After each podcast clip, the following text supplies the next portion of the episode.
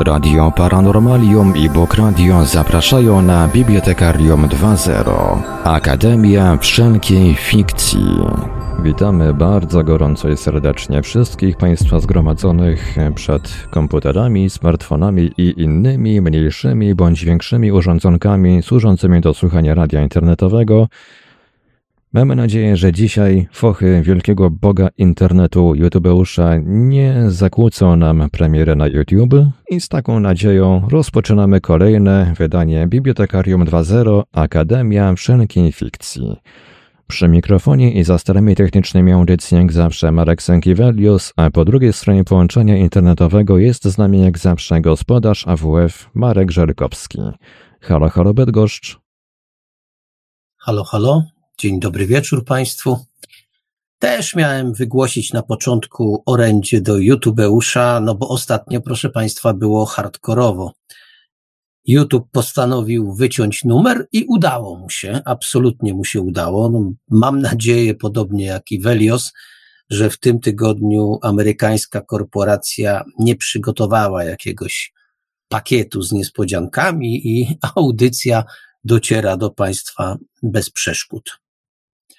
Zaczynamy tradycyjnie, to znaczy od zapowiedzi wydawniczych, a właściwie, właściwie to dzisiaj powinienem tę część nazwać Łapcie okazję. Otóż odnalazłem na stronie wydawnictwa Zyski Spółka, no, takie właśnie okazje. Przecenione książki. E, oba tytuły, o których dzisiaj powiem, e, są lekko uszkodzone. Jest ich tam jakaś, jakaś niewielka ilość, ale też obniżki sięgają 60-70%. No to jest naprawdę okazja i wszystko można załatwić za pomocą internetu. Pierwsza książka to książka naprawdę atrakcyjna. To jest e, zbiór opowiadań Teda Chianga, Historia Twojego życia. Państwo znacie przynajmniej jeden utwór z tego, z tego zbioru, ale to za chwileczkę się okaże. E, wydawca w ten sposób pisze o tej książce. A co gdybyśmy odkryli, że fundamenty matematyki są arbitralne i niespójne? Co gdyby umiejętność nadawania rzeczom właściwych nazw budziła do życia nieożywione obiekty?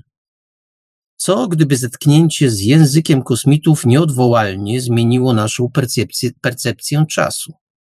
Co gdyby wierzenia chrześcijańskich fundamentalistów były dosłownie prawdziwe i na ulicach miast oglądało się grzeszników pochłanianych przez ogniste czeluście. Gdy obce formy życia przybywają na Ziemię, to aby pomóc przy komunikacji i rozszyfrować ich intencje, Wojsko sprowadza uniwersytecką lingwistkę.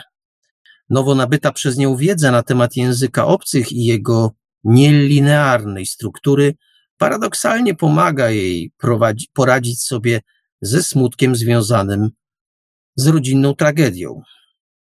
W każdej z opowiedzianych historii autor przygląda się życiu w świecie pełnym niepewności i kruchości, wykorzystując do tego swoją niesamowitą inteligencję i humor. Na podstawie historii Twojego życia powstała superprodukcja filmowa Nowy Początek. O, i to jest właśnie to miejsce, w którym muszę powiedzieć, a nie mówiłem, znacie Państwo skądś tego autora. Ted Chiang, zdobywca wielu prestiżowych nagród, nagród literackich, między innymi Nebuli Hugo, Hugo, Hugo i Locusa jest uważany za jednego z najważniejszych współczesnych pisarzy. Pisarzy science fiction oczywiście. Historia Twojego życia w 2003 roku otrzymała polską nagrodę literacką Sphinx, a jej hollywoodzka ekranizacja pod tytułem Nowy Początek została uznana za jeden z najlepszych filmów dekady. Przypomnę, że film datowany jest na rok 2016. E, ta książka, jak już powiedziałem, e, w wydawnictwie Zyski Spółka jest przeceniona ze względu na rysy na okładce i pożółkłe krawędzie kartek, a cena katalogowa książki wynosiła 39,90. Teraz po przecenie zaledwie 11,97. Sądzę, że to naprawdę bardzo, bardzo duża okazja, żeby się w tę książkę zaopatrzyć w niskiej cenie.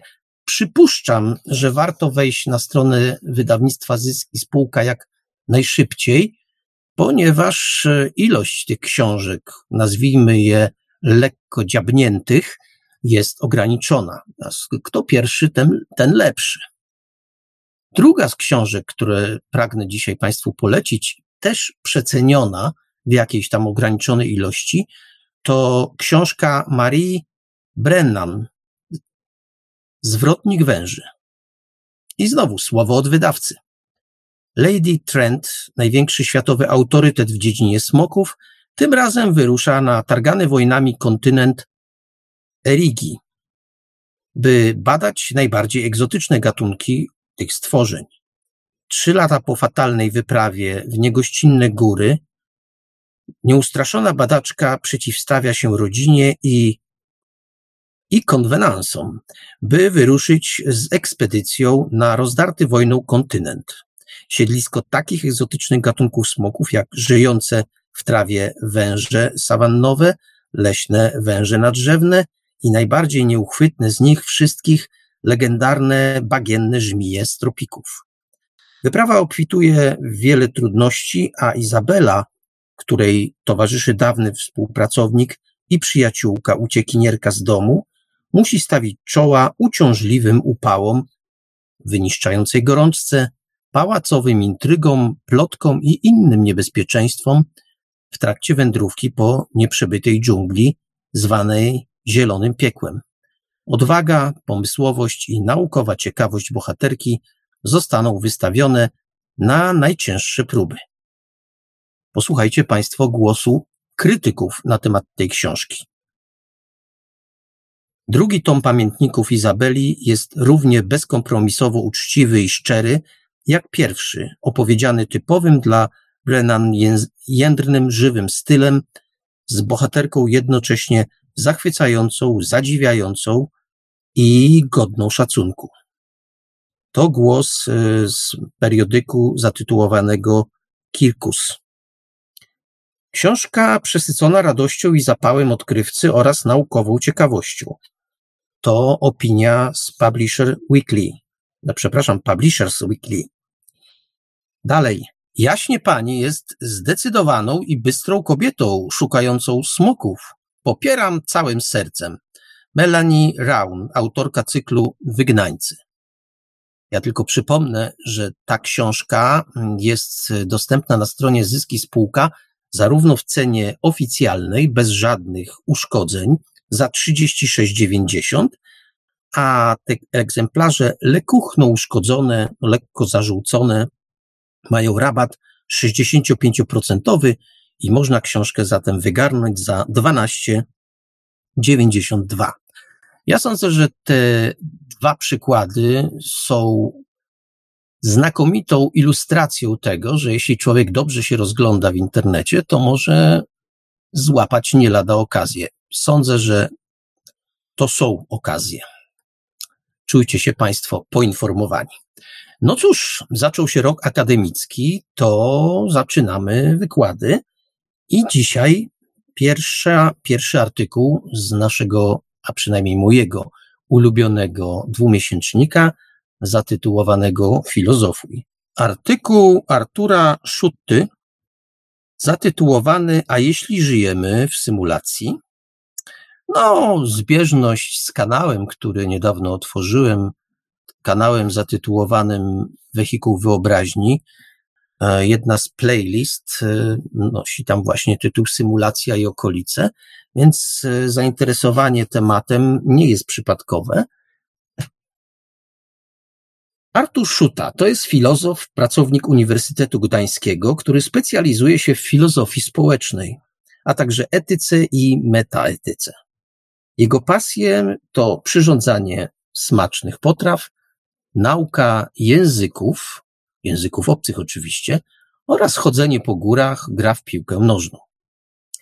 Artykuł, który dzisiaj Państwu przedstawię, ukazał się w dwumiesięczniku Filozofuj z 2020 roku w numerze czwartym. Tekst jest dostępny na licencji uznania autorstwa na tych samych warunkach czy Zero Polska.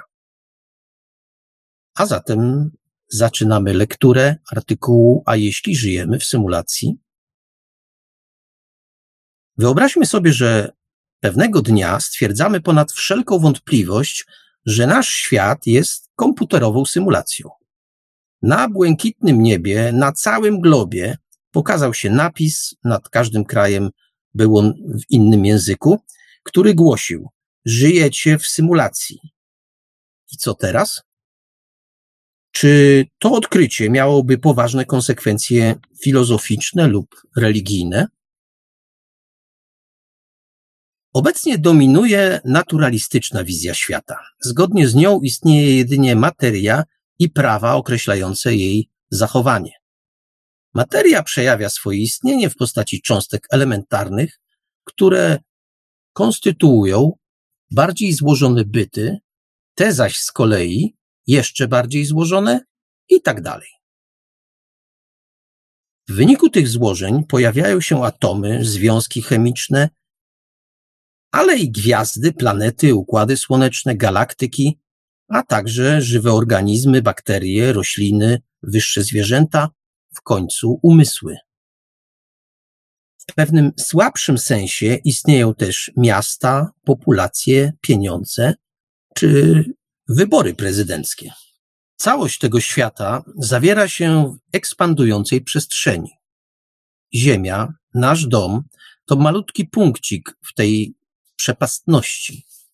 Ja, wy i miliardy innych ludzi, którzy nic jeszcze o filozofii nie wiedzą, co dzień przemierzamy maleńkie fragmenciki tego punkcika w drodze do szkoły, do pracy, w drodze z sypialni do łazienki, do kuchni albo na spacerze po parku, w górach, jadąc samochodem, pociągiem, płynąc w pław, ale też statkiem czy lecąc samolotem. Wydaje się, że te maleńkie fragmenciki naszego świata znamy dobrze. Za oknem jest ulica, która prowadzi do centrum miasta. Trochę dalej, za horyzontem, znajduje się morze, którego fale szumią przyjemnie.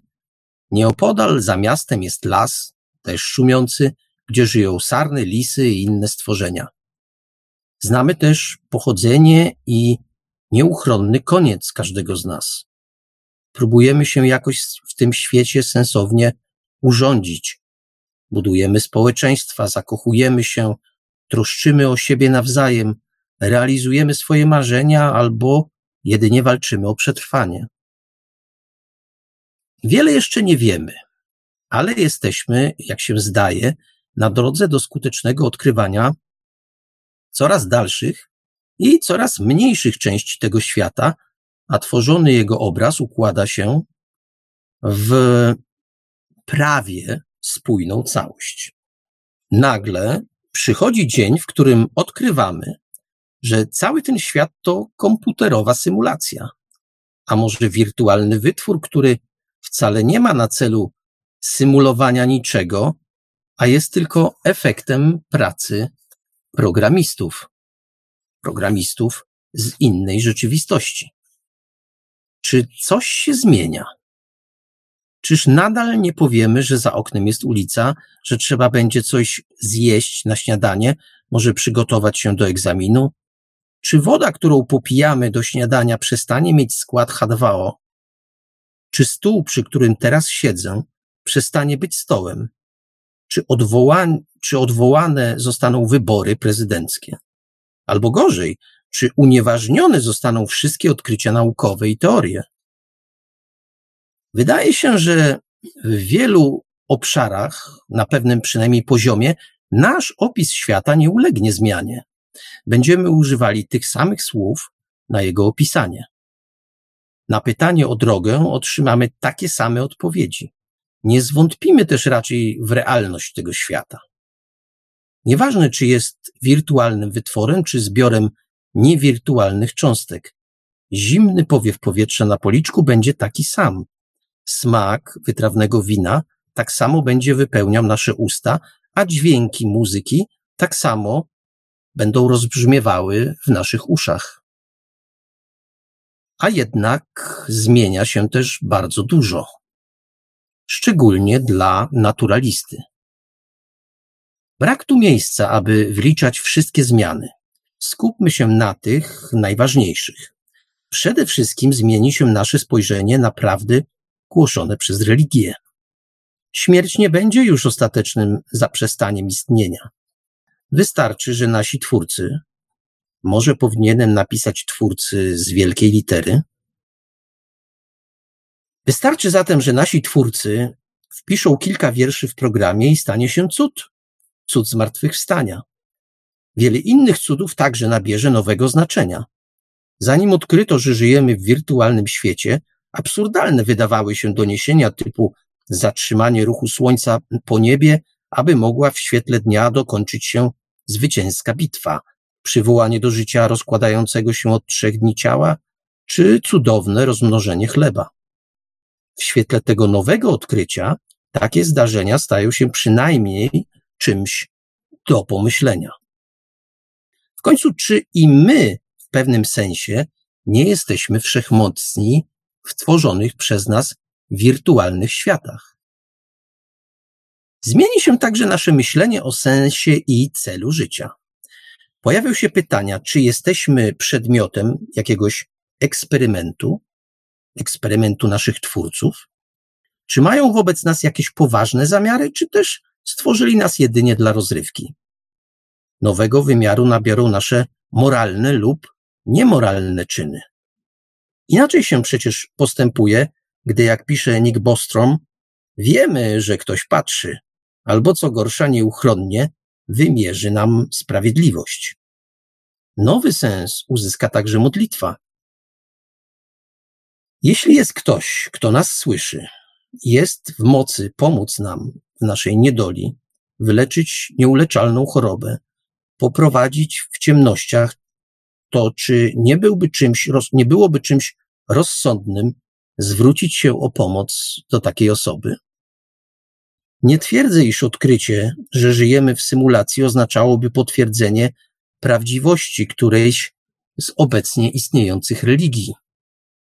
W końcu, jeśli pewnego dnia to my będziemy twórcami jakichś wirtualnych światów, jakichś wirtualnych rzeczywistości i zamieszkujących je inteligentnych istot, będziemy dla nich niczym bogowie. Dla nich. Jednak z naszej perspektywy nadal jesteśmy istotami skończonymi i niedoskonałymi.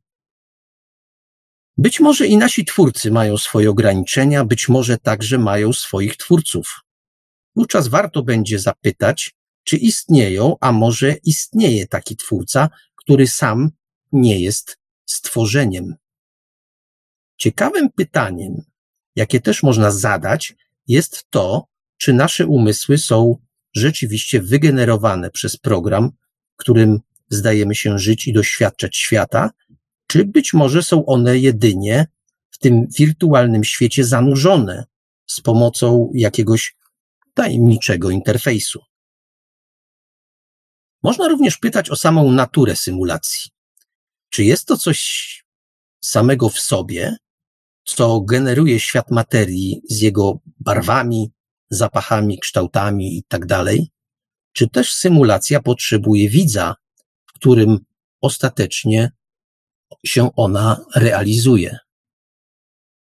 Jak na razie wszystkie znane nam symulacje są nimi tylko dzięki temu, że my, ich twórcy, jesteśmy w stanie je jako symulacje interpretować.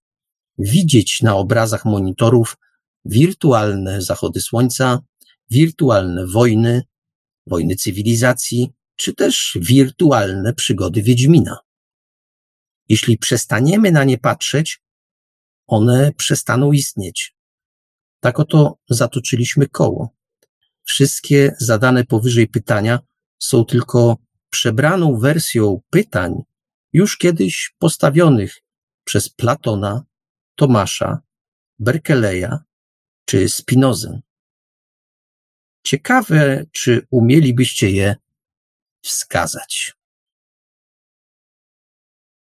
Tak, proszę Państwa, to była pierwsza, pierwszy wykład cytowany z dwumiesięcznika Filozofuj, tekst Artura Szuty z Uniwersytetu Gdańskiego.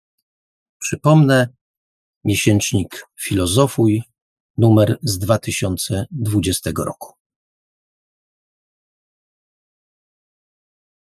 Cóż, proszę Państwa, czas na dzisiejszy klub programu.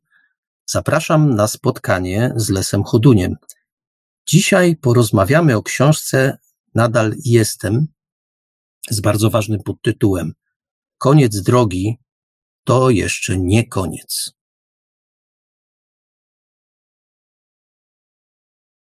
Proszę Państwa, proszę Państwa, mogę już właściwie pozwolić sobie na takie powitanie.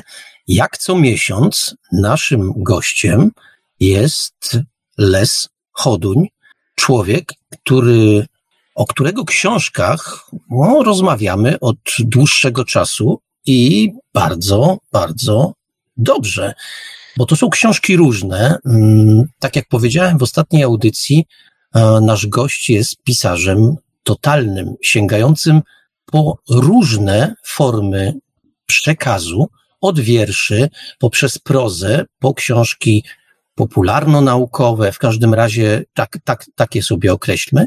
No i dzisiaj kolejna z nich. I jak zwykle na początku zagadałem gościa dosyć konkretnie. Jeszcze raz przepraszam i dzień dobry wieczór. Dzień dobry wieczór bardzo. Tak, ja już, to już jest moja specyfika, że jak e, goście przybywają do Bibliotekarium 2.0, to ja ich zagaduję niemalże na śmierć. To taka już, taka już moja, moja przywara. Książka. Książka, która stała się jednocześnie tytułem naszej dzisiejszej audycji, to książka, która narodziła się tak naprawdę w radiu. Jakbym mógł poprosić o przytoczenie tej historii, bo ja myślę, że historia ważna i, i warto po nią sięgnąć. Tak, to był czas, o ile dobrze pamiętam, dlatego że z datami, z reminiscencyjnością dat mam czasami problemy, e, ale jak próbuję sobie przypomnieć, to jest około 2004-5 do 7. Wtedy działa mi się Mm, pewna rzecz pod tytułem Ukryta rzeczywistość. Była to taka moja idea społeczna, e, za pomocą której chciałem przybliżać e, ludziom tematy, których mi nie bardzo lubi nauka akademicka, a które są bardzo opisywane przez ludzi, którzy no, nie naukowo zajmują się tym, próbują drążyć tematy, próbują je odkrywać, próbują porównywać, próbują po prostu robić coś z tym, żeby tych tematów dotknąć. Jednym akurat z tematów jest właśnie kwestia umierania, umierania, śmierci, odchodzenia, w różny sposób to nazywamy. E, jest to rzecz związana mm, konkretnie tutaj z moją książką, z momentem przekraczania granic, z momentem odejścia.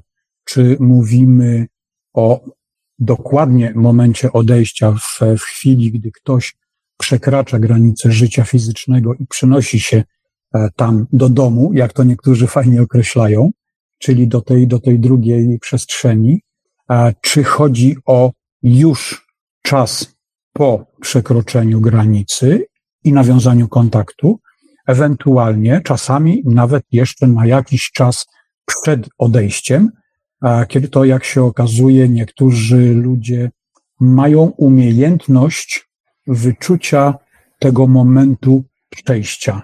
Oni wiedzą, że coś się zadzieje mm, i oni w jakiś sposób dają komunikaty swoim bliskim, swoim znajomym. I ta książka, którą nazwałem po prostu Nadal jestem, e, ma za zadanie przybliżać ten temat i pokazać ludziom, że to nie jest tak, że jak niektórzy e, sądzą, że jest amba, do piachu, koniec, plus, już nie ma człowieka. Tylko, że coś jeszcze jest. Tak mi się wydaje. Bardzo ciekawym momentem, na który natrafiłem zaraz na samym początku książki, był ten, w którym cytuje pan wypowiedź jednego z lekarzy, który stwierdza, że człowiek to jest właściwie taki worek na mięso i kości, A pan mm, w książce kwituje, zresztą to nie jest jedyne tego rodzaju skwitowanie. Ta, jasne. To znaczy, to znaczy, że tak to przynajmniej odczytałem, że po obcowaniu z tyloma mm, historiami, bo powiem jeszcze naszym słuchaczom, że książka składa się z bardzo, bardzo wielu ciekawych historii, no nazwijmy je historiami z pogranicza, historii przejścia albo właśnie takich historii, które zbliżają nas do drugiej strony, no to, to, to właśnie y, w kilku miejscach pan tego ta jasne używa i e, to moim zdaniem świadczy, że obcowanie z tymi historiami dało panu pewną taką pewność, przekonanie głębokie, takie przeświadczenie, że non omnis moriar. E, tak, no cóż tu dużo mówić. Jeżeli, tak jak poruszaliśmy e, w poprzedniej bodajże rozmowie, e, kwestię otwierania się na wiedzę i, i właśnie totalność pisarską, którą pan tak ładnie redaktor ujął, no jest to związane jak gdyby z umiejętnością odbierania informacji, umiejętnością składania wszystkiego w jedną całość, porównywania, weryfikacji na podstawie tego, czego człowiek mm, dotknął, co usłyszał, w jaki sposób to coś mu się pokazało, w sensie ta wiedza, ta informacja. Mm, no i wiadomo, że umiejętność, umiejętność konotowania informacji i tych przekazów związana jest z tym, że żyjemy sobie wśród ludzi, a, a mm, ludzie są znani z tego, że mają standardowe pewne swoje zachowania, tak? Więc wiadomo, że jeżeli jesteśmy głodni, skutkuje to tym, że będziemy szukali czegoś do zjedzenia. Jeżeli chce nam się spać, no to po prostu położymy się spać. I to są tylko dwa przykłady, które możemy tutaj nadmienić, ale tego jest o wiele, wiele więcej. I niektóre właśnie łączenia tych informacji związane są z wyrywkami danych, które gdzieś w pewnych wypowiedziach, w pewnych przekazach się zawierają uważam, że jestem na tyle otwarty, a jednocześnie na tyle mam umysł bardzo niepokorny w tym swoim, ta jasne, że dla mnie jest to ewidentnym znakiem, że jeżeli coś odczytuję w taki, a w taki sposób, to znaczy, że coś jest na tyle na rzeczy, że uważam, że powinienem o tym powiedzieć w taki to, a w taki sposób. Stąd pojawiła się właśnie książka. A ja chciałbym zapytać o hmm, o masę krytyczną. To znaczy, oto, mm, ja rozumiem, że skoro zainteresował Pana temat, o którym dzisiaj rozmawiamy, to znaczy, że gdzieś tam jest druga strona i nie umieramy tak do końca, że nadal jesteśmy, to, no, to musiał być temat dla Pana frapujący. A po jakiej ilości historii, ja wiem, że to głupie pytanie, nie da się tego określić, ale czy dużo tych historii musiał Pan usłyszeć, żeby nabrać tej Mm, tej pewności, tego przekonania, że to, co prawda, filozoficznie nie możemy stwierdzić, czy coś tam jest, bo to zupełnie świat wymykający się naszym zmysłom, naszej filozofii, nas, naszej nauce i bardzo dobrze, że się wymyka. No jednak e, trzeba takiego głębokiego przekonania, żeby mówić tak jasne. Kiedy to się pojawiło? Ile tych historii musiał pan wysłuchać? E, tak naprawdę ja mam taką tendencję do wręcz e, zaczepiania ludzi, zagadywania e, i podpytywania ich w bezpośredni sposób o tym, jakie mają nastawienie do tego typu komunikatów, do tego typu informacji. Czy gdzieś w ich przestrzeni może osobiście doświadczali czegoś takiego, a być może wiadomo, że każdy z nas ma, miał lub będzie miał babcię, która będzie w wieku już bardzo, że tak powiem, bardzo dojrzałym i które, o której będzie można powiedzieć, że e, z niejednego pieca chleb jadła, że posiada bardzo szeroką wiedzę, więc takie babcie czasami potrafią w jakichś tam momentach, gdy sobie siadamy i rozmawiamy, opowiedzieć o tym, tak? Szczególnie kiedy mamy spotkania rodzinne i wiadomo, że tego typu rzeczy, jak doświadczenia na granicy to są bardzo istotne tematy z punktu widzenia rodzinnego, szczególnie dla osób, które są bardzo prorodzinne. E, I tak naprawdę ja już od szkoły podstawowej zauważyłem, że ciągnie mnie do nieznanego. Czytałem książki o astronomii i, i oglądałem filmy i popularno-naukowe i te właśnie inne troszeczkę spoza akademii. E, I, I od tamtej pory bardzo mnie to wszystko intryguje, więc przez mnóstwo, mnóstwo lat byłem otwarty i cały czas jestem otwarty na tego typu opowieści, e, które czasami w bardzo nietypowych sytuacjach skutkują naprawdę ciekawymi e, historiami, jak na przykład ta, którą zamieściłem w książce, a która dotyczyła pewnego pana, jakiego spotkałem kiedyś w kolejce w jakiejś klinice. Siedziało kilka osób, pamiętam, i, i mm, e, było, był, stworzył się taki mikroklimat towarzyski. I ja wtedy mówię, chciałbym Państwa o coś zapytać, bo akurat piszę książkę o tym i o tym i opowiedziałem tak pokrótce, kim jestem, czym się zajmuję. No i czy Państwo miewacie tego typu rzeczy? Jeden pan się wysypał e, na samym początku i opowiedział mi historię, którą zresztą przytoczyłem tutaj i którą też od czasu do czasu opowiadam, bo jest to jedna, jedna z najciekawszych opowieści, że miał kiedyś wujka, który, którego bardzo e, lubił. I ten wujek go nauczył wielu rzeczy, on z tym wujkiem bardzo lubił przebywać, wujek lubił żartować, miał fajny dystans do siebie i do świata. E, I któregoś razu przyszedł do niego, usiedli sobie przy stole i on powiedział, wiesz co, śniła mi się moja mama i powiedziała, że niedługo po mnie przyjdzie.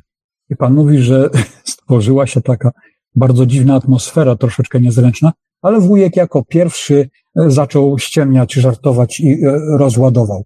Okazało się, że o ile pamiętam, tydzień lub dwa tygodnie później, no wujek przekroczył granicę.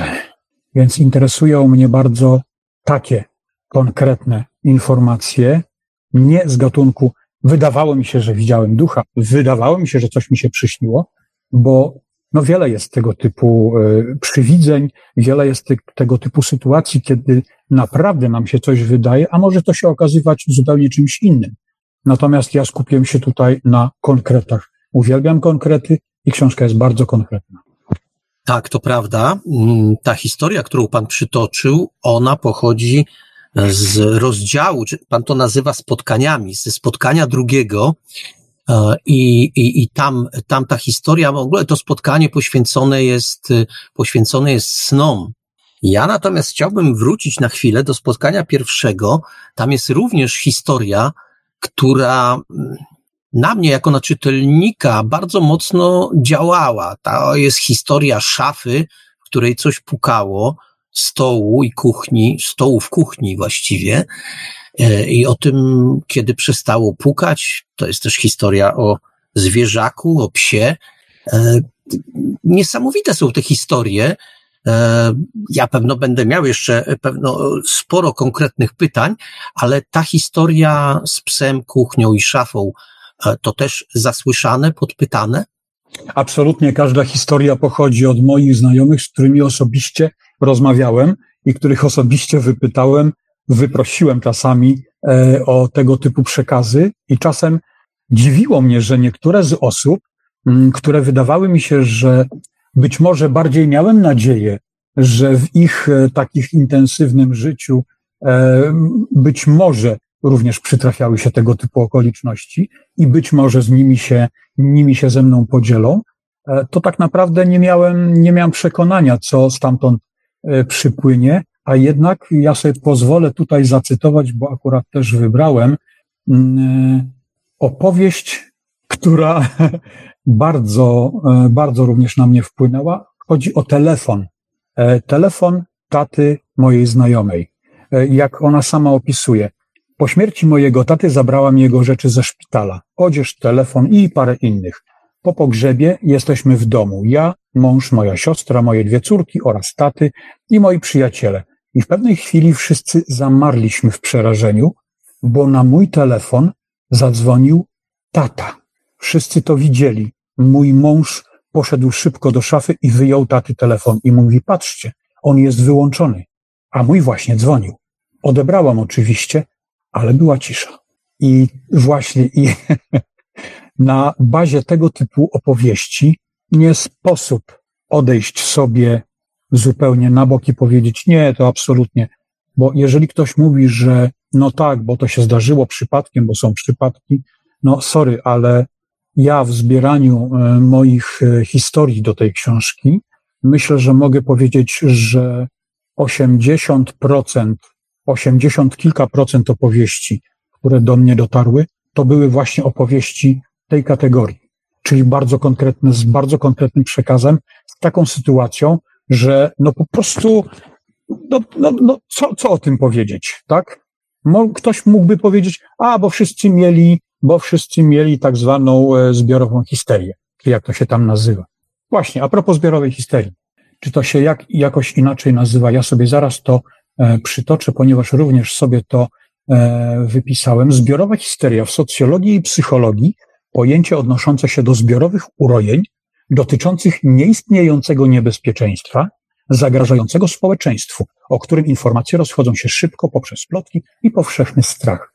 Y, ja tutaj w tym pojęciu widzę tylko i wyłącznie podszepty komunikację plotkową, natomiast nie ma nic na temat konkretnego wydarzenia, które było materialne, które uruchomiło przedmiot, tego, który zmarł przed chwilką, a telefon, który miał dzwonić, był wyłączony i już nie należał do tej osoby.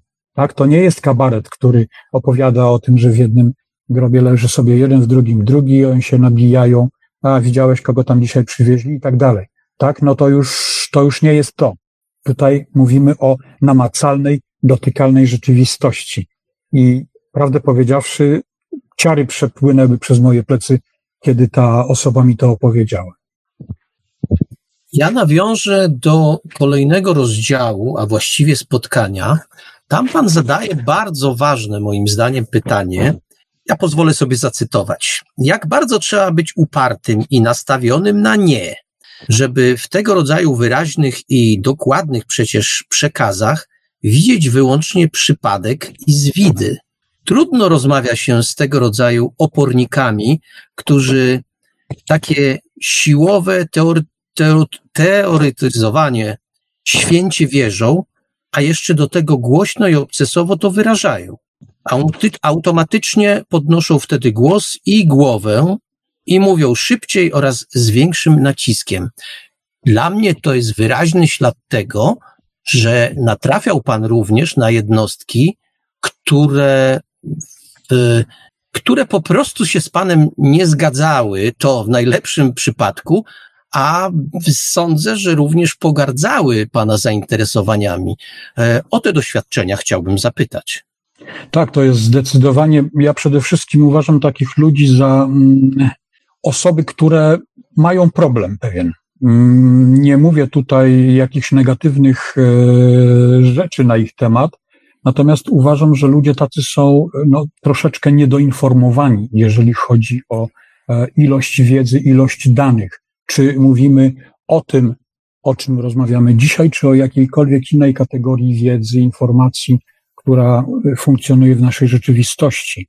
E, tak jak kiedyś pan redaktor pozwoli, ja spróbuję znaleźć teraz to coś, co przytaczałem podczas naszej e, rozmowy, bodajże gdy rozmawialiśmy na temat lekcji paranormalności. E, to jest związane między innymi z tym, jak ludzie widzą tak zwaną prawdę. E, nie, dla niektórych prawda jest tylko wtedy, kiedy nauka o tym powie. Jeżeli nauka temu zaprzeczy, to znaczy, że to jest bzdurą. E, ja uważam, że nauka e, to jest jeden ze sposobów widzenia świata, tak jak mamy banki różnego rodzaju, tak jak mamy różne firmy meblowe, tak jak mamy różnego rodzaju firmy usługowe sprzedające różne rzeczy i tak dalej, i tak dalej. Więc nauka po prostu zajmuje się jednym ze, spo, ze sposobów widzenia danej rzeczywistości. To, że nauka wypracowała w sobie coś takiego, co się nazywa metodologią, e, czyli konsekwencją w podążania przez doświadczenia, to jest dla mnie skarb, czyli świadomość, że ja chcę dokonać eksperymentu, chcę to potwierdzić, i ja będę do tego dążył w bardzo precyzyjny sposób. E, natomiast w tej sytuacji, kiedy dotykamy tematów pod tytułem kwestie mentalne, ponieważ poruszane tematy w książce związane są z duchowością, z mentalem nawet z wiarą, z osobowością, z przekonaniami, myślami, odczuciami i tak. Więc to nie są rzeczy, które można katalogować. I co z tą prawdą? E, kiedyś pojawił się jakiś komunikat e, na, na fejsie. Ja sobie go zapisałem, ponieważ w bardzo ciekawy e, sposób człowiek napisał o prawdzie. Każdy człowiek za prawdziwą uważa każdą informację, w którą wierzy, zaś to, co kwestionuje, jest dla niego fałszem. I to jest dokładnie to, co pan redaktor przed chwilką powiedział, czyli że ktoś się ze mną nie zgadza, więc on uważa, że ja mówię nieprawdę. I teraz co dalej? Niby jest to proste, ale jest jeden haczyk. Żaden człowiek nie wie, czy informacja, w którą wierzy, jest prawdziwa, a jego wiara faktycznie jest nadzieją, że to, w co wierzy, jest prawdą.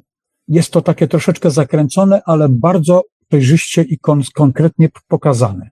Więc jeżeli nie przyglądamy się czemuś z otwartym umysłem, jeżeli coś negujemy tylko dlatego, że nasze widzenie świata opiera się na sceptycyzmie, to będziemy z zasady negować wszystko, ponieważ nauka tego nie potwierdza.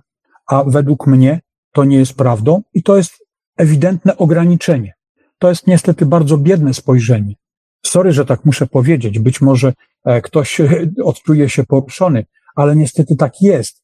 Ktoś mówi, bądź obiektywny w tym, co robisz. Nie ma obiektywizmu. Ze względu na pojmowanie tej prawdy, wszystko, cokolwiek robimy, każdą informację, jakąkolwiek przekazujemy, jest związana z naszym subiektywnym pojmowaniem świata. Obiektywizm możemy mówić, że istnieje wtedy, e, kiedy mm, informacja, którą przekazujemy, jest intencjonalnie przez nas przekazana w czysty sposób. Czyli nie ma czegoś takiego, że my chcemy podrobić jakieś, jakieś dane po to, żeby zgadzało się z naszym ego, bo my powiemy i my będziemy czuli się lepiej. I też o tym piszę w książce. E, tylko żebyśmy byli uczciwi w przekazaniu właśnie tej prawdy. Ja na przykład podążam w tę stronę, jeżeli chodzi o wertowanie, jeżeli chodzi o odkrywanie takich tematów, podążam w takim kierunku, że gdyby okazało się, że jakaś informacja jest zmyślona, ja ją odsunę od siebie. Ja nawet kiedyś, gdy mówiłem, że jest coś, na co zwrócić trzeba uwagę i traktowałem to możliwie pozytywnie, to jestem w stanie powiedzieć, ta informacja jest fejkiem. Taka jest po prostu uczciwość twórcza. A właśnie, rozmawiając o tym, pamiętajmy jedną, że, żeby też nasi słuchacze wiedzieli, że nie jest to książka opisana, napisana po to, żeby, żeby coś tam sobie fajnie poopowiadać, tylko jest to esej, czyli mm, w bardzo szczery sposób staram się traktować materię, której dotykam i przekazywać dokładnie to, co ja czuję względem tego, ponieważ bardzo mi zależy na tym, żeby po pierwsze samemu poznawać rzeczywistość, a po drugie dzielić się też tym, co zauważyłem istotnego i co chciałbym, żeby ludzie wiedzieli. Bo wtedy, tak jak niektórzy mówią o mnie, że jestem eye opener, czyli takim otwieraczem oczu, że, że wiele ludzi powinno e, po, po moich słowach otworzyć oczka. Tak, tak sobie myślę, że a propos mm, tego, o czym Pan mówił, mówiliśmy o problemach z nauką, a właściwie z pewnym podejściem do nauki. Przypominam sobie naszą rozmowę o paranormalności, kiedy mówiliśmy o tym, że to, co dzisiaj jest paranormalne, być może za kilkaset lat będzie uważane za jak najbardziej normalne, za element wiedzy mm, stricte naukowej. Po prostu dzisiaj jeszcze nie dotarliśmy do tych rejonów, które mogą obejmować e, te, te rzeczy, które dzisiaj nazywamy paranormalnymi. Jest jeszcze jedna próba interpretacji, a mianowicie taka, że y, dlatego mówimy o transcendencji bardzo często, o transcendere, czyli coś, co na zewnątrz, więc y, świat, do którego być może udajemy się po śmierci, nie ma nic wspólnego, nie ma punktów stycznych z naszym, a w każdym, w każdym razie może ich nie mieć. No bardziej, bardziej tak to ujmijmy. A zatem prawa, mm, nasze prawa fizyczne, nasze prawa matematyczne, nasze prawa naukowe po prostu nie dotyczą tamtej rzeczywistości i próby opisywania owej rzeczywistości gdzieś tam za barierą, próby opisywania jej w sposób naukowy, mogą też być skazane po prostu na niepowodzenie, bo to tak jakbyśmy, nie wiem, próbowali ważyć odległość albo, albo podobne, podobne dziwne manewry wykonywać, to po prostu nie są czasami miary przystosowane do tamtej rzeczywistości. To proszę wybaczyć taka, taka odrobina refleksji. Ja bardzo zgadzam się z tym. Popatrzmy chociażby przez pryzmat tego, co dzieje się normalnie w naszej rzeczywistości na świecie, kiedy oglądamy film. I ten film jest jakąś tam komedią, tak? E, ale film pochodzi na przykład ze Stanów, z Francji, z Włoch i okazuje się, że my nie jesteśmy w stanie się śmiać z tego, dlatego że my nie wyrośliśmy w tamtej kulturze. Ta kultura jest dla nas obca, ona jest być może takim troszeczkę taką nadzieją na to, prawda, bo Stany, bo Ameryka i wszędzie dobrze, gdzie nas nie ma, jest przecież powiedzenie, e, to bardziej mamy nadzieję, że faktycznie gdzieś tam jest lepiej, natomiast tego kontekstu śmieszności w danym filmie nie odbieramy i nie potrafimy się śmiać z tego filmu, być może tak, jak on na to zasługuje. Podejrzewam, że tak samo nasze komedie pod tytułem e, słynna seria z Pawlakami, tak? która jest bardzo osadzona w naszej rzeczywistości i nie to, że w naszej rzeczywistości, to jeszcze dodatkowo pewnych okresach czasu, a także w pewnych rejonach społecznych. I to wszystko, te wszystkie elementy składają się na e, taki efekt finalny, który po prostu mówi, że my, wyrastając w czymś, znamy to i potrafimy się śmiać. E, ja tak na przykład e, mogę również powiedzieć dowcip pana Wojciecha Mana, który również nie trafia do każdego. Ja potrafię ten dowcip zrozumieć, chociaż czasami też mi się wymykają niektóre rzeczy, no ponieważ nie czytam o wszystkich, nie siedzę bez przerwy i nie rejestruję wszystkich informacji, jakie się dzieją na świecie, ale to, co takiego bardziej ogólnego jest przekazywane w jego, e, w jego tych anegdotach, no potrafię odebrać i myślę, że wiele osób, które tutaj mieszkają w Polsce, tutaj żyją, mają swoich znajomych, bywają w różnych miejscach, czytają, oglądają, no to po prostu są w stanie wychwycić pewne informacje i się z tych informacji po, pośmiać. Po to są na przykład, dlatego funkcjonują w ten sposób kabarety, które dotykają tej naszej rzeczywistości i widać, jak ludzie potrafią reagować. Czyli do ludzi jednak dociera pewna informacja, która jest później podsumowana w odpowiedni sposób w kabarecie i ona wywołuje taki efekt. I to samo dzieje się tej relacji, że tak to e, określę. Natomiast jest to o wiele trudniejsze, dlatego że mamy e, właśnie relacje z przestrzenią zupełnie niepoznaną.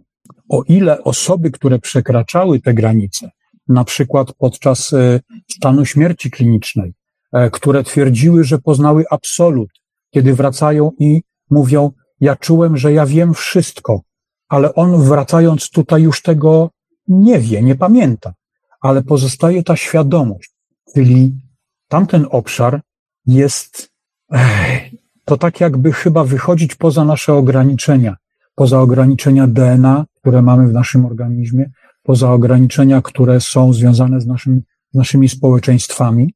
Już choćby samo to, że mm, w wielu książkach i w mojej, i, i na pewno znanej e, przez znanej wielu e, słuchaczom mm, książce doktora Moody'ego, Raymonda Moody'ego Życie po życiu, e, czy redaktora Rymuszki z Nieznanego Świata, tak? Polskie Życie po życiu. Mm, pojawiają się informacje, że osoba, która przekracza te linie, dajmy na to, chociażby tylko i wyłącznie mm, na bazie doświadczeń e, z pogranicza śmierci klinicznej, informuje, że widząc swoje ciało, e, ta osoba, czy ta, ta dusza, ta świadomość, która odłączyła się od tego ciała, ona się z, nie identyfikowała. Nie robiła ta osoba na tej duszy żadnego wrażenia. Czyli jest coś takiego, co sprawia, że no faktycznie to nasze ciało należy traktować jako po prostu środek komunikacji. E, I, i trudno jest powiedzieć wtedy, i trudno jest o tym faktycznie rozmawiać, bo tylko i wyłącznie uważam, osobiste doświadczenia mogą sprawić, że ktoś, kto będzie chciał wypowiedzieć się dokładnie na ten temat, on może się wypowiedzieć, dlatego że ma te doświadczenia za sobą. I to jest istotne. W tym momencie ja cały czas bazuję tylko i wyłącznie na doznaniach osób, które albo przekroczyły te granice życia, albo doświadczały sytuacje, doświadczały sytuacji z osobami, które te granice właśnie już miały definitywnie przekroczyć. Powiem szczerze, że mm, kiedy mówiłem mm, przed chwilą o transcendencji i o tym braku kontaktu, a w każdym razie tych punktów stycznych pomiędzy naszym światem, a światem gdzieś tam za barierą, to się ugryzłem w język troszeczkę, bo pamiętałem, e, pamiętałem między innymi spotkania numer cztery, i tam następującą myśl znalazłem. Skoro osoby niefunkcjonujące już w postaci materialnej potrafią wygenerować nawet coś tak prostego jak pukanie, czy nie oznacza to, że kontakt z tamtym światem jest o wiele bliższy i bardziej możliwy, niż nam się wydaje. To jakby dopełnienie tego, co powiedziałem, a może, a może nawet częściowe zaprzeczenie. Um, wie pan, panie redaktorze, mm, no, mnóstwo ludzi próbuje sięgać do strefy kontaktów z tamtą stroną. Przecież dzisiaj bardzo popularne są programy, e, kiedy oglądamy sobie ludzi e, buszujących po różnego rodzaju miejscach, wnętrzach, domach i tak dalej i próbują nawiązywać kontakt E, to znaczy, że przede wszystkim, i to już nawiązuje do jednego z poprzednich Pana pytań, że narzędzia mamy coraz lepsze. I mam nadzieję, że to będzie postępować, bo jeżeli w tym wypadku to jest tak jak z tym palcem, tak? Dać palec, to to złapie całą rękę. No, jeżeli i apetyt rośnie w miarę jedzenia, więc jeśli udaje się skomunikować z istotami, które w jakimś miejscu funkcjonują i one są związane z tym miejscem, a osoby nie wiedzą, jak i co wygląda, jeżeli chodzi o tych, którzy tam, tam żyli, i dowiadują się, uzyskując fizyczne, normalne odpowiedzi. I później te odpowiedzi są weryfikowane przez właścicieli mieszkań, hoteli, teatrów i tak dalej. To znaczy, że istnieje mm, pewna precyzja. E, może to jest nieładne słowo, tak? E, precyzja, ale istnieje jednak e, coś takiego jak, ja może to opiszę bardziej niż znajdę słowo. W każdym razie chodzi mi o to, że jednak coś jest na rzeczy, bo osoba, która przyjeżdża sobie nie wiadomo skąd, widzi to miejsce po raz pierwszy, ale słyszała o tym miejscu i ona wchodzi w to miejsce i dowiaduje się rzeczy, których tak naprawdę nie wiedziała. Zawsze można powiedzieć, a bo oni się dowiedzieli, a bo oni wyszukali informacji i tak dalej. No, no, no, bądźmy szczerzy, tak? To, to, to nie są historie tego typu, bo no, gdyby chodziło o fejki, to fejki wiadomo, zawsze szybko kończy się tego typu, tego typu temat. I jeżeli ktoś jest e, nieszczery, to zaraz pojawiają się informacje, że, że no niestety to jest nie w porządku, tam to jest nie w porządku. Ja kiedyś pamiętam, obejrzałem sobie film o syrenach taki film, taki niby paradokument, że tu jednak syreny, że coś tam i zastanawiało mnie, na ile te informacje i te obrazy, które są pokazywane w tym programie, w tym dokumencie, to był bardzo obszerny dokument, e, na ile one są prawdziwe. I później wszedłem sobie w internet i okazało się, że był to po prostu film zrobiony tak chyba dla jaj bo jednak ta osoba, która się wypowiadała jako ktoś tam, to jest aktor i tak dalej. I i wtedy zadaję sobie pytanie, to po jaką cholerę oni to robią? To jest wprowadzanie szumu informacyjnego, który ma zaburzyć całą strefę poznawczą. Więc jeżeli komuś zależy na tym, żeby zaburzyć poznawanie naszego świata, to znaczy, że jest to bycie nie w porządku względem innych ludzi. To jest tak jak z tą brzytwą Okhama, o której wcześniej chciałem powiedzieć. Eliminowanie e, informacji, skupianie się tylko i wyłącznie na najprostszych rozwiązaniach. E, I ja mam wrażenie, że podstawową zasadą takich ludzi jest przede wszystkim kładzenie nacisku na eliminowanie po to, żeby skupić się tylko i wyłącznie na najprostszym rozwiązaniu, które te osoby uważają za miarodajne dla tego wyjaśnienia. Oni mogą nic nie wiedzieć na temat danego tematu, e, natomiast wypowiadają się na jego temat, ponieważ są, jak uważają, sceptyczni, naukowi, ble, ble, ble i ble, ble, ble. Że powiem bardzo delikatnie. No to nie tędy droga. Naturalność, szczerość i podążanie, udoskonalanie przede wszystkim komunikacji, tak? Bo to tak samo można by było powiedzieć, no już książki pisali o duchach, po co napisałeś jeszcze raz tę książkę? No ale ja właśnie w tej książce napisałem o tym, że być może ja napisałem w pewnym miejscu coś, co jednak pomoże w pójściu dalej, co zmieni strefę postrzegania. E, być może ktoś się tym zainspiruje i również napisze książkę na ten temat, ale będzie ona świeższa, już bazująca na o wiele większej ilości doświadczeń, rozmów, być może i badań. Być może wtedy rozwiną się te instrumenty, którymi posiłkują się e, dzisiaj wszyscy ci, którzy e, przygotowują te programy i łowią tak zwane duchy. I, być może ta komunikacja będzie o wiele szybsza i bardziej naturalna. To jest tak samo, jak proszę zobaczyć, nigdy nie przyszłoby panu do głowy kiedyś, kiedyś, gdy byliśmy mali, że za naszego życia będziemy mieć urządzenie, za pomocą którego wejdziemy sobie na szczyt Mount Everestu, z niego zadzwonimy i wyślemy z niego film wysokiej jakości. A co robią tłumacze dzisiaj, tak?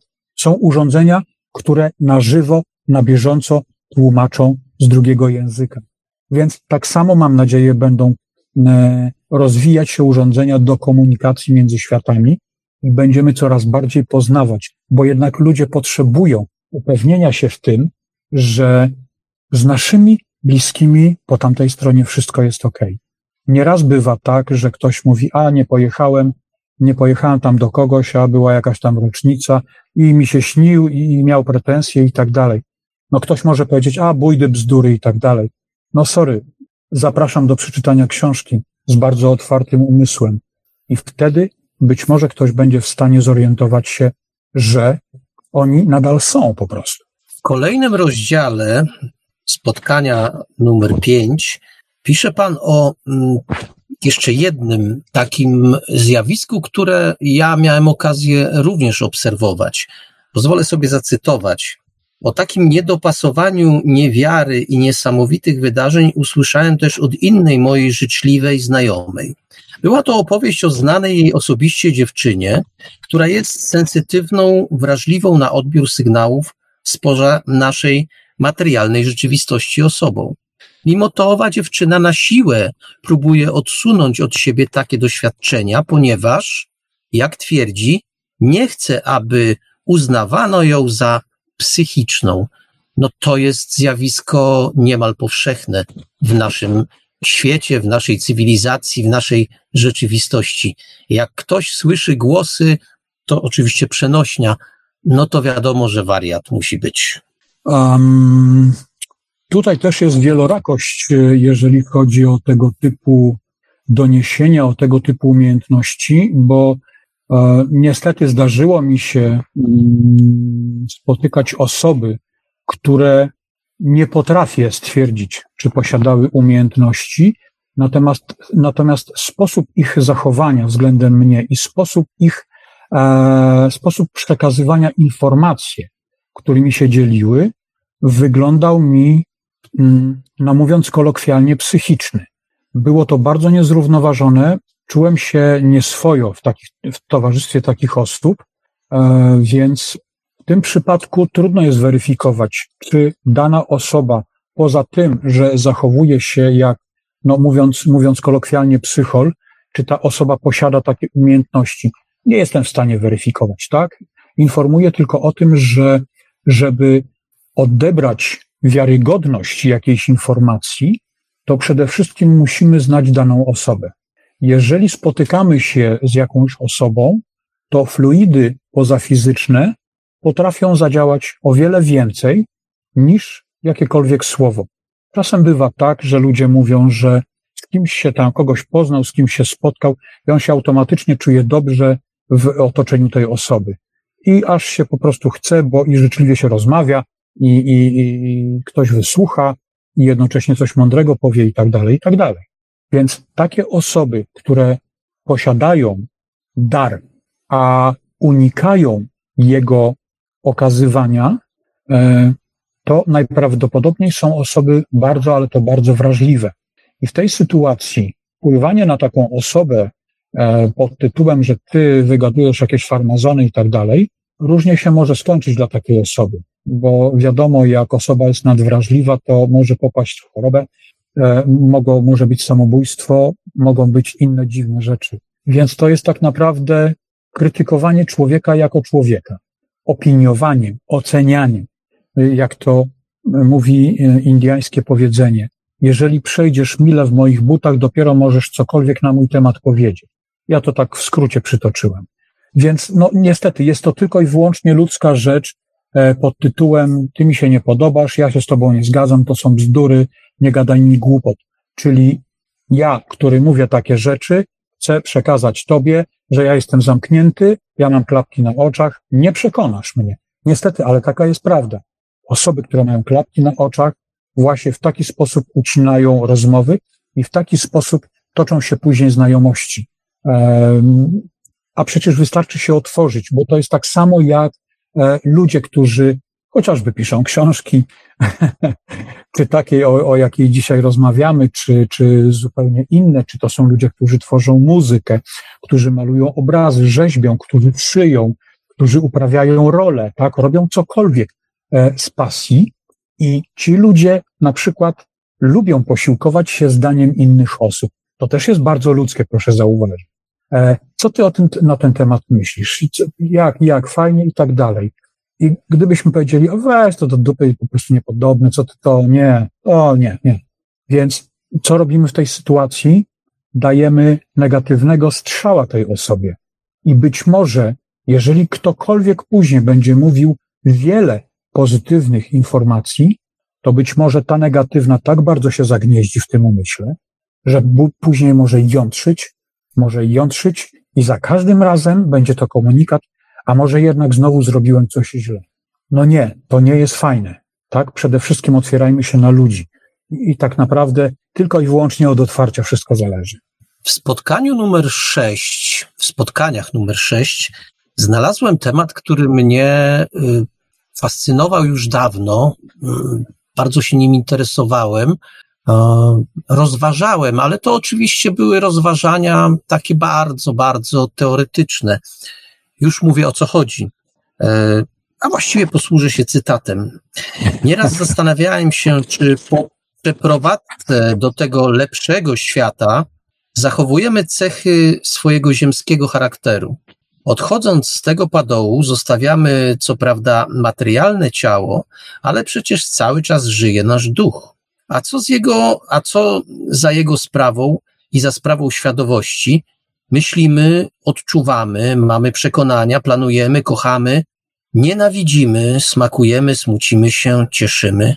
A pytanie jest o tyle zasadne, że przez kilkadziesiąt lat używamy bądź co bądź tego naszego ducha i umysłu, to wystarczający czas, aby wytworzyły się silne nawyki przyzwyczajenia. O ten problem chciałbym Pana zapytać. A uważam, że relacje międzyludzkie, które wytworzyły się za życia, na pewno zostaną przeniesione na drugą stronę. E, mam takie wrażenie, że im bardziej spokojny duch osoby, która przekracza tę linię, e, tym większa szansa, że interakcja jakakolwiek później, czy wystąpi, e, że będzie bardzo pozytywna przede wszystkim że będzie spokojna, że będzie życzliwa, dokładnie tak, jak to było za życia. E, a proszę zauważyć, w miejscach, w których działy się różnego rodzaju mm, negatywne zachowania, to tam mówi się, że tam straszy. Co to znaczy, że tam straszy? Tam cały czas kipi energia. Najprawdopodobniej te osoby zostały z tymi swoimi doświadczeniami. Na przykład ktoś został zamordowany, spalił się dom, był jakiś wypadek i tak dalej, i tak dalej, czy ktoś popełnił samobójstwo, ponieważ był, no jak się popełnia samobójstwo, no to przecież wiadomo, że człowiek nie jest e, happy totalnie i, i jest w szczycie, że tak powiem, pozytywności swojego życia, tylko mm, bardzo negatywne rzeczy w, w umyśle e, nim miotają, bardzo negatywne myśli, samopoczucie. To wszystko jest totalnie dołujące. I najprawdopodobniej ta energia, która tam zostaje, ona zostaje w tej formie, tym momencie. I ten moment jest cały czas powtarzany i odtwarzany. I są miejsca, do których ludzie boją się wchodzić. A przecież w niejednym domu e, ktoś zmarł, leżała trumna z kimś, tak? Bo przecież jest też taki zwyczaj, że e, zmarły leży, szczególnie na wsiach bywało to, że, że trzy dni bodajże taka osoba mogła być. No i, i tak naprawdę wydaje mi się, że to jest jak gdyby przeniesieniem, bo być może większy spokój ducha jest związany jak gdyby z akceptacją większej ilości rzeczy. Być może jest inna relacja tego umysłu i duszy względem ludzi, względem wiekuistości, względem tego, co się wydarzy i tak dalej, i tak dalej. Więc tam nie ma mowy o jak emanacjach bardzo negatywnych. Więc tak samo mówię, jeżeli ktoś był dla ciebie dobrą osobą, no to dlaczego ty się boisz go po śmierci? Tak? Bo ktoś mówi, czy on będzie mnie straszył i tak dalej. No ale co, straszył cię, chciał cię zamordować za życia, bił i tak dalej. Nie, no było wszystko fajnie, to była super osoba. No to mówię, cały czas wyrażaj względem, względem tej osoby dokładnie takie same myśli. Myśl o niej tak, jakby była koło ciebie, nie wiem, budzisz się rano, przyjdzie ci do głowy, pozdrów tę osobę po prostu, tak? Cześć, co tam u ciebie, wszystkiego dobrego, jakiekolwiek słowa. Tak jak kiedyś byłem zapytany w jednym z wywiadów telewizyjnych tutaj w Policach, jak się, jak się do tego nastawić. Mówię, wyobraźmy sobie, że ktoś wyjeżdża w bardzo długą podróż. Więc mówię, nie płaczmy, nie biadolmy, nie narzekajmy, nie klinijmy, jak ja sobie poradzę bez ciebie, coś tam i tak dalej. To są straszne presje mentalne, które potrafią nabruździć, a my nie wpływamy na ciało, my wpływamy na czyjegoś ducha, na czyjś umysł. Więc jeżeli oni nadal są, to oni nadal nas odbierają. O wiele lepiej nas odbierają niż dotychczas bo oni nie muszą mówić, nie muszą słyszeć. Oni po prostu cały czas wiedzą, wiedzą więcej, wiedzą o sytuacjach, które mają nam się wydarzyć, więc też czasami nas mogą uprzedzić. O, i pozwolę sobie tutaj też na jeden z cytatów. Mm, to było związane z, z panią, z którą rozmawiałem i nagrałem jej rozmowę do mojej audycji, e, którą prowadziłem w Radiu Szczecin. To była audycja Ukryta Rzeczywistość a moja idea też nazywała się Ukryta Rzeczywistość.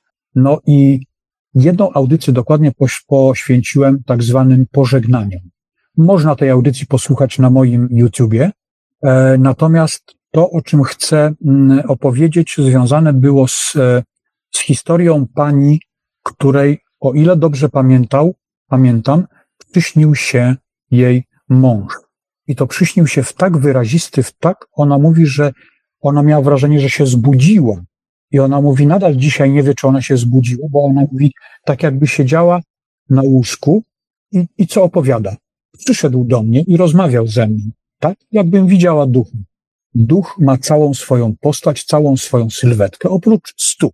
I on tak, jak został pochowany, tak wyglądał. Przyszedł i mówił, że będę miała włamanie do mieszkania, ale nikt nie wejdzie.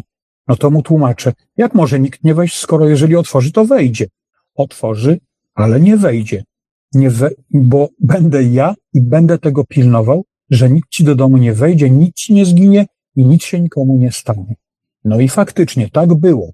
Wyłamali część drzwi, które były tak rozwalone, cały dół, że można było swobodnie wejść. Zamek był powyłamywany i drzwi balkonowe też były otwarte, ale do mieszkania nikt nie wszedł.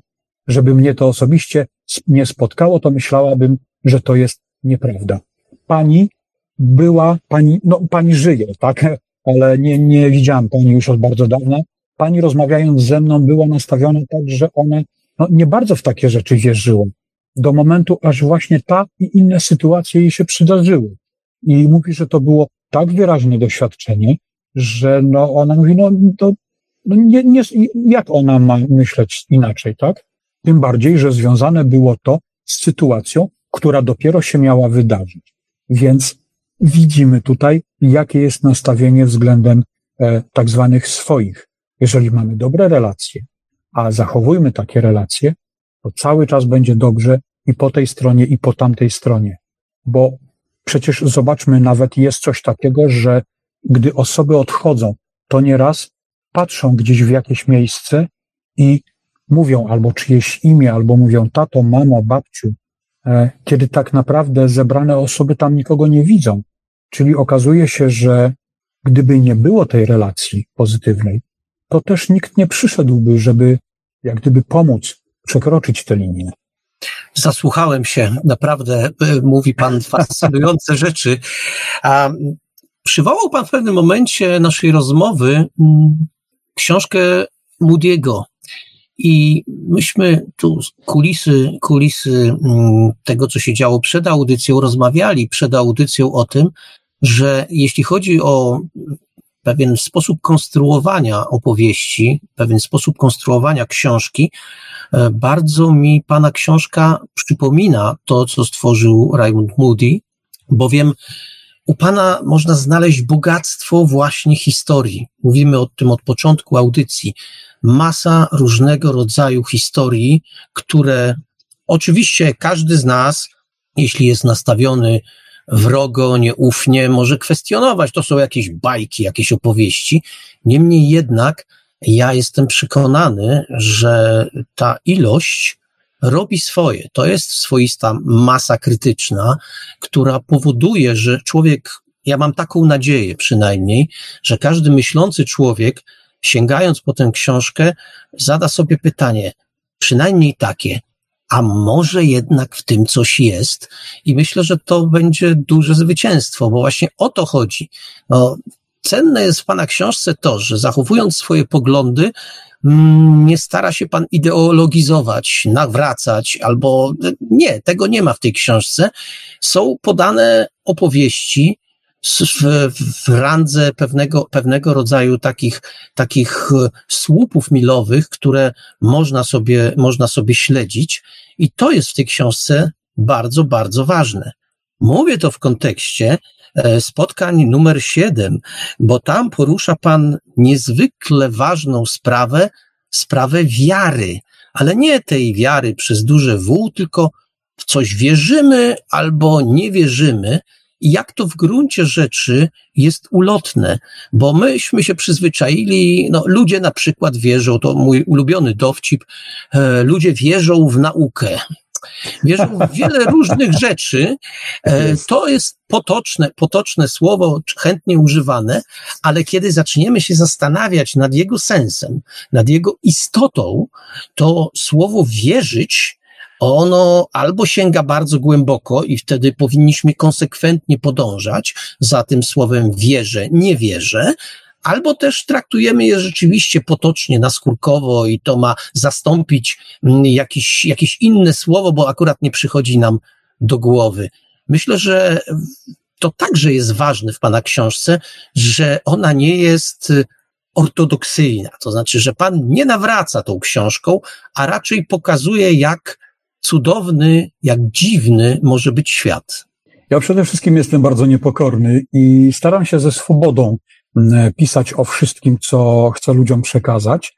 Um, chociażby po to, żeby przełamać jak gdyby e, taki mit śmiertelności. Już nawet Piotr Cielebiaś, e, wiceszef Nieznanego Świata, napisał w recenzji, że książka ta ma bardzo duży plus. Nie przygnębia czytelnika, e, czyli nie epatuje tą tak zwaną śmiercią klasycznie przyjętą ja bardziej staram się pokazywać swobodę postrzegania. E, staram się sięgać do różnych rejonów e, obecności człowieka i to, w jaki sposób człowiek myśli, co może być dobre w takim myśleniu, a co warto by było poprawić. Oczywiście to, ile czytelnik przyjmie do siebie i co z tym zrobi, jak najbardziej zależy to już wyłącznie tylko i wyłącznie od niego. Ja pamiętam, jak jeden z moich mm, znajomych e, muzyków z bardzo znanego zespołu, który kupił moją książkę Lekcja Paranormalności. Powiedział po przeczytaniu, zaznaczam, powiedział, wiesz co, przekonałeś mnie. Chyba się musimy na wódkę umówić. A ja mówię, dzięki, ja przede wszystkim nie chciałem się przekonać, tylko chciałem przekazać wiedzę i chciałem przekazać sposób myślenia. To jest podstawa, bo y, tak samo w tej książce, czyli nadal jestem, i tak samo w lekcji paranormalności, myślę, że to nie będą ostatnie moje książki związane z tak zwanym nieznanym. Przede wszystkim istotna jest tak zwana wiedza, czyli żeby wiedzieć, żeby zbierać informacje, żeby próbować się do nich odnosić, żeby próbować się w nie wpatrzeć i odczuwać. To jest istotne. Nie bez kozery lekcje paranormalności, drugie wydanie nazwałem przede wszystkim wiedzieć. E, wiem i też o tym rozmawialiśmy e, podczas tamtej audycji, gdy lekcja była omawiana, że tak naprawdę nauka uzurpuje sobie dzisiaj pierwszeństwo posiadaniu terminu wiedza. Wiedza jest zbiorem informacji. To jest wiedza, a nie wiedza naukowa. I jak najlepsze przekazanie tej wiedzy jest moim punktem takim szczególnym. Ja bardzo mi zależy na tym, żeby w miarę jak najbardziej dokładnie odnieść się do tego, co mam do przekazania. Bo chodzi o to, żeby dać światło, a nie, żeby zasiać jakąś informację, która ma za zadanie, no to teraz sobie sami pomyślcie, co wy na ten temat myślicie. To nie chodzi mi o to. Ludzie i tak pomyślą sobie o czymś. E, a ukłonienie się w stronę na przykład mojej książki, czy na przykład w stronę innych książek, które są pisane właśnie po to, żeby to światło wiedzy nieść, żeby poszerzać spektrum postrzegania świata, jest na przykład związany temat e, doktora Ebena Aleksandra, e, medyka ze Stanów Zjednoczonych, który zapadł w śpiączkę tygodniową i on zobaczył, on odwiedził niebo. On przeżył rzeczy, których on nie wiedział. Po powrocie, nie dość, że wrócił do pełnego, do pełnego życia, do pełnej funkcjonalności, to jeszcze zaczął sczytywać te rzeczy, te książki, o których on nie wiedział. On mówi, że kiedyś nauka była dla niego jak religia. On nie potrzebował nic poza nauką, bo uważał, że nauka posiada odpowiedzi absolutnie na wszystkie pytania i daje mu totalne oparcie we wszystkim, czego on oczekuje. A okazuje się, że on wiele nie wie. I jak bardzo nie wiedział, że tak dużo powstaje książek o tych rzeczach, których on doświadczył podczas tej śpiączki. Więc myślę, że z otwartą głową należy przystępować do lektury i mojej książki, i do innych książek. Także polecam oczywiście lekcję paranormalności, drugą jak najbardziej, bo, bo wtedy dotykamy materii w takiej postaci, że jesteśmy na jej podstawie podjąć jakieś wnioski. Czujemy się dobrze właśnie ze względu na to, że ja nie epatuję koniecznością przyznania mi racji, e, bo to jest niestety wśród ludzi też bardzo istotne, tak? Ego, czyli ja muszę mieć rację, ja muszę mieć ostatnie słowo, to musi być po mojemu, ty jesteś w błędzie. Przecież mamy 37 milionów medyków, specjalistów od piłki nożnej, od budowlanki, od y, motoryzacji, prawda? Um, trzeba otworzyć tę swoją głowę. Jeżeli otworzymy głowę, jeżeli otworzymy się na inną wiedzę, po to, żeby zdobyć informacje i się w nie wczytać, żeby sobie zweryfikować, na ile to moje postrzeganie było dobre, a na ile nie, być może do kogoś trafi ta wiedza na tyle, że ktoś powie, kurczę, tak jak pan redaktor powiedział, faktycznie coś w tym jest. Ja na przykład jakiś czas temu, mm, e, mówiąc już tutaj, dotykając zupełnie innej sfery e, naszego życia, e, utylizując odpady, kartony po mleku i po napojach, wrzucałem do e, ogólnych śmieci. Okazuje się jednak, że powinienem wrzucać tam, gdzie wrzuca się plastiki i metale. Zastanawiam mnie dlaczego, e, bo przecież jest tam bardzo dużo papieru w tym, ale jeżeli takie są ustalenia i czytam artykuły i czytam takie informacje e, i takie są wytyczne, no to ja po prostu się ukłoniłem i powiedziałem wszystkim, którzy, których, od których wymagałem, żeby te e, kartony były wyrzucane do ogólnych śmieci. Story, pomyliłem się, nie wiedziałem, po prostu przeczytałem i teraz wiem. Więc trzeba też mieć odwagę, żeby powiedzieć sobie, no kurde, jednak moje zaślepienie z jakiegoś powodu prowadziło mnie na manowce. A fajnie by było mieć dobre samopoczucie, bo wiedza to też jest dobre samopoczucie. To jest tak samo, jakby w ciemnym pokoju zaświecić światło. I wtedy wszystko widzimy. Nie domyślamy się, nie zastanawiamy się, nie denerwujemy i nie boimy się. Tylko zaświeciliśmy światło i już wiemy, gdzie jesteśmy i co tu jest. Jest dokładnie tak samo z wiedzą, o której mówimy dzisiaj. Przyznam się, że podążamy przez Pana książkę, rozdział po rozdziale, i mniej więcej w tym momencie ja już byłem usatysfakcjonowany. Tak, o, fajna książka. A tu nagle spłynęła na mnie y, część, która nazywa się Rozmowa, która no po prostu to był dla mnie taki strzał otrzeźwiający, y, taki y, sprawiający, że ta książka jeszcze bardziej wypikowała w górę. Ta rozmowa to jest rozmowa z filozofem, z księdzem profesorem Wiesławem Dykiem.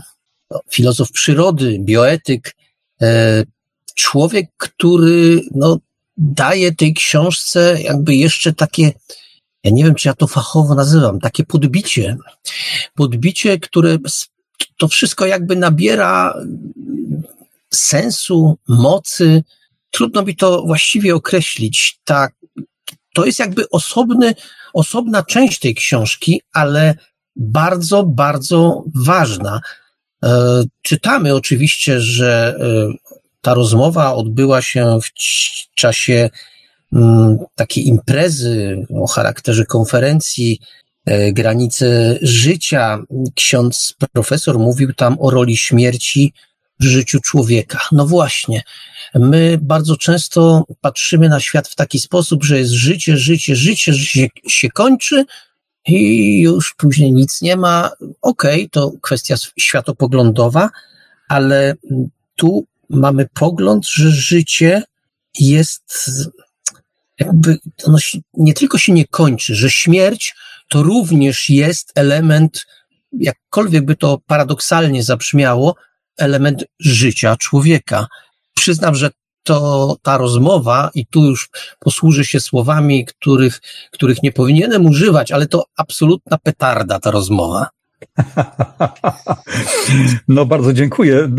Przede wszystkim sprostowanie, tak, bo w 2007 roku e, podczas sympozjum, to było chyba drugie sympozjum, o ile dobrze pamiętam, ukryta rzeczywistość w Miejskim Ośrodku Kultury w Policach. Wszystkie sympozja się odbywały e, właśnie w Miejskim Ośrodku Kultury. E, to było sympozjum, które nazwałem Granice Życia i tam były właśnie dotykane E, tematy związane z aktywnością mentalną, duchową e, właśnie ludzi. I między innymi zaprosiłem księdza, e, księdza profesora, aby wygłosił odczyt o roli śmierci w życiu człowieka. I ze względu na to, że nawiązała się bardzo fajna znajomość, ksiądz profesor jest niesamowicie sympatyczną osobą. Jeżeli będzie to kiedykolwiek słyszał, to bardzo pozdrawiam. Pomyślałem sobie, że zapytam właśnie o to, bo no jednak, no kto jak kto, ale ksiądz, profesor, e, który dotyka tak naprawdę dwóch kontekstów naszej rzeczywistości, tak? Czyli jest księdzem, czyli jak gdyby osobą zajmującą się religią e, i, i w pewnym sensie duchowością, jakkolwiek by to nazwać, e, natomiast też dotyka materii akademickiej, czyli, czyli mamy tutaj jak gdyby tak zwane dwie prawdy. I ja sobie pozwoliłem tak wynotować fragmencik e, na zasadzie fragment mojego pytania i, i fragment odpowiedzi księdza profesora. Mamy więc dwie prawdy funkcjonujące w społeczeństwie. Z jednej strony akademicką, pełną obaw i nieufną w niesprawdzone empirycznie dane, a z drugiej strony prawdziwe i silne doznania z życia osób, które nierzadko doświadczały tych sytuacji. No i co z tym paradoksem uczynić? I ksiądz odpowiada. Prawda jest jedna. Nie ma dwóch prawd. Po prostu może być jedna albo druga koncepcja. Żeby to było ujęcie prawdy naukowej, to naukowa musi być zawsze potwierdzalna. Jeśli się nie potwierdzi, to już nie jest naukowe. Czyli widzimy, że spojrzenie naukowe jest tylko jedną z opcji oglądu naszego świata. I zawsze będę powtarzał, że metodologia naukowa jest skarbem i uważam, że ktoś, kto umie prowadzić doświadczenia akademickie, to ja zawsze trzymam kciuki, bo dzięki nauce przecież używamy laptopów, jeździmy po drogach, lecimy w kosmos, tak? Gdyby nie nauka, gdyby nie inżynieria, która również z naukowym myśleniem jest związana, no to tego wszystkiego byśmy nie mieli.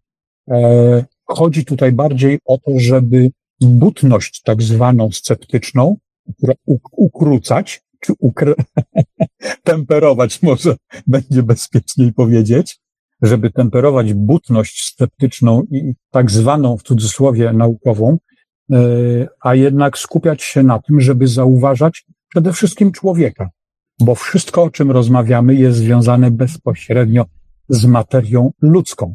Jeżeli nie ma człowieka, no to nie będzie żadnego doświadczenia, nie będzie historii, nie będzie opowieści i nie będzie o czym mówić.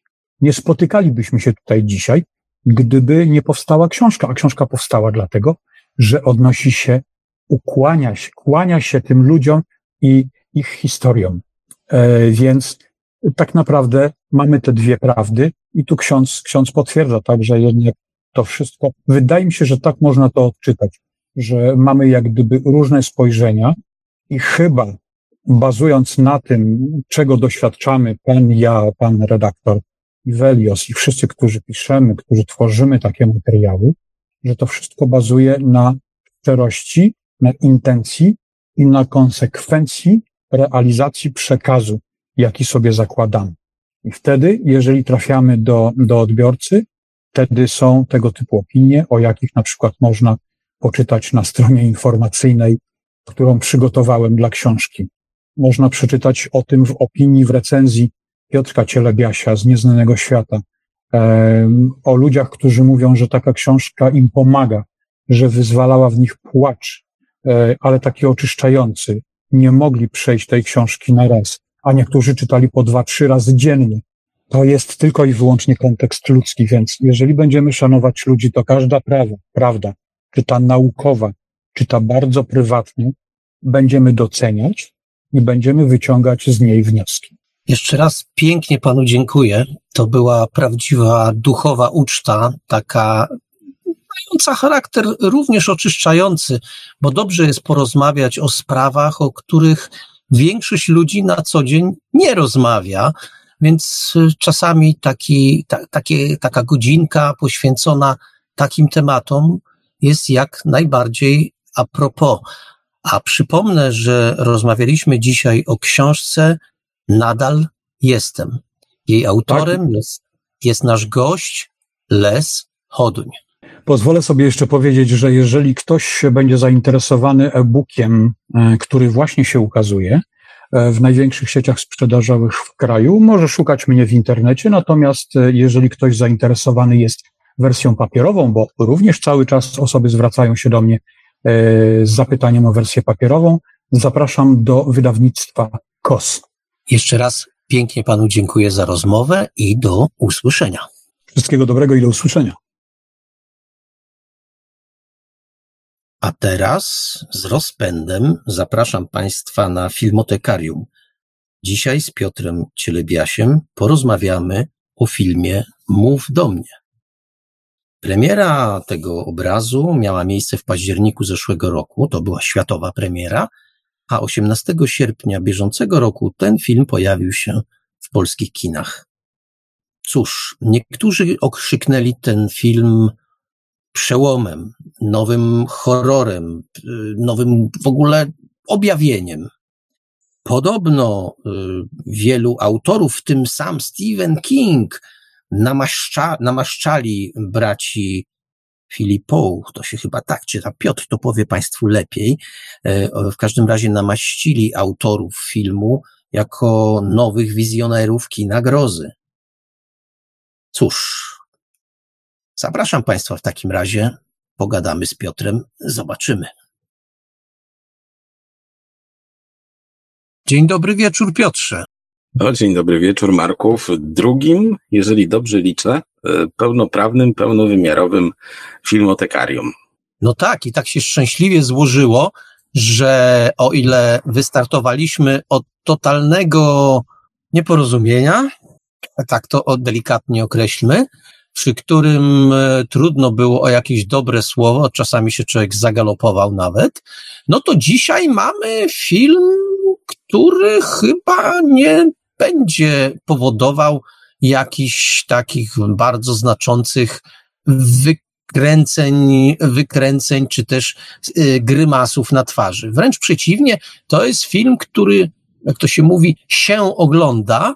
E, oczywiście pewno jakieś łatki tam przypniemy, ale w gruncie rzeczy to nie jest zmarnowany czas. Półtorej godziny takiej rozrywki, rozrywki trzymającej w napięciu i nie takiej rozrywki, która, przy której, o, nie wiem, wybuchamy śmiechem, w ogóle tarzamy się, albo, albo nie możemy po prostu opanować różnych, różnych, różnych emocji. Nie, to jest taka, taka rozrywka, przy której, przy której, hmm, jak to powiedzieć, to po prostu dobry film jest, no co będę wymyślał.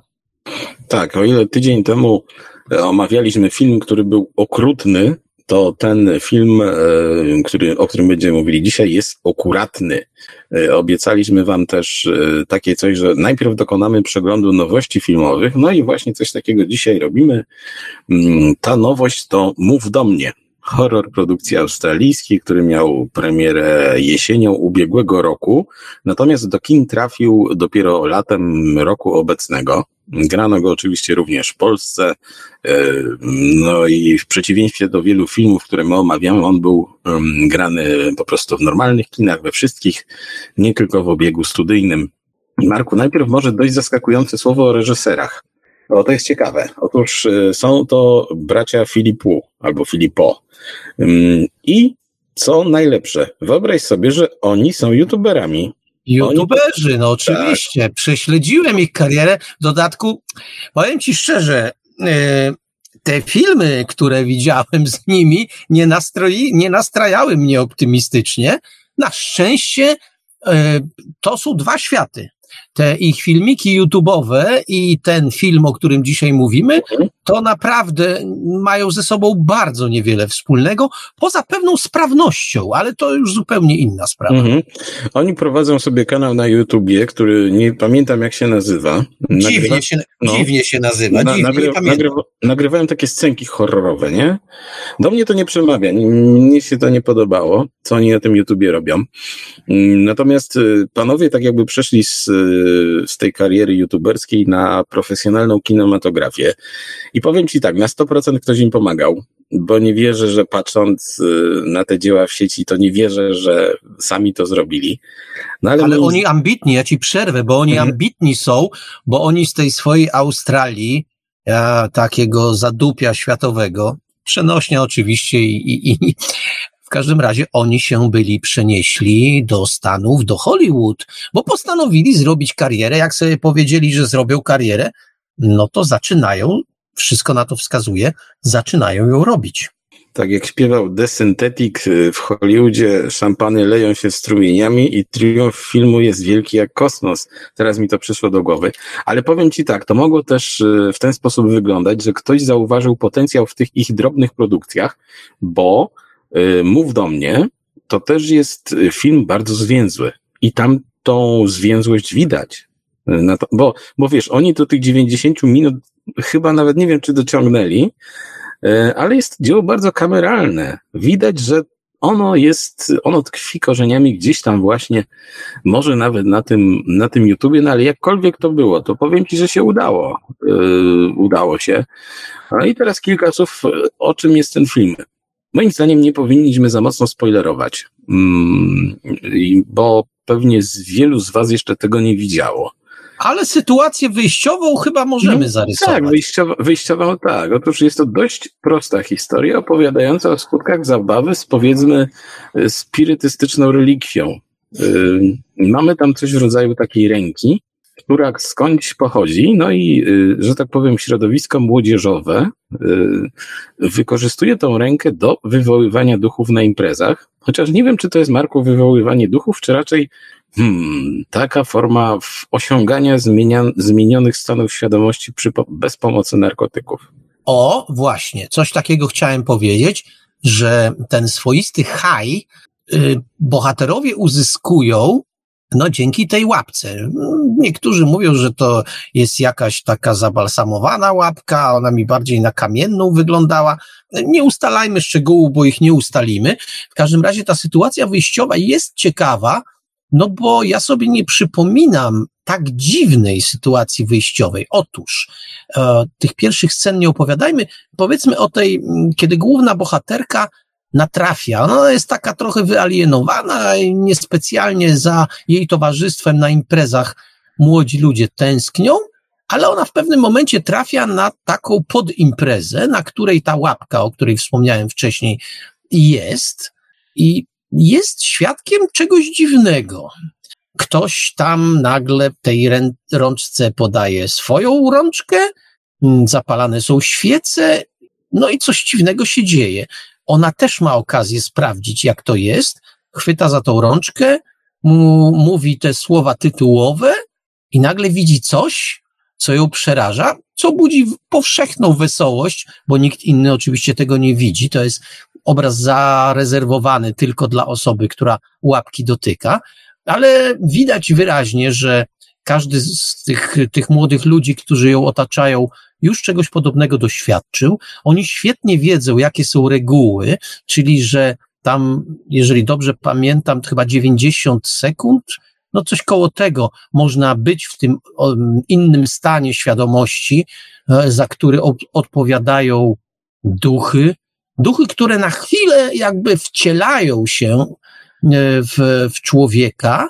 związanego notabene w tym czasie, związanego i właśnie nie wolno tych 90, 90 sekund przekraczać, bo inaczej stanie się coś strasznego. Tu macie Państwo zapowiedź pewnej intrygi. Y, mnie zawsze zainteresowało to, skąd ci młodzi ludzie znają tak ten, ten, ten czas, te, te, te, te wszystkie rytuały. No ale pewno się tego dowiemy, bo gdzieś tam w internetach wyczytałem, że podobno prequel tego filmu jest już gotowy. Tak, tak. Wiesz, to jest tak trochę jak z jedzeniem grzybów. E, skąd oni się tego dowiadują? No pewnie ktoś kiedyś potrzymał dłużej i też go, wiesz, że tak powiem. No właśnie. Stało się to, co jest główną osią tego filmu, czego nie będziemy Państwu zdradzać. I tak metodą prób i błędów to, to osiągnęli. No tam, tak jak Marek powiedział, ta ręka służy do E, kontaktu z duchami, tak powiedzmy, jest ściśle określona instrukcja jej używania. Mm, no i po naruszeniu tychże wytycznych robi się mm, nieszczęście. Jest kilka rzeczy, na które chciałbym zwrócić uwagę. Mm, po pierwsze, to jest ten sam rodzaj horroru. Jest to horror typu supernatural, paranormal, i, I tutaj w przypadku Mów do mnie mamy e, dużo podobieństw takich stylistycznych mm, z filmem Dziedzictwo Hereditary albo Nocne Istoty. O nocnych istotach żeśmy chyba jeszcze nie mówili. To znaczy, to jest taki typ horroru, e, mm, taki sposób prowadzenia e, tej historii, że to są opowieści bardzo realistyczne bardzo realistyczne, z minimalną ilością efektów specjalnych, z dużą dawką psychologii i suspensu, mm, i też z takimi okazjonalnymi, makabrycznymi elementami, ale nie ma tego tak, tak dużo, że wiecie, potwory wam latają. I te niektóre sceny z Hereditary i z Mów do mnie zapadają w pamięć na długo. I to, to na przykład na wielu widzów, w tym na mnie działa lepiej niż niż w przypadku filmu, o którym będziemy mówić za tydzień, gdzie ten potwór się po prostu wala po tym okręcie, cały czas tam siedzi i nudzi. Mm. Zatem tak, nie jest to, nie jest to film typu Conjuring czy Annabelle, yy, gdzie się stawia na te, wiecie, jumpscary i, i, i, i te takie stałe utrzymywanie napięcia. Yy, mnie osobiście takie filmy jak Mów do mnie się bardziej podobają, mm, bo powiem Ci, Marku, ja zawsze wiem, że tam będzie bardziej rozbudowana historia. E, mało przewidywalna, może trochę bardziej przewidywalna, ale jednak nie tak prosta, nie tak prostolinijna, że mm, jak w przypadku wielu horrorów, że się małżeństwo wprowadza do domu i zaczyna straszyć na przykład. No, to tak. Druga sprawa. Mów do mnie to taki kolejny horror, który się skupia na bardzo oklepanej kanwie, na bardzo znanej dobrze historii, mm, na opowieści o jakimś tam przeklętym przedmiocie i graniu z tamtym światem i tak dalej, i tak dalej. I film o ludziach, którzy ściągają na siebie jakieś tam przekleństwo, klątwę, czy, i, i są potem prześladowani przez złe moce, również w ostatnim czasie święcą triumfy. Nie chcę powiedzieć, że, że one tam są nagradzane na, na ceremoniach oscarowych, bo nie. Natomiast y, są interesujące, mają dużą liczbę pozytywnych komentarzy i o kilku z nich powiemy. Natomiast ja wymienię chyba tutaj tylko coś za mną chodzi, bo to jest jeden z tych starszych filmów też bardzo podobnych mm, konstrukcyjnie. No i tak reasumując, powiem Ci, że z tych elementów, które na pozór nie są zaskakujące, bo ta historia jest bardzo prosta. Powstaje, powstaje opowieść, która nie tylko przeraża, ale i wciąga. Mamy bardzo dobrą, chociaż nie, nie, nie tam jakąś gwiazdorską obsadę. Są to artyści mniej znani, ale wiesz, tacy moim zdaniem niezmanierowani. E, nie wiem, jak ty to odebrałeś.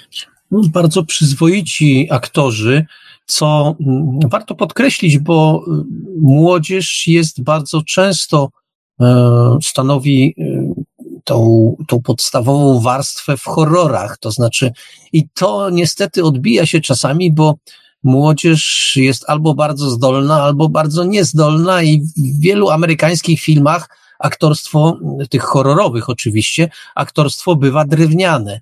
Tu uniknięto tego, tu aktorzy są naprawdę nieźli co więcej, to jest film, który oczywiście opowiada taką historię e, w sumie dosyć prostą, tak jak powiedziałeś, e, pewnego opętania, pewnego, pewnego takiego przymusu, pewnego, pewnego nawet e, zniewolenia, ale jednocześnie otrzymujemy sporo filmu takiego obyczajowego, bo to, tak jak Piotr powiedział, tam nie cały czas straszy na tym ekranie.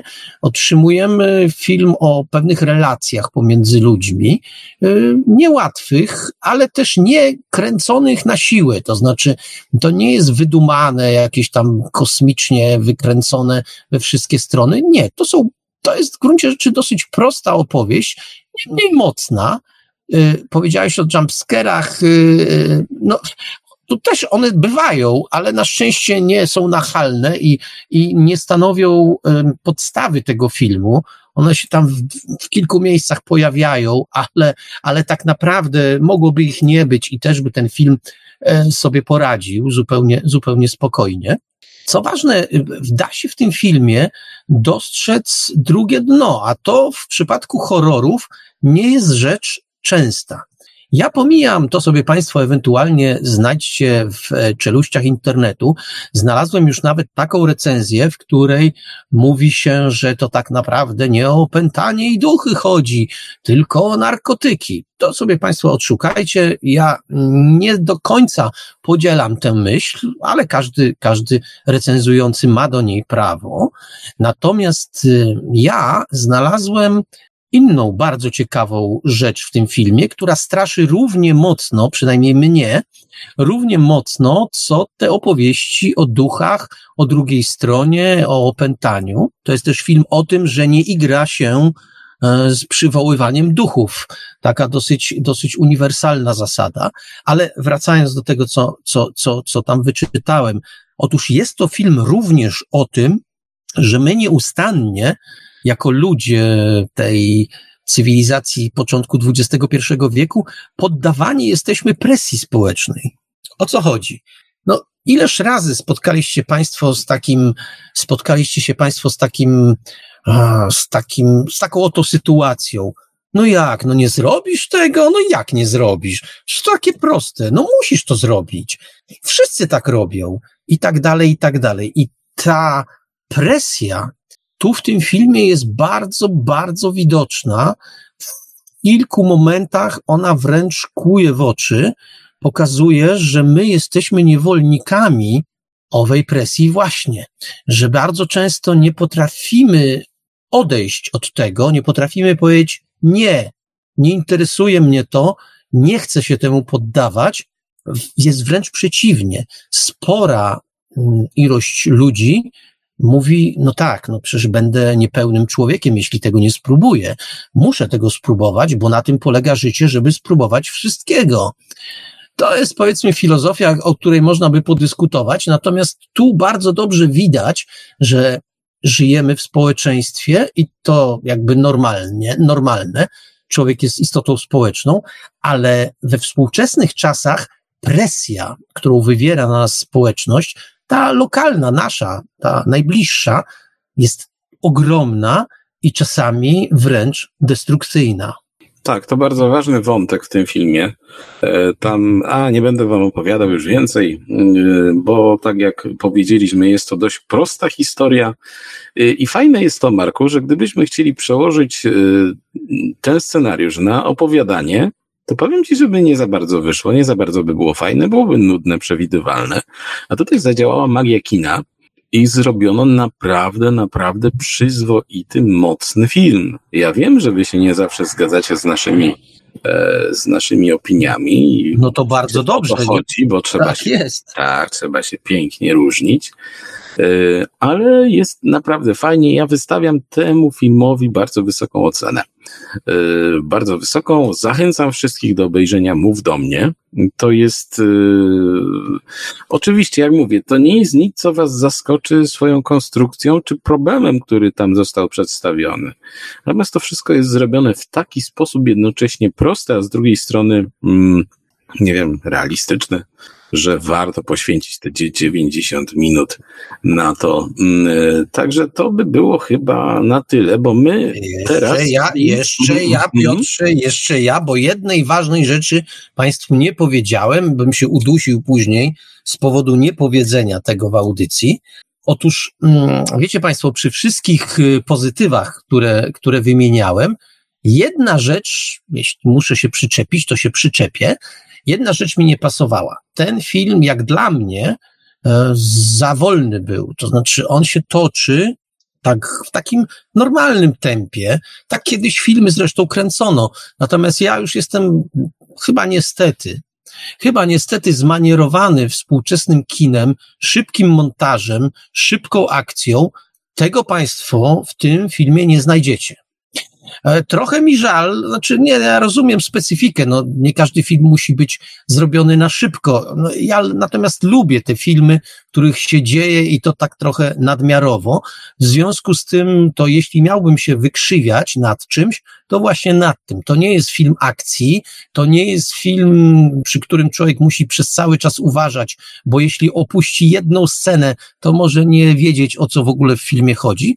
Nie, nie, tu jest spokojnie, ten montaż, chociaż znowu paradoks pewien, bo YouTube i te, te, te filmiki YouTube'owe, one też rządzą się właśnie dosyć szybkim takim montażem, ale inaczej jest to robione. Ten film, ja niestety chcę czy nie chcę, muszę przejść do pozytywów. Ten film jest y, bardzo atrakcyjny od strony wizualnej abstrahując od tego, że no tam, jak to w horrorze, nie wszystkie, nie wszystkie sceny muszą być ładne, ale ja nie o ładności mówię, tylko o atrakcyjności wizualnej. To dwie zupełnie inne sprawy i ten film ma to w sobie. On jest rzeczywiście pod względem wizualnym bardzo, bardzo dopracowany. I proszę Państwa, jaki paradoks. Zacząłem od wykrzywiania się, a skończyłem i tak na chwaleniu. Tak. E, przynajmniej przez kilka tygodni, dopóki nie wyczerpiemy puli tych najnowszych filmów, o których warto powiedzieć, to będziemy Wam o nich truli. Mm, I następny punkt to będzie Zakonnica 2. I tutaj już się boję, Marku, bo przypomina mi się ten y, odcinek, kiedy żeśmy opowiadali o tym egzorcyście papieża, y, filmie z Russellem Crowe i, i tam się okazuje, że znowu, znaczy tutaj w przypadku Zakonnicy 2 się okazuje, że znowu mamy powtórkę, mm, w której Amerykanie zabierają się za kręcenie filmu o kościele, o kościele katolickim, a absolutnie nie wiedzą, z czym się to je. No ale pamiętasz ten film o zakonnicy, która się uczyła w, w szkole egzorcyzmów? Był i taki film, też go mieliśmy. E, tak, było coś takiego. Tak, to, to drugi podobne. Także Hollywood tworzy sobie nowy Watykan i nowe zasady w nim panujące i przykładem tego jest film Zakonnica 2, który jeszcze mm, przy dobrych wiatrach, no a może nawet przy tych gorszych znajdziecie w, w filmach. Także o tym powiemy za tydzień. No i cóż, a jeszcze dodam tylko tyle, że mówiłeś o tych negatywach.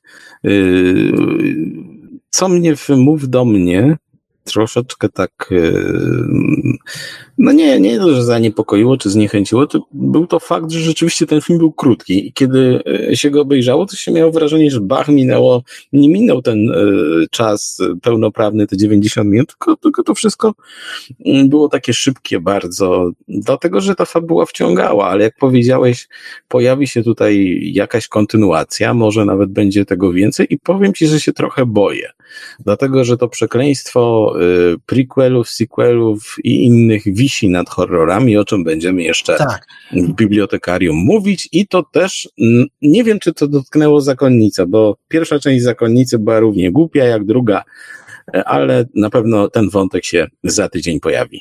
A prequel Mów do mnie y, ma podobno dotyczyć tego, co obserwujemy w pierwszych scenach. Tak, tak. Tam jest taka dosyć dramatyczna sytuacja. Znowu nie będę opowiadał, bo sobie Państwo obejrzycie.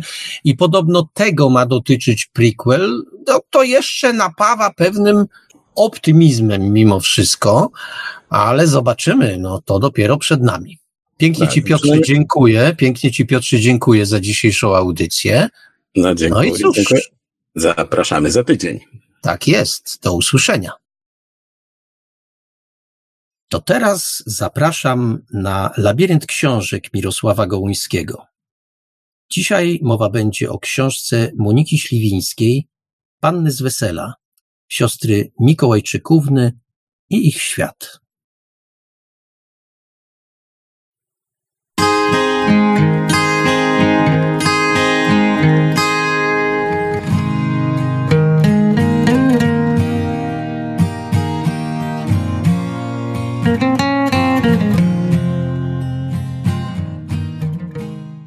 Dzień dobry, albo dobry wieczór, w końcu nie wiadomo, kiedy macie Państwo czas odsłuchać kolejnego spotkania z moim labiryntem książek. Dzisiaj po raz ostatni zajrzę do korytarza zatytułowanego Nominacje do Nike 2020. Będę mówił o książce Moniki Śliwińskiej Panny z Wesela, czyli siostry Mikołajczykówny i ich czasy. To bardzo ważna książka, kolejna w tym zestawie, dlatego że mm, autorka wykonała nieprawdopodobną pracę przygotowawczą. Przekopała się przez nieprawdopodobne archiwa, dotarła do niewi niewiarygodnej wręcz liczby osób, które w jakiś sposób były powiązane z trzema siostrami Mikołajczykównymi. Tymi, które występują pod postacią Panny Młodej, Gospodyni i Marysi w Weselu Wyspiańskiego.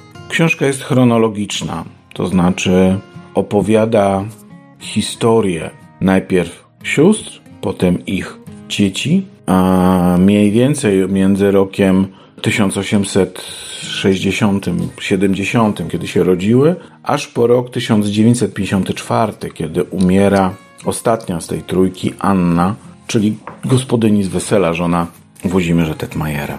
Te 70 lat blisko historii Polski.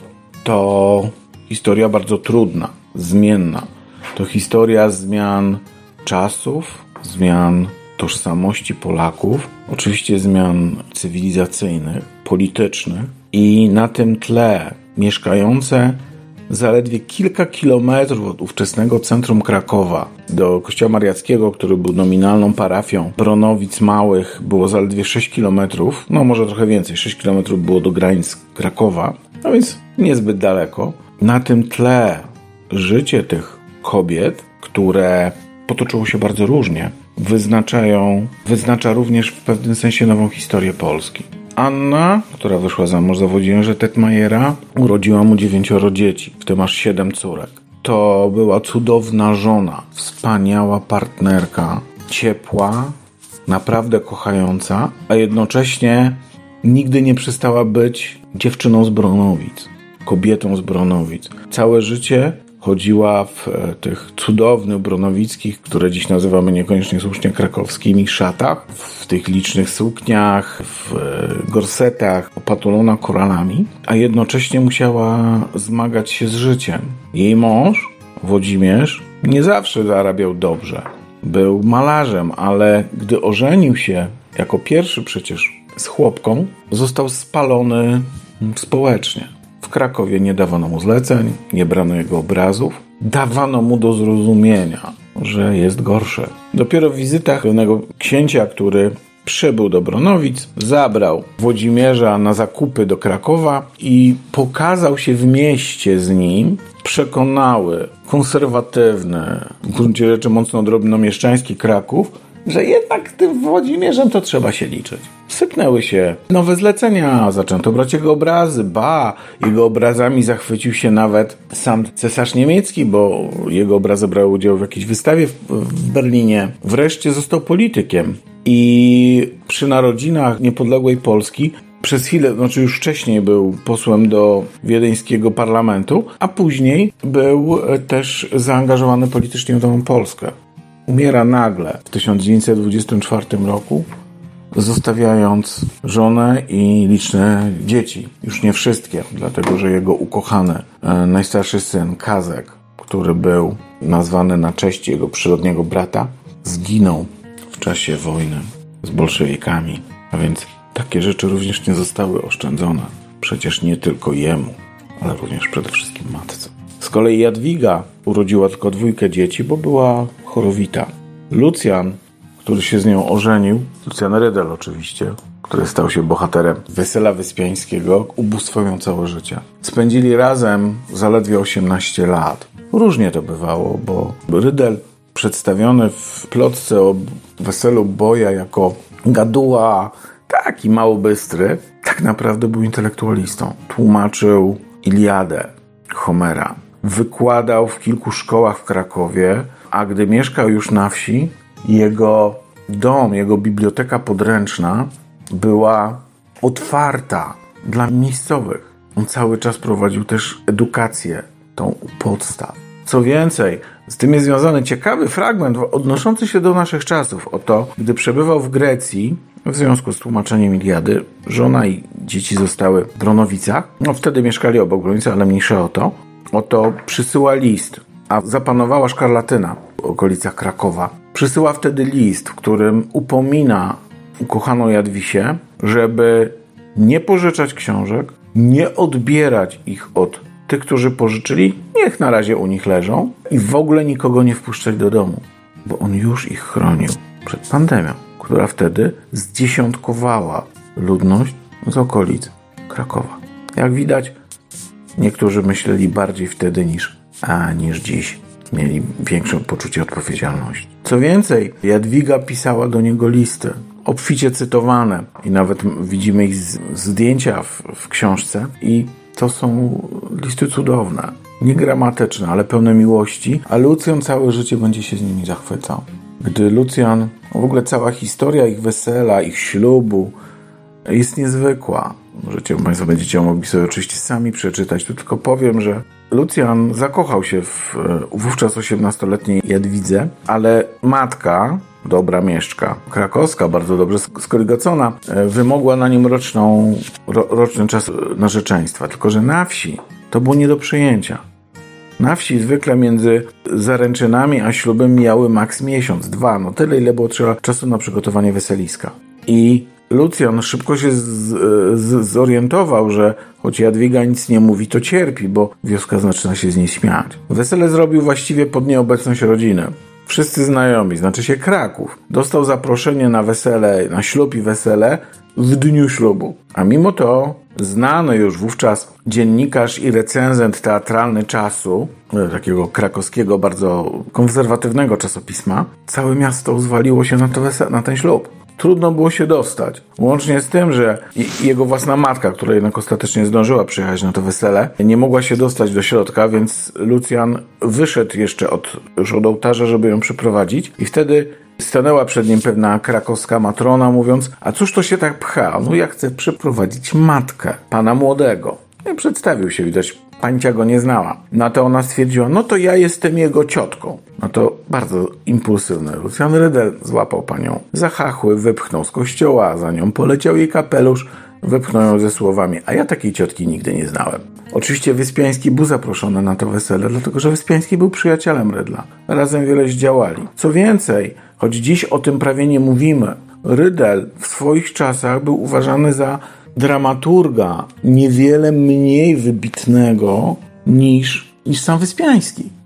Jego sztuki grane na różnych scenach. Największy, naj, największy sukces odniosło Betlejem Polskie, które ostatecznie zagrano w samym Krakowie ponad 500 razy. To jak na tamte czasy wręcz niewiarygodna liczba przedstawień. Zwykle przedstawienia miały 20, 30 wystawień.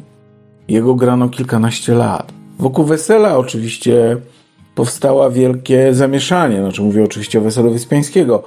I tutaj trzeba też oddać Rydlowi, że choć oczywiście nie podobało mu się przedstawienie jego, jego żony i w ogóle jego nowej rodziny, to docenił wielkość tej sztuki. On ją zobaczył, mimo bardzo osobistego zaangażowania w nią. Ci z Państwa, którzy pamiętają jeszcze historię ze szkoły, że zwykle do tekstu dramatu dołączona jest plotka Wyspiańskiego Boja z 2022 roku, widzą jak bardzo inna jest to wizja tego człowieka. Boj, można powiedzieć, chyba pozazdrościł, a może był zły że nie został umieszczony e, w dramacie, chociaż na samym weselu był, bo wtedy był kimś nieważnym na, na Parnasie krakowskim. No, był za młody po prostu i dopiero aspirował do bycia znajomym Wyspiańskiego czy Rydla. Jego książ, jego tekst jest pełen złośliwości, ironii, która jest niezasłużona. Dzisiaj pewnie podano by go do sądu za opowiadanie głupot. Wtedy mógł sobie na to pozwolić. Ale szczęście Jadwigi i Lucjana trwało zaledwie 18 lat. Lucjan umiera w roku 1918, jeszcze przed końcem wojny światowej. Z głodu, wychłodzenia starał się zarobić na rodzinę. I na wsi było przyjęte, że po śmierci męża żona znajduje kolejnego męża, bo samej kobiecie bardzo trudno sobie poradzić. Tylko, że taki los naturalny dla wsi byłby źle przyjęty w mieście. Taki był los na przykład wdowy powyspiańskiej. Ale Jadwiga tak bardzo kochała Lucjana że nigdy więcej już za mąż nie wyszła. W książce, w której jest wiele ilustracji, dlatego warto też mieć książkę, niekoniecznie e-booka, jest takie przejmujące zdjęcie. Pogrzeb Rydla był na koszt miasta, ponieważ był aż tak ważną personą w mieście, był między innymi dyrektorem teatru, w którym przedtem wystawiono sztukę o nim.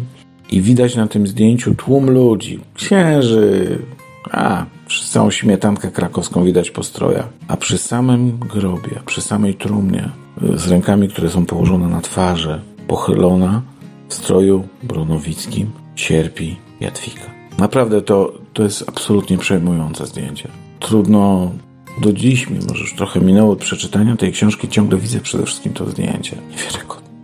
I to, co równie ważne, ona nie wyszła za mąż, umrze kilkanaście lat później, jako 50-parolatka. Umrze wtedy już w Rydlówce, bo Rydl zdążył kupić dom, w którym odbyło się wesele od Tetmajerów.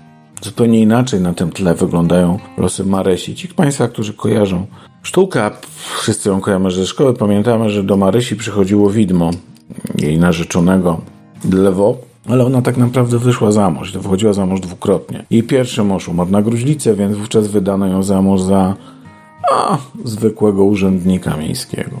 I ta, ta kobieta miała, zupełnie inne życie dużo trudniejsze, bo jej mąż nie był nikim wielkim. Był zwykłym człowiekiem, urzędnikiem niższego szczebla, podobno niezbyt bystrym, a więc jej los, osoby, która całe życie snuła się po. była tylko prostą chłopką przy mężu, wyglądał zupełnie inaczej. Przy prostym mężu był zupełnie inaczej. To książka, której poznajemy losy, nie tylko losy, ale też nieprawdopodobnie zmysłowy obraz tamtego świata. Jest w tym wiele, jest w nim wiele o ekonomii, o tym, jak radzono sobie z biedą, o nieprawdopodobnych doświadczeniach najpierw I wojny światowej, a potem II. Taka ciekawa scena. Jedna z córek Włodzimierza Tetmajera była zdolną malarką. Również skończyła Akademię Sztuk Pięknych. W czasie II wojny światowej, gdy Niemcy opanowali te tereny, kilku oficerów przyszło do jej domu i zobaczyło obrazy. Między innymi jej. Ona była akurat w domu, no ojciec już dawno nie żył. I zapytali go, kto je namalował. Ona płynną Niemczyzną. Ona urodziła się jeszcze w czasach, kiedy studiowało się również w Wiedniu. Powiedziała, że ona. Niemcy popukali się po głowie. Kobieta? Takie obrazy? Niemożliwe. Takich obrazków jest w tej książce znacznie więcej. Losy Anny, które przerwałem w pewnym momencie, zawiadują najpierw na wygnanie do prawie pod granicę mongolską, znaczy wygnanie, zsyłkę po prostu, bo akurat uciekając przed Niemcami pojechała do jednej z córek e, razem z e, nią. Była tam razem z córką oraz e, z jeszcze jedną osobą, wywiezione na Daleki Wschód, gdzie umiera zięć kopalni bardzo szybko. Umiera również córka. Umierają jej wnuczki. Ona walczy razem z drugą córką, która została przy życiu. Wreszcie udaje się je wyciągnąć. Ostatecznie do 48 roku będzie mieszkała w Indiach. Ale nim to się stanie, gdy już ją uwolniono, gdy wywieziono ją z Rosji do Persji, po przygodach godnych Jamesa Bonda, ona się załamała. Popadła w stupor, depresję. Córka musiała ją karmić, bo wówczas już mała 70-letnia kobieta już nagle nie miała sił, żyć. Przetrwała. Wróciła do Polski w 48, by patrzeć, jak jedna z jej córek przez 20 lat nie będzie mogła zobaczyć męża, bo mąż z synem zostali w Anglii, ona została w Krakowie. Jak sypie się świat jej dzieciństwa i umrze w tym, w tym własnym domu, bo ona jest stąd. I to też jest przesłanie tej opowieści. Jak Państwo widzicie, ta książka powinna być obowiązkową lekturą szkolną. Bo moja wizja szkoły to nie jest czytanie lektury wyrwanej z kontekstu. Po co nam to? Co z tego, że rozpoznamy duchy? W tej sztuce są żywi ludzie. I Monika Śliwińska właśnie o tych żywych ludziach napisała. Napisała niezwykłą, mądrą i naprawdę wiele wnoszącą do naszej wiedzy o, tamtym świecie książkę. I jeszcze jedna uwaga. Jesteśmy właśnie w okolicach 30 listopada. Dokładnie tego dnia, 122 lata temu, Lucjan Rydel wziął ślub z Jadwigą Mikołajczykówną. Już rozumiecie Państwo, że nie mogłem sobie odmówić przyjemności zaproszenia Państwa do mojego labiryntu również w związku z tą datą. Datą, która dała początek jednemu z najważniejszych polskich dramatów w dziejach, w historii polskiej literatury, a teraz, jak widać, dała również początek jednej z najciekawszych, najbarwniejszych, w wielu rzeczach to oczywiście z braku czasu nie mogłem powiedzieć, książek w literaturze polskiej. I o bohaterach literatury polskiej. Dobranoc, albo do widzenia.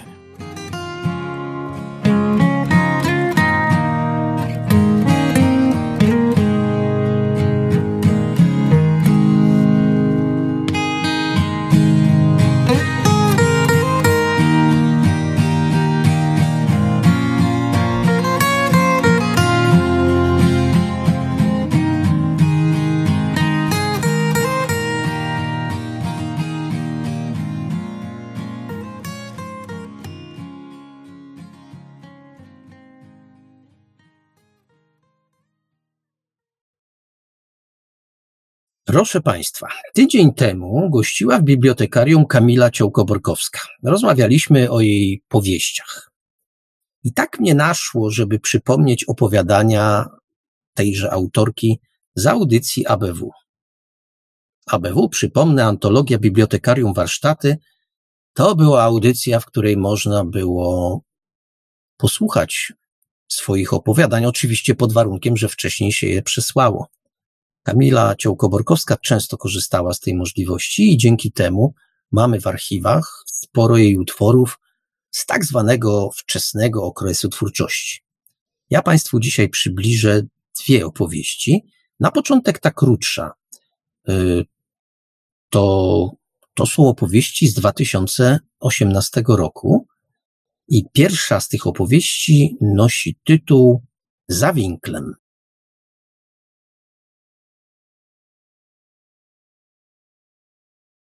Kamila Ciąkoborkowska za winklem.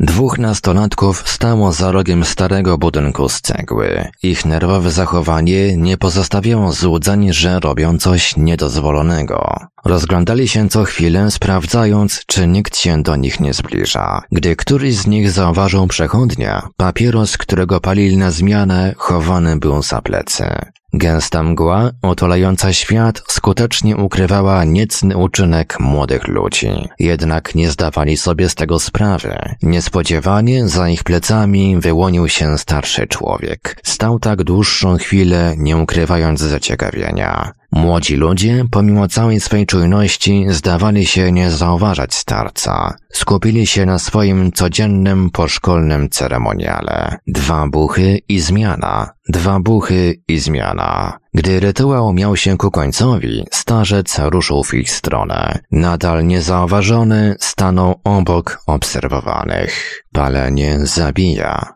powiedział cicho. Młodzieńcy podskoczyli wystraszeni, a dymiący niedopałek upadł pod nogi. Jeden z chłopców przydeptał dymiący filtr i z przerażeniem spojrzał na intrusa. Tak często obiecywał sobie, że to ostatni raz. Przejechał spoconą dłonią po włosach, które opadły mu na czoło. Tak, tak. Co nas nie zabije, to nas wzmocni, nie? Odezwał się z uśmiechem drugi z młodzieńców, poklepując kolegę po ramieniu. Staruszek nie odzywał się, patrząc prosto w oczy pierwszego z nich. Palenie zabija. Powtórzył spokojnie. Wzrok starca wwiercał się w świadomość młodego człowieka, który czuł się nieswojo. Nie mógł oderwać oczu od hipnotyzującego go nieznajomego. Nie wiedział, co odrzec, a przecież zawsze miał odpowiedź na zaczepki innych. Zabrakło mu słów, zastygł w bezruchu. Ostatkiem sił spojrzał na kolegę. Ten, nie mając świadomości, jakie wewnętrzne katusze przeżywa przyjaciel, ponownie poklepał go po ramieniu. Tak, tak, dziadku, gadaj zdrów. Przede mną jeszcze kawał życia. Śmiejąc się, zaczął się oddalać. Do jutra, stary! Krzyknął tylko na odchodne. Mgła zdawała się coraz gęstsza. Widoczność zmniejszała się z sekundy na sekundę. Zniknął nawet małomówny senior. Jakby rozpłynął się w powietrzu. Nastolatek podchodzący do skrzyżowania nadal śmiał się z całej sytuacji. Splunął na chodnik i sprawdził, czy na pewno ma paczkę ukradzionych ojcu papierosów. Ręce włożył głęboko w kieszenie, przeklinając w duchu aurę. Zimno. Ta zabija. Wymruczał pod nosem, czekając na zielone światło. Niestety pogoda tego dnia nie rozpieszczała. Cały świat zginął w oparach gęstej chmury unoszącej się nad chodnikiem. Zdawało się, że słychać krótkie sygnały wydawane przez sygnalizator razem z zielonym światłem. Młodzieniec poprawił kołnierz i odważnie wszedł na pasy. W tej samej chwili usłyszał pisk hamowania. Spojrzał w lewo. Pisk opon. Światła ogromny ból. Ciemność. Nic.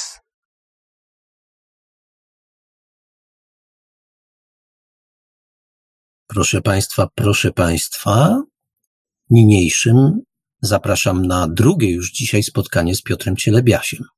A kiedy padają te słowa, no to rzecz jest niemal oczywista. To znaczy, że na antenie Bibliotekarium 2.0 pojawi się Maupa. No dzisiaj w Maupie będziemy rozmawiać o książce niezwykłej, fascynującej, ale to wiecie Państwo, ja często tych słów używam. Dla mnie niemal wszystko bywa fascynujące i niezwykłe. No więc podam wreszcie tytuł. Zagadka epoki. Autor Jerzy Domański. Dzień dobry wieczór, Piotrze. No, dzień dobry wieczór, Marku. Kolejny przegląd. Tak, a muszę powiedzieć, że dzisiejsza książka mnie zafrapowała. Zafrapowała mnie podwójnie, ponieważ dała mi, dała mi taki, takiego kopa, żeby sięgnąć do lektury sprzed lat. Ponieważ książka, o której dzisiaj będziemy mówić, zatytułowana Zagadka epoki, której autorem jest Jerzy Domański, Ona pierwszy raz na czytelniczym rynku pojawiła się jeszcze w latach 70., w 79 roku konkretnie. Miała później jeszcze drugie wydanie w latach 80. No, ja się załapałem na to pierwsze. Ministerstw, wydawnictwo Ministerstwa Obrony Narodowej starało się jakoś przyciągnąć do siebie czytelników PRL-owskich i wydawało takie książeczki. Oprócz książki mm, Zagadka Epoki Domańskiego pojawiła się też taka mini książeczka dotycząca trójkąta bermudzkiego. To były wtedy sensacje XX wieku. Co prawda Wołoszański nie miał z nimi nic wspólnego, no ale tytuł się niósł. I ja tę książkę oczywiście pamiętałem, pamiętałem ją dobrze, ale jednak wydawało mi się, że to były tak zamierzchłe czasy, że wtedy dobre książki wychodzić nie mogły. W związku z tym, przygotowując się do dzisiejszej rozmowy, ja tę książkę po prostu przeczytałem. To nie jest gruba książka, to jest właściwie mini, mini książka, książeczka, powiedziałbym. Przeczytałem i jestem zaskoczony. No ale o tym zaskoczeniu to za chwilę. Oddaję Ci, Piotrze, głos. Tak, to jest chyba e, najmniejsza w historii Polski książka o UFO, ale zadziwiająco pełna treści i książka, która się dobrze zestarzała. To w zasadzie jest antyk już, pod kilkoma względami. Ja się załapałem na tą drugą, e, drugą, drugą edycję, ale o tym za chwilę. E, po pierwsze, książka liczy sobie no już kilka lat to wydanie pierwsze, jak mówiłeś, 79 rok, był też, było też drugie z 84. No i ten antyk ukazuje nam też przeszłe realia wydawnicze. Otóż e, to tylko to drugie wydanie wyszło w nakładzie blisko 100 tysięcy egzemplarzy. Tylko drugie. E, to jest ogromna ilość. Na dzisiaj wręcz niewyobra niewyobrażalna. W Perelu się tak książki wydawało. To ja się wetnę, to ja się wetnę. Od razu powiem, że pierwsze wydanie miało 50 tysięcy nakładu. Czyli musiało być zapotrzebowanie i się nie dziwię. Y, kolejny, kolejna cecha taka antyczna tej książki, antyczna oczywiście w cudzysłowie, dlatego że po prostu widać potem, jak się zmieniły realia. No, takich książek się dzisiaj już nie pisze. Y, jest to książka popularno-naukowa, a to, co trafia dzisiaj do księgarni odnośnie UFO, to jest najczęściej ściek, jakieś tłumaczenia strasznie złych dzieł z, ze Stanów Zjednoczonych, z, ogólnie z tego y, świata anglosaskiego. Ja pamiętam dla przykładu, jak kilka lat temu jedno z czołowych polskich wydawnictw sprzedawało książkę autorów, których reklamowało jako bardzo znanych badaczy, no i tam próbowali mnie wciągnąć do jakiejś promocji. E, ja zacząłem usilnie szukać, bo nie kojarzyłem tych ludzi z niczego. Okazało się, że ci ludzie nie istnieją. Mm, I to było po prostu kłamstwo. Kłamstwo książka była maks, ma, masakrycznie zła. Natomiast była podobnych rozmiarów co dzieło Domańskiego i tutaj widzimy ogromną różnicę. Mm, ci autorzy mm, tamtej książki, pamiętam, nazywał, nazywali się Neila. Neila to od tyłu Alien, czyli super zabieg, śmieszne, haha. No, ale przejdźmy do tej zagadki epoki. Otóż jest to książka bardzo dobrze zaprojektowana, Marku. E, prezentuje nam różne strony zjawiska UFO, nie tylko w Polsce.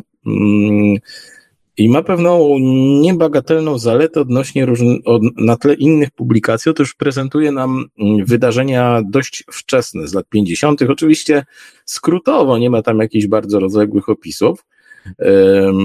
Natomiast gdybym tak z ręką na sercu chciał polecić komuś książkę jako taki, jako taki taką startową książkę, jeżeli się ktoś nie interesuje UFO, a chce zacząć się interesować UFO i czytać, to Domański byłby właśnie świetnym, e, świetnym startem.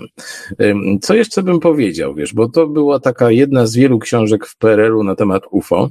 Myśmy już kilka poddali ocenie, między innymi książki Lucjana Znicza Sawickiego. O, o nich była osobna, o nim była osobna audycja.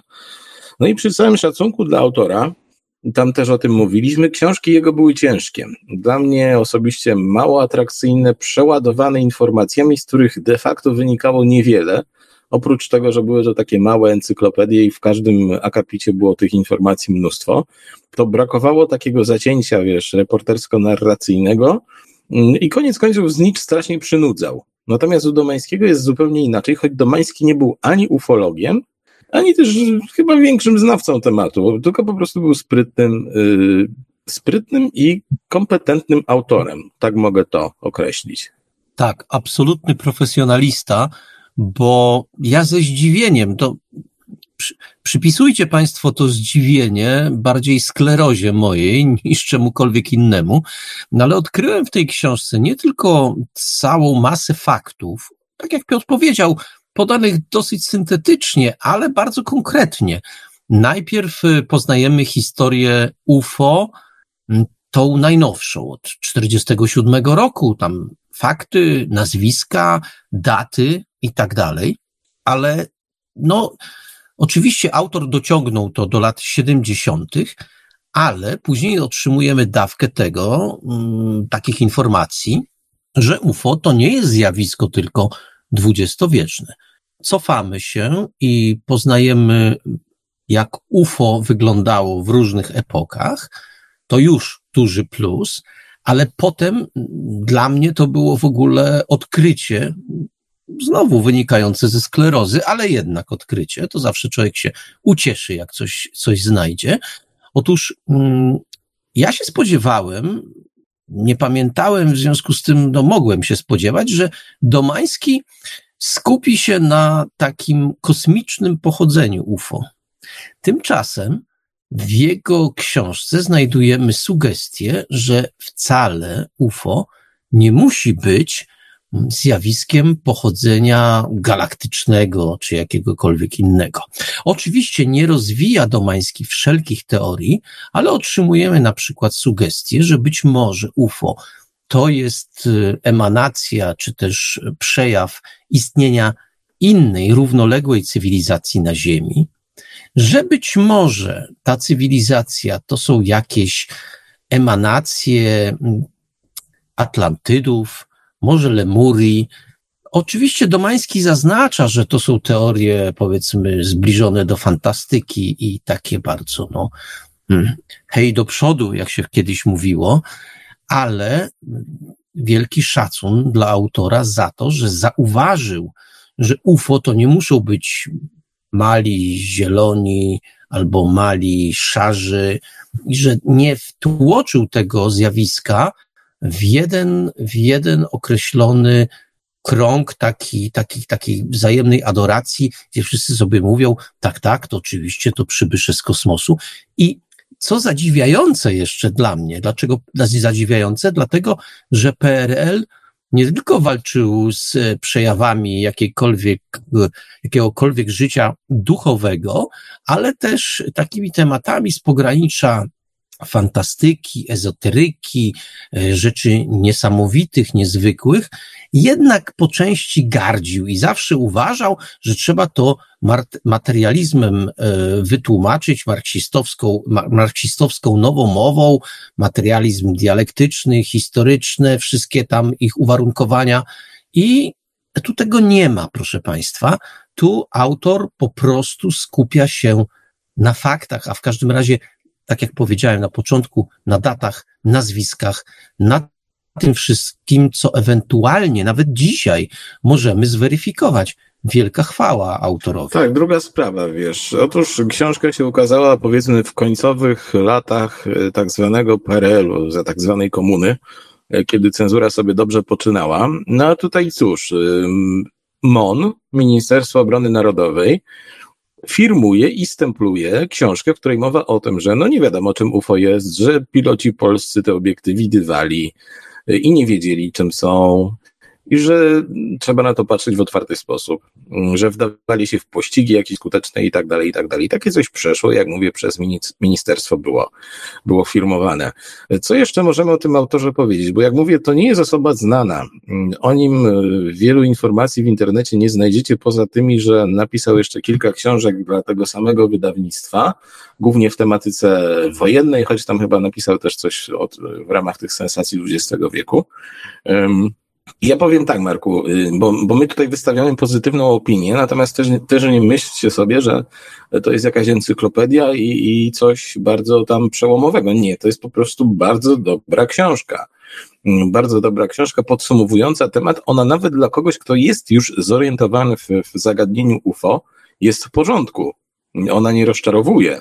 Także jak mówiłem, dzisiaj książek takich się już nie pisze, tylko się międli jedno i to samo. Natomiast tutaj jest rzeczywiście bardzo ciekawy, chociaż pamiętajcie o tym, że ta pierwotna wersja niedługo będzie miała ile lat? Który to był rok, Marku? 79, tak? Tak, 79.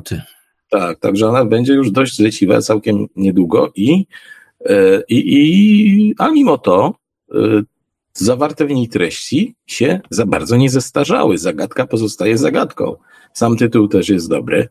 Um, oczywiście to nie jest tak wszystko rozbudowane, jak niektórzy by chcieli, ale naprawdę jest bardzo rzetelny i gdybym, musi, gdybym szczerze mówiąc, tą malutką książeczkę e, gdzieś umieścił, to byłaby w topie tych publikacji ufologicznych mm, polskich, dlatego że one były bardzo różne. Mówię o PRL, bo tak jak mówię, Znicz publikował, ale przynudzał. Inni, no też prezentowali to w taki sposób, czasami mało atrakcyjny. No, sam temat był atrakcyjny, ale pamiętajmy, że trzeba też temu nadać atrakcyjną formę. Nie zawsze się to udawało. No a tutaj coś takiego. Szkoda, że, szkoda, że y, Domański więcej tych książek na temat UFO nie popełnił. Tak, to prawda. I jeszcze zwrócę uwagę na jedną ważną rzecz, też dzisiaj nie zawsze spotykaną. Otóż y, powiedziałem, że pierwsze wydanie to był rok 1979, a przytaczane w książce przypadki kończą się na roku 78. Zatem no, to była, wtedy, kiedy się ukazywała ta książka, to była książka niezwykle świeża. Tam pamiętam jednym z takich ostatnich przypadków, to było lądowanie UFO na Bliskim Wschodzie, bodajże w Kuwejcie, właśnie w 78 roku. No to uwierzcie Państwo, jeśli się wtedy czytało książkę w 79 roku, która no, zachowywała świeżość, która przekazywała informacje o tym, że rok wcześniej coś gdzieś się działo. No, uwierzcie Państwo, że to było, to był absolutny hit. Dzisiaj, tak jak Piotr powiedział, to jest książka ponad 40-letnia i ona oczywiście, no, czas się jej imał również oczywiście, ale no, mnie w dalszym ciągu zadziwia jej syntetyczność, facet musiał być po prostu niezłym, nie wiem, dziennikarzem, niezłym człowiekiem od redagowania tekstów, bo on po prostu podając fakty, robił to w sposób, te łączniki pomiędzy faktami tak stosował, że tę książkę się czyta, no, no może nie jednym tchem, ale szybko i tak bez, bez bólu, a jednocześnie to zniuansowanie, o którym wspomniałem wcześniej, czyli to pokazanie zjawiska z różnych stron. Może nie ze wszystkich, no ale nie wymagajmy zbyt wiele.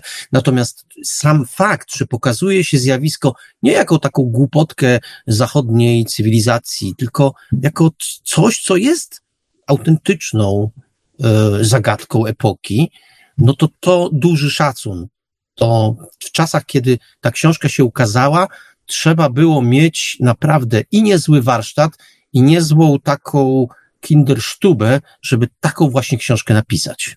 Tak, jeszcze bym powiedział tyle, że on musiał mieć duże rozeznanie w temacie jednak. E, nie wiem, czy on pisał do prasy coś na ten temat, ale powiem Ci jeszcze tyle, że ja przygotowując e, audycję do UFO historii często sobie buszuję po tych wycinkach prasowych Mm, między innymi z okresu PRL-u. E, takie tam historie znajdziecie na moim kanale. No i ja widzę, jak bardzo różnie dziennikarze podchodzili do tematu UFO. Mm, w, właśnie w czasach, w czasach PRL-u wcale otwartość nie dominowała w, u nich. E, zazwyczaj było to przedstawiane jako, jak mówisz, taki wybryk, jako jakiś taki Michałek, mm, jakaś ciekawa historyjka, tak? To, to było takie dość momentami żenujące nawet, no bo wiesz, y, pojawiali się świadkowie, którzy widzieli coś do, dziwnego, dzwonili do dziennikarza, on przyjeżdżał, a potem oni czytali w gazecie, że oni jakieś głupki są, no, albo że się tam na, nachlali czegoś. Także tak było, natomiast Domański prezentuje to wszystko takie, jakim jest, z blaskami i cieniami. Także naprawdę, naprawdę brawo y, i szkoda, że tak mało. Cóż, Pięknie Ci Piotrze dziękuję i do usłyszenia w kolejnej audycji. Pozdrawiam, pozdrawiam. Proszę Państwa, Teraz czeka na spotkanie z Państwem Katarzyna Prychacz i jej alchemia tworzenia. Tak, proszę Państwa, tak. Dzisiaj kolejna próba skonstruowania opowieści. Jak zwykle będzie udana, o tym mogę Państwu, Państwa zapewnić. Dzisiejszy tytuł to Cerbera Złocista. Halo, halo, Bóg Radiowa Ludności. Z tej strony Katarzyna Prychacz, a wy przybyliście na...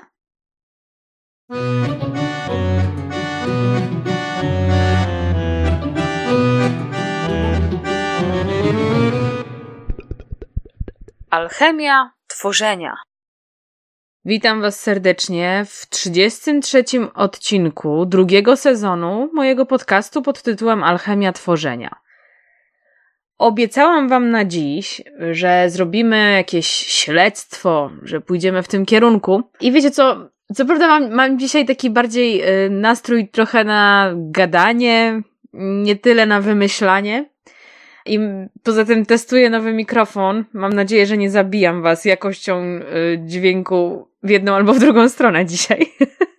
Ale zobaczymy, zobaczymy. Będę oceniać straty już po wszystkim, kiedy to nagram.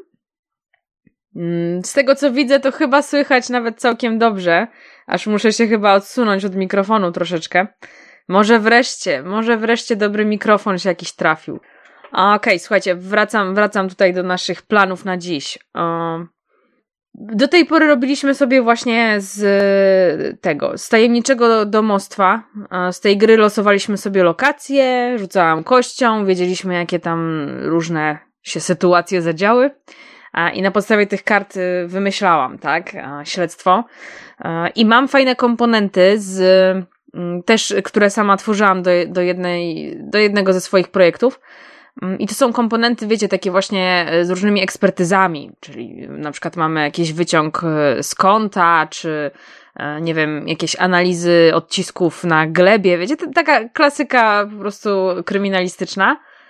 Mm, ale do tego narzędzia sięgniemy za tydzień, a dzisiaj tak sobie pomyślałam, że może pomyślimy nad postacią de detektywa, że może zrobimy coś bardziej fabularnego za tydzień, bo tutaj tak troszeczkę na sucho wymyślałam te lokacje. E, więc y, oczywiście, że dzisiaj sięgniemy wreszcie po archetypy osobowości. Dawno was nimi nie katowałam, także y, jej, to jest ten odcinek, tak!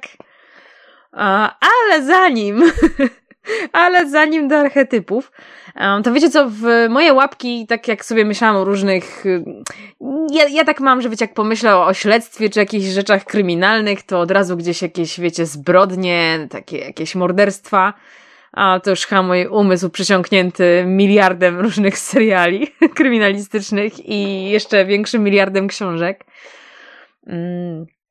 Y, w sumie dawno, dawno, dawno nie czytałam i nie oglądałam tego typu klimatów, także, także może gdzieś taki e, głód i tęsknota ze środka e, wołają. E, I sięgnęłam sobie dzisiaj po książkę pod tytułem Zbrodnie roślin. To jest, autorką tej książki jest Amy Stewart. Też z tej serii są Zbrodnie robali. Nie wiem, czy coś nowego się pojawiło, może powinnam sprawdzić rynek. No, uważam, że jeżeli zajmuję się pisaniem, to powinna mieć dużo jakichś takich, wiecie, fajnych e, punktów odniesienia, jeżeli chodzi o materiał pisarski. Więc to były pozycje, które już, jak kiedyś zobaczyłam zbrodnie roślin, to ja już wiedziałam, że to musi być moja książka. I właściwie później wyszło tak, że pracowałam w księgarni i rozpakowywałam dostawę. I normalnie moje oczy zostały zaatakowane taką samą książką, tylko że nie zieloną, a czerwoną. I to były zbrodnie robali. I mówię, no nie, no to jest znak. I oczywiście, że jeszcze tego samego dnia obie książeczki były ze mną w domu. oczywiście nabyte drogą kupna, żeby nie było tutaj, żeby nikt sobie nie myślał, że, że ja tutaj coś tam, ten, wiecie. a tak czy siak. Ja lubię mieć te książki, to już też nieraz podkreślałam w tym podcaście. E, mam różnego typu leksykony i opracowania. I tak sobie pomyślałam, że, właśnie jak, jak mamy rozmawiać o jakichś, nie wiem czy morderstwach, to wylosujemy za tydzień, tak? Tą naszą kością magiczną, więc zobaczymy, czy to będzie morderstwo, może to będzie porwanie. E, niemniej pomyślałam sobie, że może weźmiemy jakąś roślinę z tej książki. Może ona będzie jakimś punktem odniesienia, punktem jakimś inspiracyjnym. Także e, i nie ukrywam, że zaczęłam sobie przeglądać dzisiaj tą książkę i trafiła pod moje oczy e, fajna roślinka jedna. Mm, zaraz wam po prostu przeczytam o niej z tej książki. Myślę, że to będzie najlepsze rozwiązanie. A później pomyślimy, w jaki sposób to będzie inspirujące e, do naszej historii, a właściwie nie później, tylko za tydzień. A e, jak omówimy roślinkę, to jeszcze się tutaj weźmiemy za jakieś podwaliny do naszego głównego bohatera, detektywa. I oczywiście klasyka rodzaju pewnie nie przygotowałam się z nazwiskami, więc będziemy improwizować. Dużo mam e, niepotrzebnych gratów na stole, także dzisiaj mam dużo inspiracji na nazwiska. Okej, okay, słuchajcie, co to za roślinka? Przede wszystkim to y, kupiła mnie swoją nazwą, bo nazywa się Cerbera złocista. Y, ja jestem fanem mitologii y, starożytnej Grecji, także, y, także no Cerber, no przecież, och, słodziak. A władca, znaczy właśnie nie władca, władca, władca bram chciałam powiedzieć, a strażnik y, drzwi do Hadesu, zresztą Zaraz jeszcze o tym też tutaj będzie wspomniane właśnie. Mm, co mogę wam powiedzieć, no bo przecież to podcast, więc wam nie pokażę. Mamy tutaj oczywiście książka, jeżeli nie widzieliście, to sobie zerknijcie. Ja nie wiem, czy one są jeszcze w sprzedaży. Nie wiem, wiecie, nawet dawno nie sprawdzałam, więc nie będę strzelać. Pewnie gdzieś na Allegro można upolować, jeżeli już nakłady są wyczerpane. Patrzę, czy ja mam tu wydawnictwo. E, WAB wydawnictwo. Chyba, że później jakieś były zmiany. I co? A gdzie tu redakcja? A jest redakcyjna. O proszę. Tu w ogóle po angielsku to nikczemne rośliny. Wicked plants, a nie zbrodnie roślin. No ale o to samo chodzi. Yy, dobra, yy, tak, tak. Wydawnictwo WAB. Yy, także może jeszcze jest. Sobie sprawdźcie. I co ja tutaj, bo się rozproszyłam. Z tym cerberkiem naszym. E, no i jeszcze złocista, no wiecie, taka, taka prestiżowa, złota. A ogólnie to też ma inną nazwę, Cerbera odollam. Tak, wiecie, prze, prze, hiper, hiper wyraźnie te dwa ly y, zrobiłam, bo to taka chyba nazwa ich, ichniejsza. No dobra, E, aha, już wiem, rozproszyłam się. Chciałam wam powiedzieć, jak to jest wydane, bo to jest właśnie w bardzo ładnej, takiej zdobnej, twardej oprawie. Chyba, że były jakieś wznowienia, to może już teraz te książki inaczej wyglądają. I oczywiście do każdej rośliny mamy szkic y, danej tej części trującej, tak? Czyli tutaj w tym wypadku to y, w naszej tej roślince będzie trujący orzech.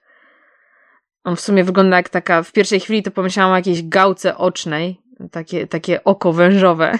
Znaczy, to jest przekrój tego orzecha, nie? E, ale oczywiście, że zanim przysiadłam do podcastu, musiałam sobie to wygooglować. Także te orzechy w ogóle bardzo ładne są. To jest takie wow, ta, ta skorupka taka, zastanawiam się, czy z czegoś robią. O, poczekajcie, bo ja to kupowałam sobie w Kambodży, ale i to było w Tajlandii i w Polsce też teraz można to znaleźć. E, były takie balsamy do ust w takich małych orzechach jakby. No to nie były kokosy. Cholera, nie pamiętam, co to było. Ale takie, takie ładne, to, to na pewno skorupka po czymś.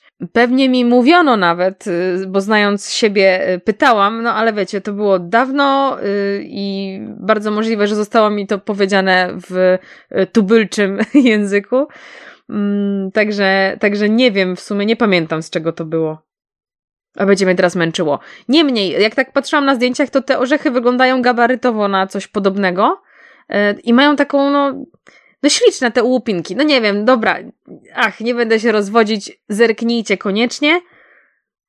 No ja po prostu się zachwycam takimi rzeczami, bo wiecie, jak sobie pomyślę, że to sobie na jakimś krzaku wyrosło, że to natura sprawiła, że to wyrosło, no natura to w ogóle zac, zacna, zacna istota. jak zwał, tak zwał. Ale naprawdę, no, zresztą słuchajcie, nie trzeba daleko szukać. Jeżeli kiedykolwiek spleśniało wam coś w lodówce, to zanim poczujecie obrzydzenie do tej pleśni, to sobie na nią popatrzcie. Tylko nie wdychajcie, ok? Bo większość pleśni jest toksyczna, więc nie wdychamy, ale można oglądać. A naprawdę takie czasami piękne wykwity rosną. Pamiętam, jedna z takich pleśni, która zapadła mi w pamięć, to miałam kiedyś w lodówce obrane pomelo. To wiecie, taki cytrus, nie? Taki, taki, to ni to grejpfrut, ni to pomarańcza. nie, no dobra, to jest ogromne, tylko że dla mnie to nie jest gorzkie. Co prawda, niektórzy twierdzą, że to jest gorzkawe, ale ja, ja po prostu lubię gorzkie rzeczy, więc może dlatego już nie czuję. No, dla mnie pomelo jest bardzo słodkim, e, soczystym owocem. E, no i miałam te cząstki, wiecie, tak po prostu z tych białych osłonek i już ze wszystkiego obrane i to było w miseczce. No i oczywiście leżało sobie za długo.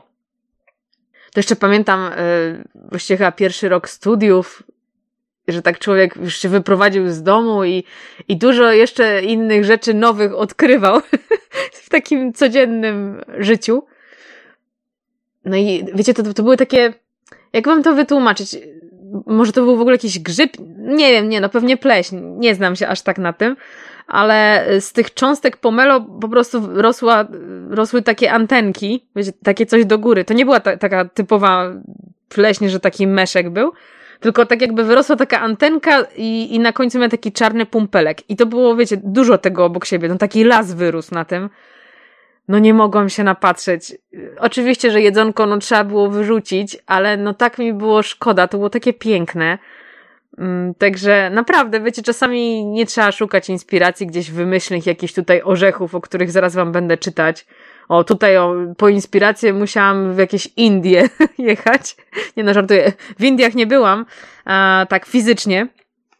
Mm, ale, ale się śmieję, nie? Że pewnie mamy też takie piękne jakieś swoje e, orzechy e, gdzieś w Polsce. No właśnie, mamy takie typowo polskie orzechy? No bo orzechy włoskie pewnie z jakiegoś powodu się nazywają włoskie laskowe. No może to, może to takie nasze, nie? Le, leszczyna taka leśna, nasza słowiańska.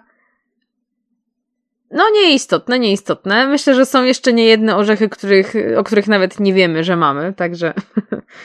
o, dobra. To co, lecimy chyba z opisem. W ogóle bardzo mi się ten opis podoba. Jak zaczęłam to czytać, myślę, że, że dlatego dzisiaj y, zostałam przy tej cerberze. Odsunęłam mikrofon, więc wybaczcie, zobaczę, czy w postprodukcji to poprawię. W sensie, czy będę musiała aż tak poprawiać. Najwyżej odetchnęliście właśnie z ulgą, bo przestałam się drzeć, mimo że się nie darłam. Mm, dobra, i słuchajcie, opis jest przyjemny. Jest przyjemny, tam później wjedziemy w jakieś troszeczkę bardziej pewnie medyczne rzeczy specjalistyczne. E, ale to jest króciutkie, więc lecimy z tematem. I co? I później sobie możemy pomyśleć, jak tam gdzieś tą roślinkę sobie wykorzystamy. E, mimo, że też pewnie poruszę y, tutaj, padnie, chociaż nie jesteśmy na YouTubie, bo tu byłoby pewnie lekko jedno drażliwe słowo, ale zobaczymy. Zobaczymy. Może, może mnie tutaj um, Marek nie zbanuje. może jednak na tej antenie mogę szaleć. Mm, dobra, lecimy postaram się jakoś może też wczuć, że, że tak jak wiecie, ładnie wam to przeczytać, żeby nie było, że tylko odklepałam. No dobra. Cerbera złocista. Parne, słonawe laguny ciągnące się wzdłuż wybrzeży stanu Kerala w południowo-zachodnich Indiach są siedliskiem makaka wanderu, gigantycznej wiewiórki malabarskiej i niewielkiej, acz krzepkiej kozy zwanej tarem nilgirskim. Tutaj, w nisko położonych arteriach wodnych, zamieszkiwanych przez żmije, pytony i sumy indyjskie o jadowitych kolcach, rośnie cerbera złocista, drzewo samobójców. Jej ciemne, wąskie liście przypominają liście spokrewnionego z nią oleandra pospolitego. Grona białych, gwiaździstych kwiatów wydzielają słodką woń podobną do zapachu jaśminu. Mięsiste, zielone owoce wyglądają jak małe, niedojrzałe mango – z tą jednak różnicą, że kryją przykrą niespodziankę. Biały rdzeń orzecha zawiera dość glikozydów nasercowych, substancji oddziałujących bezpośrednio na serce, by w ciągu od 3 do 6 godzin zatrzymać pracę tego organu u człowieka. Tu zrobię stop klatkę, żeby nie było, pokomentuję coś tu. Jak zaczęłam ten początek czytać, to aż się tam, aż się poczułam w tych klimatach. A wiecie co, te kwiatki w ogóle mi się kojarzą, ale za cholerę teraz sobie nie przypomnę. To było jakoś, to, to na F chyba się jakoś nazywało. A bo te kwiatki były w Tajlandii i były też w Kambodży. I w Kambodży one chyba w ogóle miały jakąś legendę. A... No i widzicie, człowiek research. A, a chodzi o to, że, że to, są, to są pospolite kwiatki tam i one bardzo ślicznie pachną. Dużo jest też kosmetyków y, z, o takim zapachu. A, I to był właśnie jakiś kwiatek chyba uważany za kwiatek wam, wampirzy. Co, coś tam właśnie, jakaś, jakaś taka gruba akcja z wampirami tam była. Zresztą w ogóle w Kambodży to, to tam pełno takich rzeczy. A niesamowite było to, że yy, właśnie pierwsza rzecz, na którą zwróciliśmy uwagę, jak przyszliśmy się zameldować do hotelu i tam, wiecie, no było takie lobby, no był, no taka poczekalnia, mam wysoka, fajna lada i za tą ladą oczywiście tam wszyscy, bo to nas była większa grupa, więc, więc sobie tutaj e, kolejkowaliśmy, żeby się tutaj odmeldować, zameldować. Jeszcze były jakieś perturbacje, bo to ktoś miał z bookingu, ktoś miał z czegoś tam. E, I, I tak, no to wiecie, był czas, żeby się tam porozglądać, nie? Więc oczywiście właśnie były te kwiatki, bo tam oni mają. Ja cały czas nie wiem, jaka tam jest religia. Wiecie, to jest, bo to jest jakieś połączenie chyba trochę tych e, indyjskich właśnie bóstw różnych z czymś jeszcze. Z czymś takim bardziej inkluzywnym. Nie wiem, wie, wiecie, gdybym miała więcej czasu, a zresztą taki mam gdzieś plan, może kiedyś e, bym chciała tam jeszcze na dłużej w to jedno konkretne miejsce pojechać e, i tam powypytywać tubylców, bo, bo naprawdę to myślę, że tam jest bardzo ciekawy system wierzeń. Tak jakbyśmy, wiecie, połączyli, bo do czego zmierzam? Mamy tutaj kapliczki, jakieś bóstwa, różne takie, no, rodem z Indii, E, a jednocześnie stoi e, wielki, wielka misa e, wypełniona główkami czosnku. No i my w końcu zapytaliśmy, o co chodzi z tym czosnkiem, bo nie ukrywam, no przyjechali Polaki, to sobie trochę zęby ostrzyli na ten czosnek. no, a przynajmniej ja. Nie, no dobra, żartuję, nie tylko ja. Ja jestem, jestem mega fanem czosnku, ale wyobraźcie sobie, że to był czosnek nie, nie, że jakieś tam do jedzenia i to nie była ozdoba, tylko to były dary yy, dla dobrych duchów, żeby one mogły przepędzać wiedźmy. Że tym czosnkiem właśnie się, tak jakby, no, czarownice właściwie, bo tam, no takiego słowa użyli, że, no ale wiecie, wiecie o co chodzi, no, no, no złe baby miało odstraszać. E, nie odstraszyło mnie. Nie, nie. Wręcz mnie przyciągnęło, także e, na mnie nie podziałało mm, tak jak chcieli. Niemniej wiecie, no i tutaj właśnie zmierzam do tego, że z jednej strony mamy właśnie z tego co zrozumiałam, to chyba są, wierzą, oni bardziej wierzą w duchy niż w, w bogów, czy w jakieś bóstwa. E, zresztą w sumie to chyba aż tak nie zgłębiałam indyjskiej mitologii, ale nie no, tam są bóstwa. No nieistotne. Tak czy siak, yy, wiecie, bardzo mi się tak, bo ja od razu jak, jak wiedźmy, to ja pomyślałam o takich naszych, wiecie, klasycznych, znaczy klasycznych, no europejskich takich, nie? A, a tutaj, więc jednocześnie mamy właśnie jak, jakieś bóstwo, nie wiem, z głową słonia, e, a, a tutaj z drugiej strony mamy czosnek na wiedźmy, nie? Także, także to było niesamowite.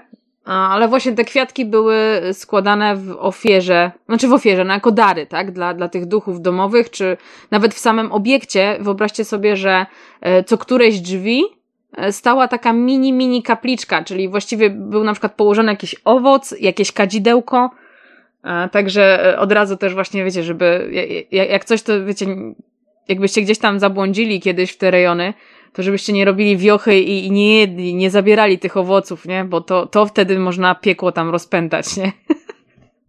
Także jak coś leży, to leży. I to w jakimś celu zwykle leży. No, dobra, słuchajcie, bo to taka dygresja. Będą mnie te kwiatki cholera męczyły pozwolę sobie chyba się rozpasać e, researchowo, żeby w następnym odcinku użyć ten kwiatek, żebym przy okazji mogła wam powiedzieć, jak on się nazywał. Mm, ale pachniał ślicznie, naprawdę. I to tak na, na drzewach rosło. A.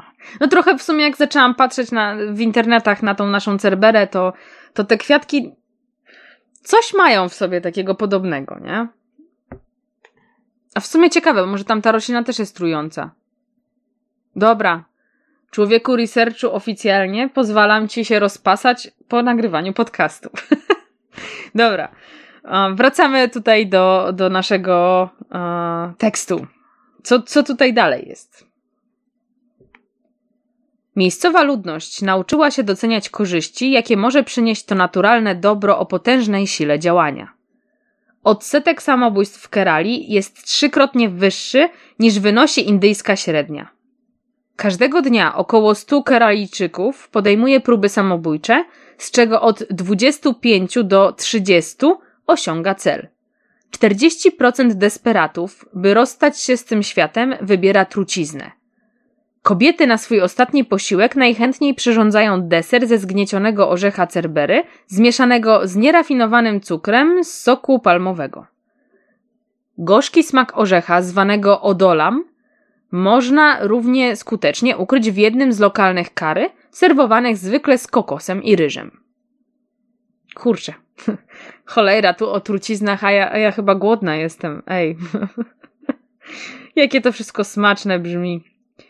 No dobrze, lecimy dalej. Ponieważ objawy zatrucia orzechem odolam przypominają zawał serca, nasiona rośliny stały się popularnym narzędziem zbrodni. W 2004 roku zespół francuskich i indyjskich uczonych przeprowadził szereg analiz metodami chiromatografii cieczowej oraz spektometrii mas, by wykazać, że niejedna spośród osób zmarłych w niewyjaśnionych okolicznościach została w rzeczywistości nakarmiona odolam przez jakiegoś zbrodniczego znajomka. No kurczę. No ale to ma magia, magia trucizn, no. Rodzaj Cerbera nazwano tak od imienia psa strzegącego wejścia do Hadesu w mitologii greckiej. Podstępnego, trójgłowego Cerbera z wężem zamiast ogona. Pełnił on wartę przy wrotach piekielnych, bacząc, by zmarli na zawsze pozostali uwięzieni, a żywi nie przychodzili z wizytą.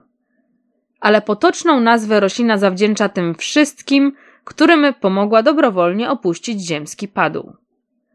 Z tego, co nam wiadomo, pisali uczeni analizujący dane kryminologiczne, żadna roślina na świecie nie jest odpowiedzialna za równie wysoką liczbę samobójczych śmierci, co Cerbera odolam. Kurczę. By się wydawało, nie? Jakiś tam gdzieś tam, gdzieś tam daleko, hen hen, kwiatek, czy właściwie orzeszek.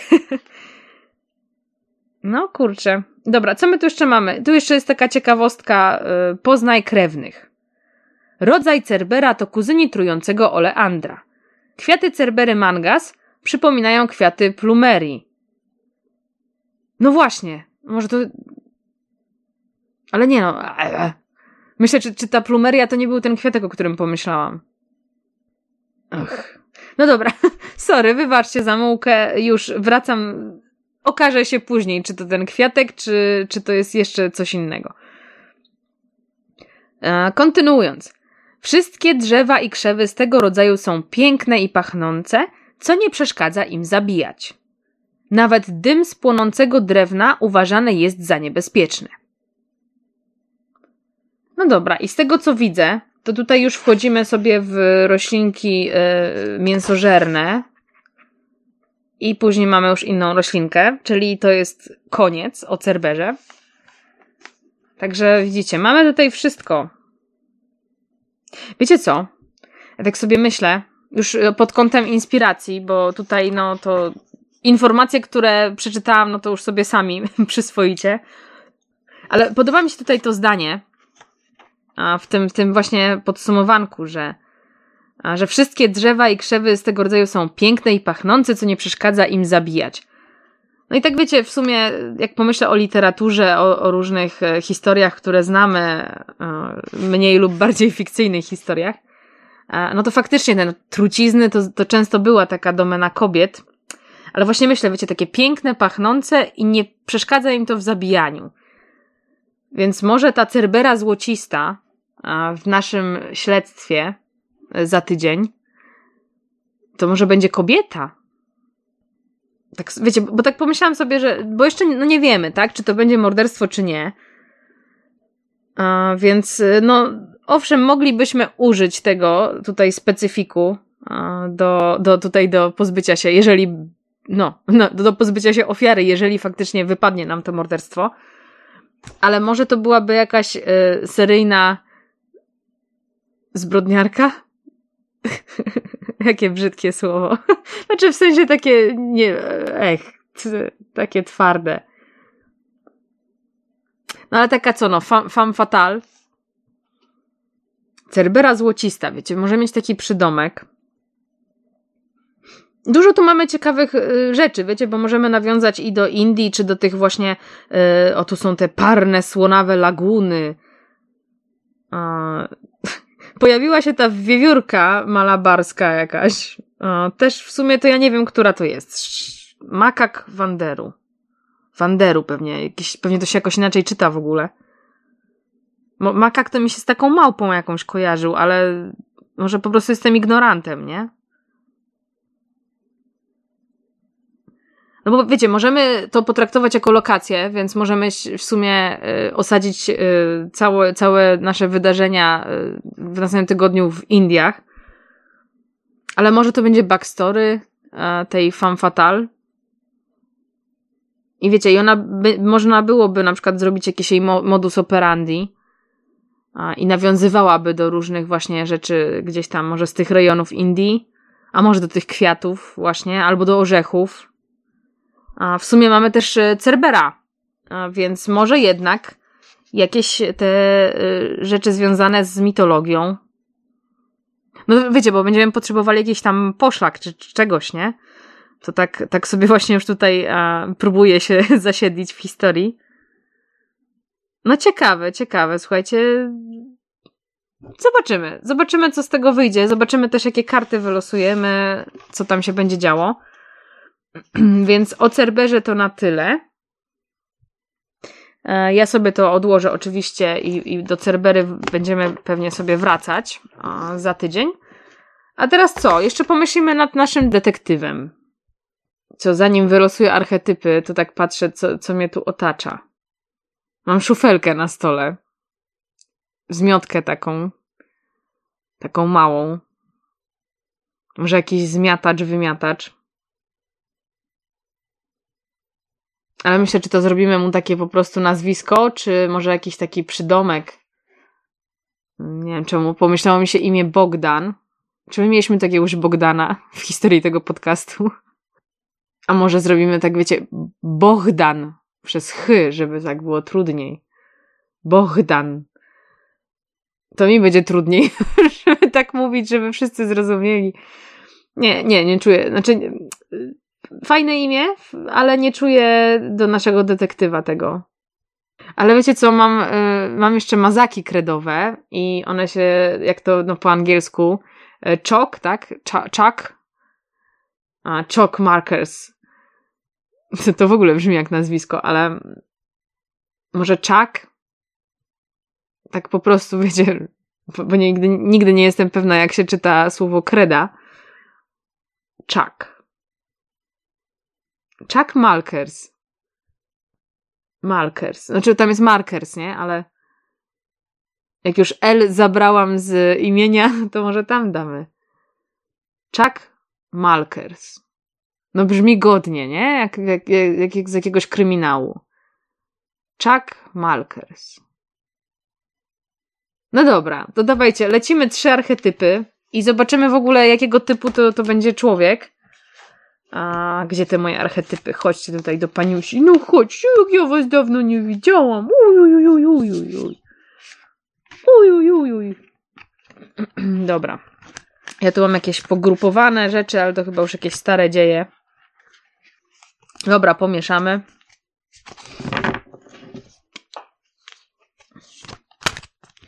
Pomieszamy, pomieszamy i co? Klasyka rodzaju losujemy trzy. A z czego. Dobra, najpierw losuję, potem odkrywam i tak, ten pierwszy losuje dominujący, czyli to będzie taki najważniejszy archetyp i jego przeczytamy na koniec, więc, e, więc uwaga, zostaje on właśnie wylosowany, cyk, leży na stole. Ja jeszcze nie widzę co to. E, no i jeszcze jakieś pozostałe dwa wspierające, od których zaczniemy. E, raz i może weźmy sobie ten cyk. Dobra, dalej jeszcze ich nie widzę. Więc już wszystko zaraz się wyjaśni, zaraz się dowiemy. Chuck Malkers. Muszę zapamiętać, wiecie, bo ja tak jak nie zapiszę, to. A czasami no, nie chce mi się robić notatek z własnych e, podcastów, aczkolwiek to bardzo budujące jest, powiem szczerze. Jak kiedykolwiek coś nagrywaliście, albo w ogóle polecam wam, nagrywajcie sobie ja też czasami jak coś piszę, i później robię sobie edycję, mm, to wiecie, jak sobie czytam oczami, wszystko jest fajnie, nie? A po czym jak zaczynam czytać to na głos, to zauważam, że są momenty na przykład, że coś mi się czyta źle, albo mam za mało przecinków, albo za, za dużo tych przecinków, że te zdania trzeba skrócić, ale już petarda jest, jak czasami nagram coś i odsłucham. To jest wtedy, wtedy słychać wszystkie niepotrzebne kwiaty, no. Także spróbujcie. Jak nigdy nie robiliście, polecam, bo ciekawa sprawa. Ja wiem, że nie każdy od razu będzie akceptował swój głos nagrany. E, to było 100 lat temu na warsztatach dziennikarskich. Mieliśmy też właśnie praktyki w radio. I to było takie dziwne. Dali nam newsa do przeczytania. I ja chyba wtedy pierwszy raz słyszałam tak. Znaczy, wiadomo, kiedyś tam się bawiłam jakimś rejestratorem dźwięku e, w komputeru. E, jeszcze, jeszcze w starych Windowsach było takie coś.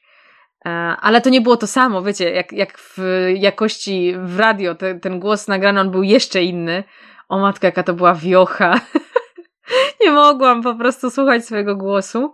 Um, no ale z czasem, wiecie, no zaczęłam gdzieś później w warunkach domowych sobie tutaj, a napisałam jakąś piosenkę, to sobie ją zaśpiewałam, tutaj coś tam i tak powoli, powoli zaczęłam się oswajać, że dzisiaj już totalnie nie mam z tym problemu, bo po prostu znam ten swój głos z mikrofonu, wiecie, ten, ten z głośnika, bo, bo od środka to zupełnie inaczej słyszymy, nie?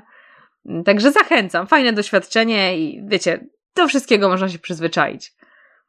Dobra, lecimy w takim razie. Y, pierwszy archetyp, ten wspierający, to uwaga, buntownik. O, jak fajnie! O, jak to ładnie pasuje. Chuck Malkers. Buntownik. Dobra, a przypomnę, przypomnę, przypomnę, bo przecież dawno nie było. Buntownik podważa ustalony porządek rzeczy, nie zgadza się i jawnie to manifestuje. Bywa niepoprawny, nieugrzeczniony i zadziorny. Kwestionuje zastanę status quo. Zadaje niewygodne pytania, zmusza do myślenia i rewizji poglądów, prowokuje. Krytykuje, a czasem wręcz ośmiesza zasady krępujące świat. Dąży do wyzwolenia i wolności. Jego drugie imię rewolucjonista. Gotów jest iść na barykady za swoje przekonania i ideały. Dobra, jest, jest ogień, jest barwnie, jest barwnie. Jest barwnie, okej. Okay. Zobaczymy drugi wspierający archetyp. Uwaga, uwaga. Matka Ziemia. Matka, ależ skład, cholera, buntownik i Matka Ziemia. A okej, okay, przypominam, przypominam. Tu, tu, jeszcze w ogóle przypomnę, bo mm, to są oczywiście archetypy osobowości w opracowaniu Gabrieli Borowczyk. E, I tutaj karta Matka Ziemia to jest archetyp, y, który nie jest oficjalnym archetypem e, w, w tych tutaj zestawieniach. E, ten archetyp y, Gabriela dodała, uznała, że jest y, bardzo potrzebny i to jest jej taki tutaj dodany autorski archetyp. Okej, okay. i o co w nim chodzi? Matka Ziemia. Ekolog zatroskany o losy planety, ekosystemy i najbliższe środowisko. Edukuje i uświadamia. Daje dobry przykład swoją postawą angażuje się w działania służące ochronie środowiska. Zapewnia równowagę i dostatek. Potrafi też postraszyć tragiczną wizją przyszłości, jeśli dziś nie staniemy w obronie Ziemi. Obfitość, płodność, życie. Okej, okay, dobra, mamy tutaj wywrotowca ekologa. no i dobra, słuchajcie. Tak, już w sumie tak czas, że dobrze, że zaraz kończymy, żeby też nie było za długo. I dla mnie, i dla Was. E, no i drodzy Państwo, głównym archetypem naszego bohatera, na którym będziemy bazować, u, aż normalnie czuję ekscytację i niewinny. Ależ mamy skład. No takiego składu nie mieliśmy jeszcze ani razu tutaj. Mm, dobra. Archetyp niewinny, czyli idealista, czasem nadmiernie ufny romantyk. Czysty i transparentny, szczery, nie ma nic do ukrycia. Czasem dziecięco naiwny, bezinteresowny, nieskażony i prostoduszny. Wierzy, że może zmienić świat na lepszy i tą wiarą emanuje dookoła. Jednak, jeśli trzeba, będzie bronił swoich ideałów i uniwersalnych wartości. A, dobra, widzę, że ta cecha też jest podobna u buntownika, że będzie szedł za, na barykady za swoje ideały. W ogóle niewinny buntownik, nie? Matka Ziemia. Co to za kombo jest? Wow.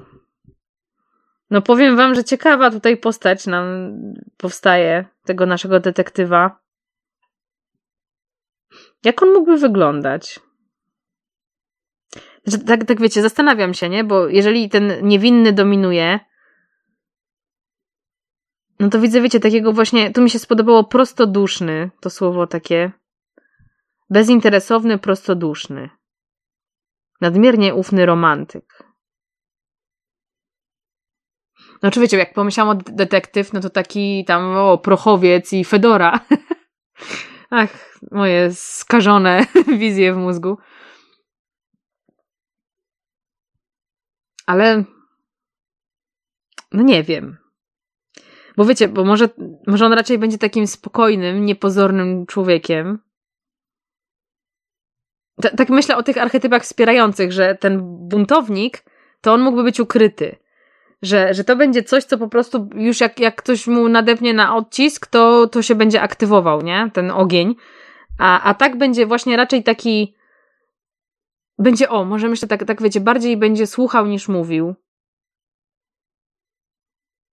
I będzie starał się widzieć jednak dobro w tym świecie, bo tu też, też wierzy, że może zmienić świat na lepszy, nie? Więc będzie miał taką wiarę w ludzi. No ale detektyw. Detektyw, detektyw. A może to będą sprawy związane jakieś właśnie z ekologią? Nie wiem, jest takie jakieś. Znaczy, wiecie, w amerykańskich filmach na pewno jest. Myślę, czy jest taki oddział, wiecie, gdzieś jakieś służby ekologiczne, czy, czy coś takiego, nie?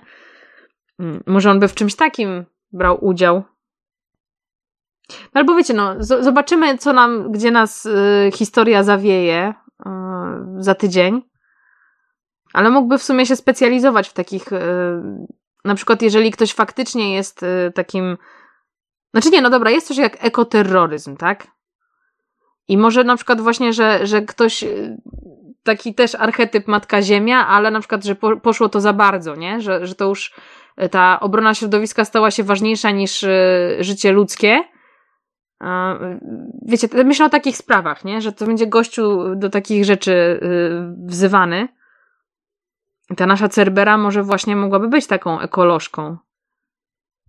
No zobaczymy, co ona, co ona nam wykręci. Dobra, ale fajnie, bo mamy, mamy Podoba mi się. Podoba mi się to, co dzisiaj e, stworzyłam. Widzicie, zagroziłam wam, że dzisiaj chce mi się bardziej tylko pogadać, a jednak wymyślanko weszło na grubo, jak zawsze. Więc mamy e, naszą tutaj cza czarną charakterkę, femme fatale. Mm. I co? I mamy głównego bohatera. Czyli to, co najważniejsze. Już możemy jakiś ogień tutaj tworzyć, jakąś historię. Dobra, słuchajcie, nie przedłużam. Za tydzień dowiemy się, co tutaj z tego wyrzeźbimy. No jest fajnie, jest inaczej. A może też jakieś fajnie, fajne rzeczy nam e, przyjdą, jeżeli chodzi o wygląd naszego bohatera. Może jakaś kurtka kolorowa? Tak patrzę jeszcze na jak już te markery kredowe były inspiracją. Chuck Malkers i będzie się charakteryzował tym, że będzie miał turbokolorową kurtkę. Chociaż nie wiem. A może w kwiaty tą kurtkę? Albo kurtkę złożoną z innych kurtek, taką zombie kurtkę. W sensie zombie, wiecie, że będzie widać e, szwy, tak chamsko szyte, nie? Jakimś kordonem, czy, czy tam jakimś takim sznurkiem w ogóle nieodpowiednim do tego. I wiecie, w sensie myślę o takim zero waste, nie? Że, że może on będzie właśnie zbierał jakieś różne kurtki po szmateksach czy po wysypiskach i, i będzie je zszywał. Więc będzie miał taką e, całą armię kurtek zombie. Dobra, okej, okay, pojechał. Ja się z wami żegnam. Dziękuję serdecznie, że byliście dzisiaj ze mną, za waszą uwagę, jak zawsze. E, zobaczymy, jak mikrofon się sprawdził w boju. Mam nadzieję, że wszyscy będziemy z tego zadowoleni. Dużo inspiracji Wam życzę, żeby w tym tygodniu Wam się coś fajnego wydarzyło. I, bo, bo już jest tak, tak ładnie, tak słoneczko, praktycznie teraz codziennie wychodzę i, i się naćpiewam światem, nie? Bo to wszystko jest takie piękne i w ogóle, ach. No to życzę Wam, żebyście Wy też tak sobie przyćpali otoczenie, no, czyli właściwie taką chemię Waszą wewnętrzną, żeby coś wzbudziło, żebyście nie musieli się wspomagać niczym i żeby Was energia nie opuszczała. I dobra, kończę. Do usłyszenia za tydzień. Pa!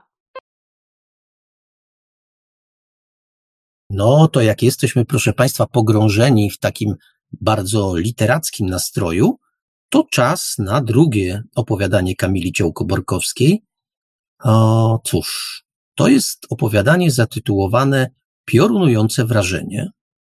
Z, tak jak powiedziałem, opowiadanie pochodzi z antologii Bibliotekarium Warsztaty, z tej audycji, z listopada 2018 roku, a czyta dla Państwa Marek Sęk-Iwelios. Kamila Ciołko-Borkowska, piorunujące wyrażenie. Własna firma to nie jest jakieś tam leniwe pierdzenie w stołek i zbijanie bąków. To ciężka praca i często zarwane noce. Litry wypitej kawy, kłótnie z kontrahentami i wieczne planowanie to elementy dnia codziennego. Mateusz i jego wspólnik nieraz zastanawiali się, czy ciepła posadka na etacie nie byłaby lepsza. Bezduszny ZUS, migający się od zapłaty wspólnicy i pijani robotnicy bez ustanku zajmowali myśli przedsiębiorców. Bardzo często miał ochotę rzucić wszystko w cholerę. Kochanie, weź głęboki oddech. Mówiła mu wtedy Renata, głaszcząc go po utrudzonej myślami głowie. Jesteś panem własnego życia, idzie ci rewelacyjnie i nie rezygnuj z tego. Może i masz rację. Jestem po prostu w gorącej wodzie kąpany. Babcia mi tak zawsze powtarzała. Wiem, słyszałam to już tysiące razy. Co ja bym bez ciebie zrobił, kochanie? Objął kobietę w pół i pocałował w nos. Wtulił twarz w gęste włosy i wciągnął w nozdrza upajający zapach. Nie wyobrażał sobie bez niej życia. To dzięki niej miał siłę walczyć ze wszystkimi przeciwnościami losu. Nie ukrywał, że Tobiasz, najlepszy przyjaciel, z którym prowadził firmę, również wspierał go w gorszych chwilach.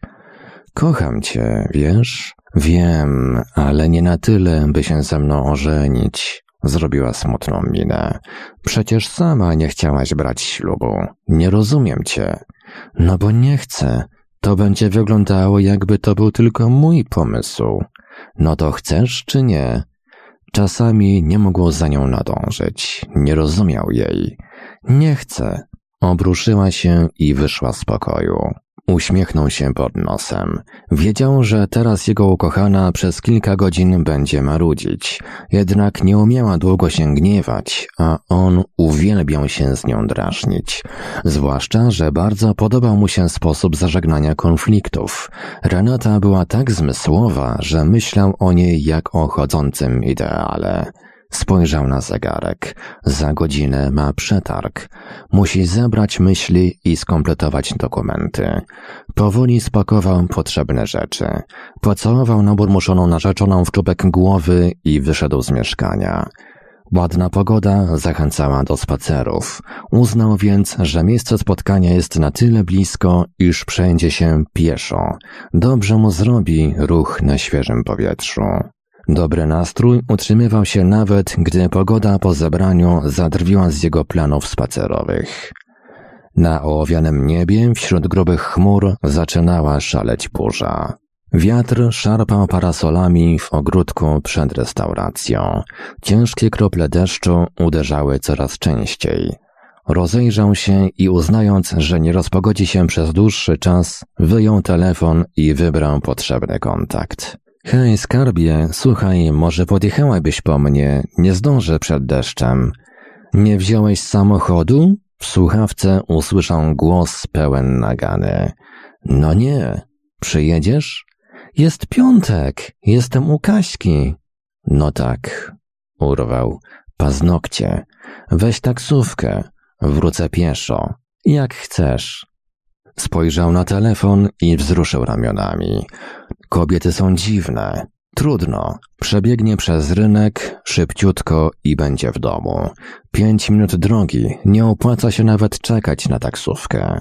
Rozejrzał się, wziął głęboki wdech i wyskoczył na zewnątrz. W dzieciństwie uwielbiał biegać boso po podwórku, gdy lało jak stebra. Dziś cieszyłby się jak smarkacz, gdyby nie te nieszczęsne wyładowania.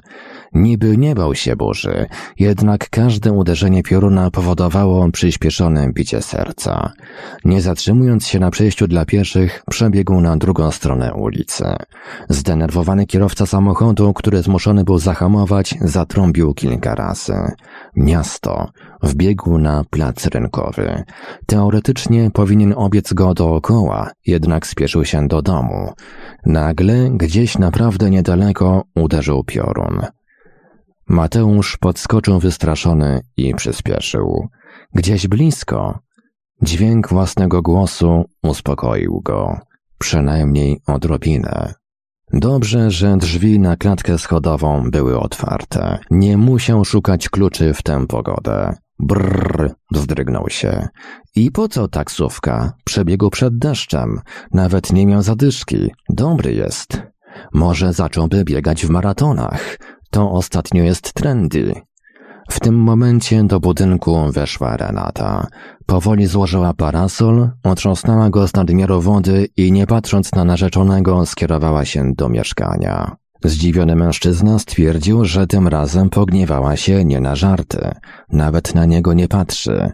Przebłaga ją, na pewno przebłaga, pierścionkiem, który kupił już jakiś czas temu. Nie miał tylko okazji, a może odwagi, by wyznać jej na kolanach, że jest jego jedyną miłością i chce spędzić z nią resztę życia. Nadrobi i to. Zamknęła za nimi drzwi, zrzuciła mokre buty, parasol rozstawiła w łazience. Mateusz spojrzał na swoje ubranie. Był suchy, wzruszył ramionami. Przyglądał się swojej ukochanej, gdy ta krzątała się po kuchni. O jej ciągłym zdenerwowaniu świadczył fakt, że zaparzyła tylko jedną herbatę. Gdy napar nabierał mocy, wyjęła telefon. Wyglądała, jakby czekała na jakąś wiadomość. Przygryzła wargę. Typowy sygnał stresu. Wyjrzała przez okno. Lało. Burza miała się w najlepsze. Usiadł w fotelu. Poczeka. Wiedział, że Renata nie włączy żadnej elektroniki, póki pogoda się nie uspokoi. Póki co siedziała w kuchni na parapecie. Jak opętana gapiła się w okno, jakby na coś czekała. Znów sięgnęła po telefon, odblokowała go i odłożyła. W ciągu pięciu minut sytuacja powtórzyła się z dziesięć razy. Naprawdę nie wiedział, co o tym myśleć. Kiedy zaczęła myć filiżankę, uznał, że nie wytrzyma dłużej. Kochanie, nawet na niego nie spojrzała. Przecież nie narozrabiał za bardzo, nie zasłużył na takie traktowanie. Podszedł bliżej, chciał ją przytulić. Kiedy miał objąć szczupłą talię, poczuł jak jego ramiona prześlizgują się przez ciało kobiety. Odskoczył przerażony. Gdy ponownie zajmowała swoje miejsce obok doniczki z kwiatkiem, on stał jak zamurowany, patrząc na swoje dłonie. Co do cholery? zapytał na głos. Jednak zanim zdążył się zastanowić nad sytuacją, usłyszał dzwonek telefonu. Renata zerwała się z parapetu.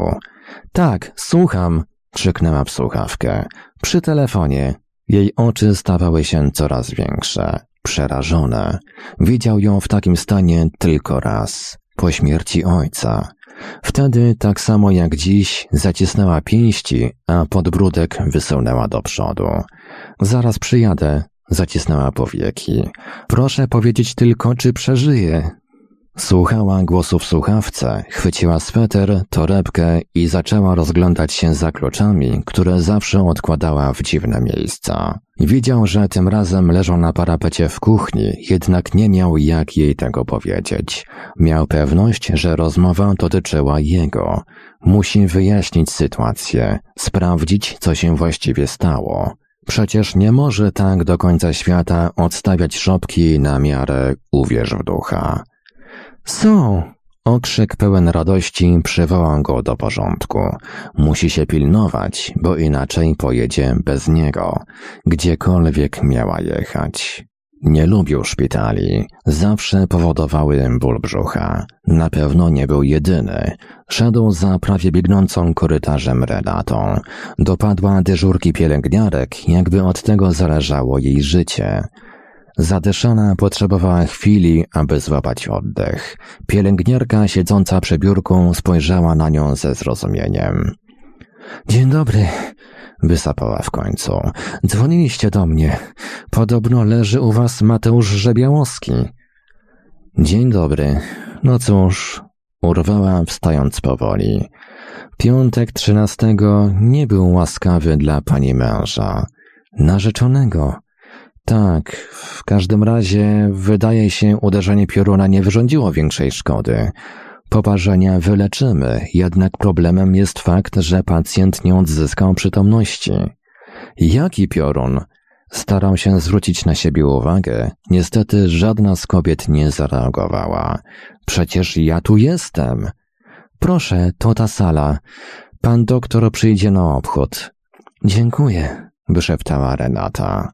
Tkwiła w miejscu, jakby bała się ruszyć naprzód. Wykorzystując jej stan, Mateusz stanął przed nią. Kochanie, przecież ja tu jestem. Musisz mi jakoś pomóc, proszę. Kobieta, nie słysząc go, zrobiła kilka kroków. Przeszła przez niego, kierując się do łóżka stojącego przy oknie. Aparatura podłączona do leżącego wydawała z siebie ciche popiskiwania. Duch mężczyzny stał, czując się całkowicie bezsilny. Spojrzał na siebie. W sumie nie wyglądał tak źle. Poparzona klatka piersiowa owinięta była opatrunkami.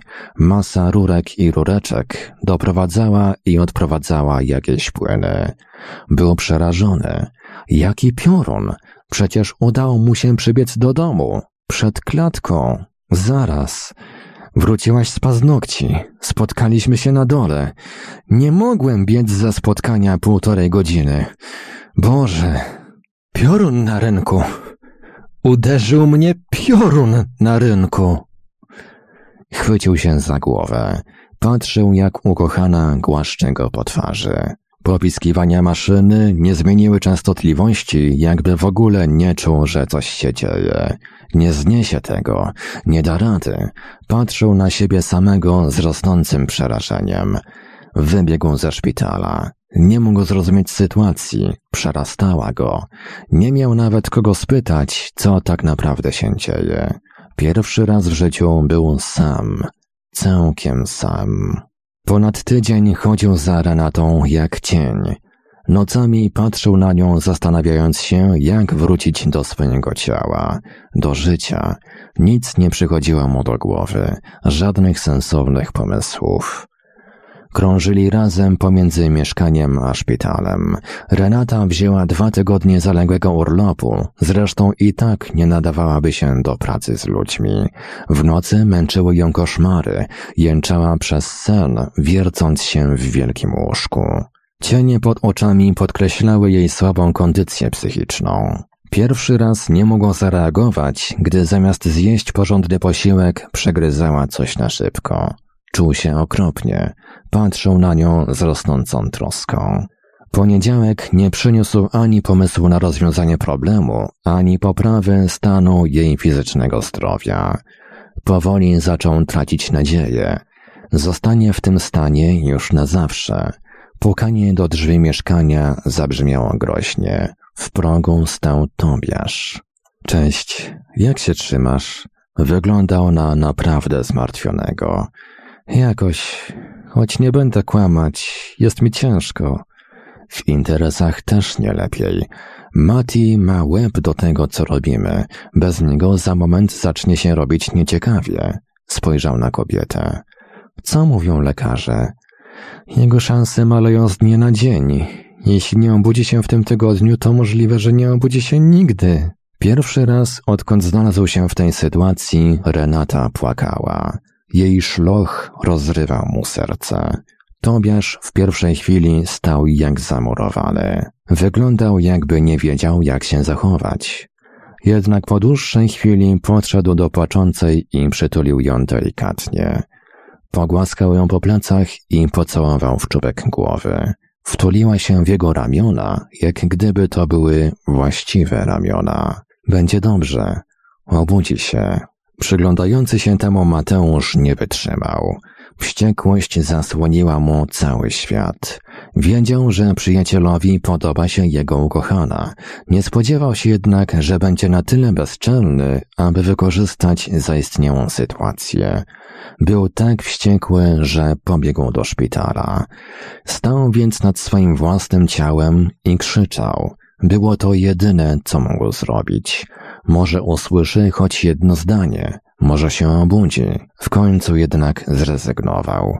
Nie może tak drzeć się do siebie bez końca. Przeszedł się po szpitalnych salach i zniechęcony wrócił do domu. Na szczęście po gościu nie było już śladu. Przyjrzał się zmizerniałej kobiecie, którą miał przed sobą. Nie daj się tylko omamić temu przystojniakowi, błagam cię. Nie obudził się w ciągu następnego tygodnia. W poniedziałek Renata miała wracać do pracy. Nadzieja umierała powoli. Z każdą godziną było jej coraz mniej.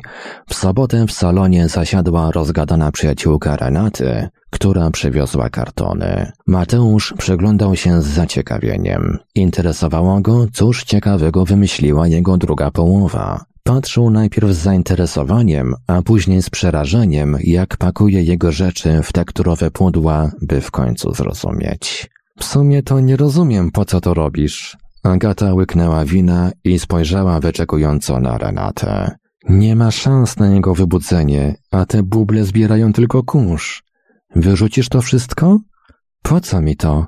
Miały wartość dla niego. Przecież może się jednak obudzi wyszeptała cicho Agata. W odpowiedzi otrzymała tylko lekkie wzruszenie ramionami. Pakowanie trwało nadal. Zresztą jego stan jest stabilny. Nie będą go trzymać w mieszkaniu, nawet jeśli się obudzi. Urwała. Lekarze mówią, że nie ma szans na normalne funkcjonowanie. Nie będzie z nim kontaktu. Co planujesz? Myślałem o tym siedząc przy nim. Oddam go do jakiegoś ZOL-u. Jestem młoda i nie dam się przywiązać do warzywa. Zresztą nie mogę być sama. Tobiasz zaprosił mnie na kolację. Może coś z tego wyjdzie? Skarbie? Mężczyzna zapytał z wyrzutem, podchodząc bliżej ukochanej. Po tym, co usłyszał, miał ochotę płakać. Nie poznawał jej. To nie miłość jego życia. To ktoś zupełnie inny. Obcy. Przecież to twój narzeczony. Przyjaciółka cicho zaopiniowała. Nigdy mi się nie oświadczył. Wzięła do ręki ciężką ramkę ze zdjęciem. Nie, błagam cię, nie wyrzucaj tego. To jedyna pamiątka po dziadkach, wiesz o tym. Miał łzy w oczach, jednak nikt tego nie widział. Do jasnej cholery, nie wyrzucaj tego! Co to? Wino z kieliszka zniknęło. Stare zdjęcie dziadków Mateusza, ponoć jedyne, bo reszta spłonęła razem z domem jego rodziców. Wyrzucasz? Po co mi to? Śmieć jak wszystko inne. Mężczyzna zacisnął pięści. Jak bardzo nie znał kobiety, która żyła u jego boku. Chciał z nią spędzić resztę życia, a okazało się, że był dla niej tylko śmieciem. Stał tak płacząc. Jednak gdy zdjęcie wylądowało w kartonie z trzaskiem pękającego szkła, coś złamało się też w nim. Kurwa mać! krzyknął. Zerwał się, chcąc potrząsnąć Renatą. Jego dłonie jednak prześlizgnęły się przez jej ciało. Upadł na twarz. Przez chwilę leżał bez ruchu. Opanowało go dziwne uczucie niemożności. Otworzył oczy. Światło raziło jednak tak bardzo, że musiał zamknąć powieki. Z oddali dochodziło ciche, regularne popiskiwanie. Próbował podnieść rękę, jednak była tak ciężka, że musiał odpuścić zrezygnowany. Nie wiadomo skąd pojawili się ludzie. Świecili mu czymś po oczach, zadawali jakieś pytania, kazali ściskać dłonie i kiwać palcami. Był zmęczony, gdy usiadł obok niego lekarz. Robi pan piorunujące wrażenie. Zaśmiał się wesoło. Żart mu się udał. Jeśli będzie pan współpracował, to postawimy pana na nogi raz, dwa. Za pół godziny będzie tu pańska żona. Póki co, proszę odpoczywać. Ma czas. Pokażę tej wiedźmie, gdzie jej miejsce. Jednak teraz musi iść spać. Ciężkie powieki opadły, zapadł w sen. Jednak teraz wiedział, że nie musi się obawiać. Obudzi się. Leżąc tak w szpitalnym łóżku, doszedł do wniosku, że nie mógł opuścić swojego ciała. Cała ta farsa musiała mu się przyśnić. To był bardzo nieprzyjemny i mocno realistyczny sen.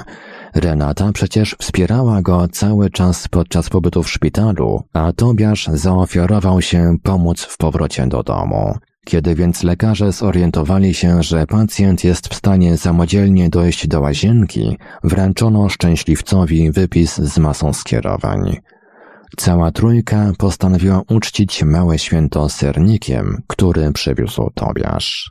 Mama upiekła, gdy tylko dowiedziała się, że wychodzisz. No dobra, pakujemy się. Na miejscu zaparzę nam kawę i pocieszymy się z dala od tego okropnego miejsca. Kiedy tylko znaleźli się u celu, nie mógł oprzeć się ochocie zerknięcia na półkę, na której stał obiekt jego zmartwień. Zdjęcie stało tam, gdzie zawsze. Jednak kiedy zdał sobie sprawę z jednego drobiazgu, który się nie zgadzał, stanął jak słup soli.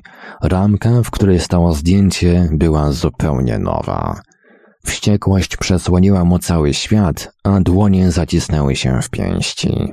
Jedna z nich bezwiednie z impetem uderzyła przyjaciela w szczękę.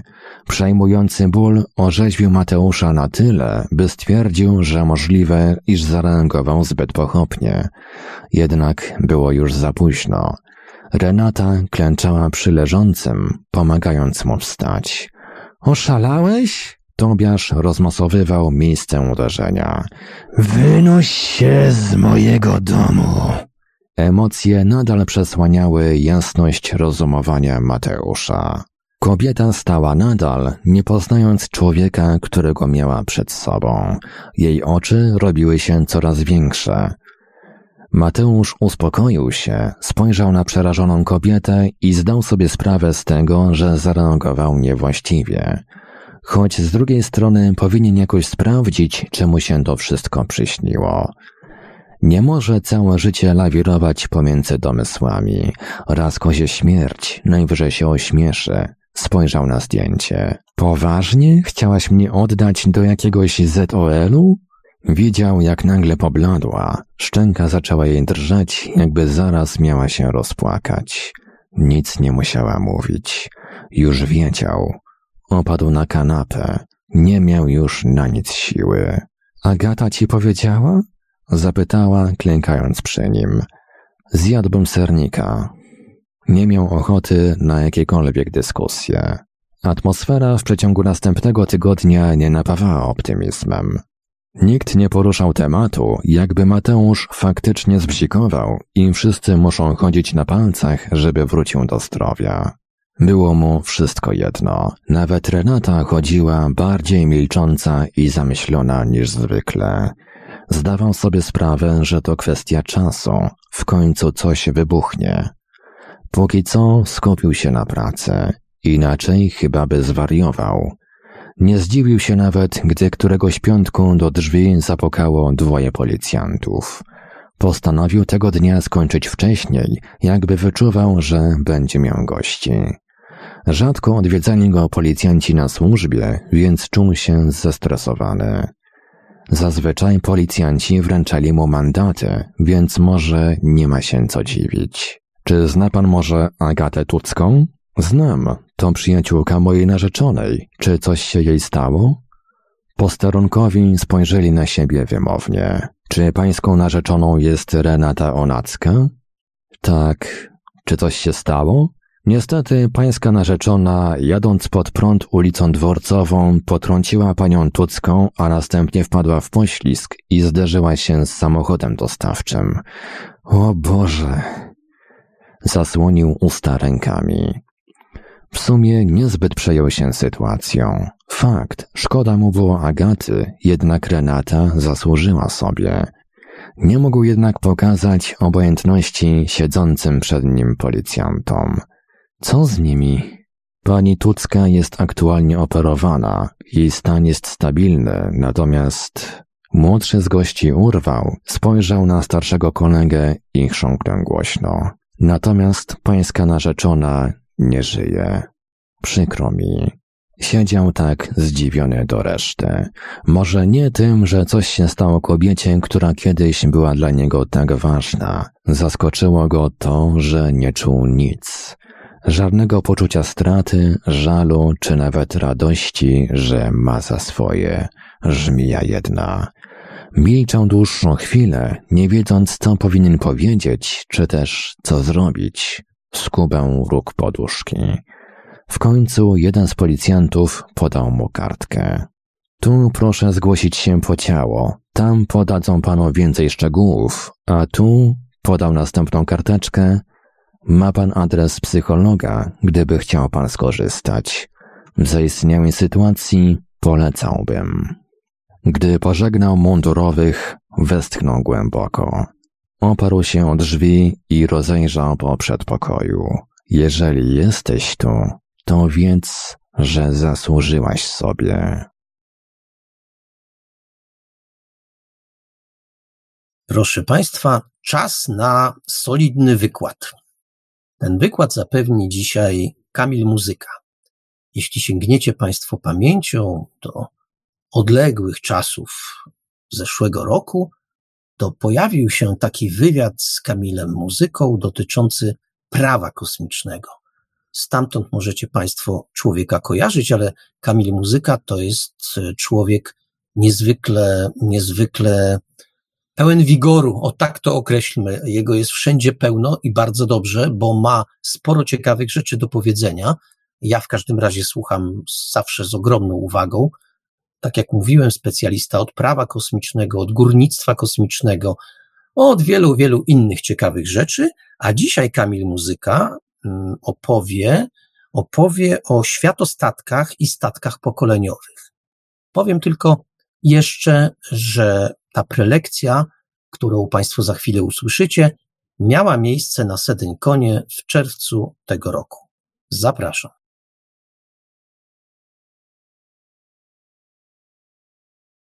Po pierwsze, musimy sobie założyć, co to w ogóle o czym my mówimy. Więc e, world ship, czyli światostatek, czasem pisane world ship razem, e, jest to, też pewne określenie, ostatnio używane w języku angielskim, ale powiedzmy, czytam, trzymam się tylko określenia z fantastyki naukowej.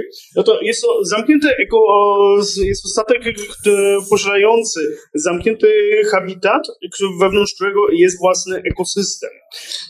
Jedną z funkcji takiego statku statku, e, znaczy e, głównie takiego habitatu, jest zapewnienie, warun zapewnienie warunków bytowych e, organizmom znajdującym się w jego wnętrzu. No i te organizmy, szczególnie te odpowiedzialne za jego budowę, sterowanie, mogą używać go jako jednostki kolonizacyjnej, podróżnej, bądź też takiego muzeum, czy tak jak u Kima Stanleya Robinsona, terrarium.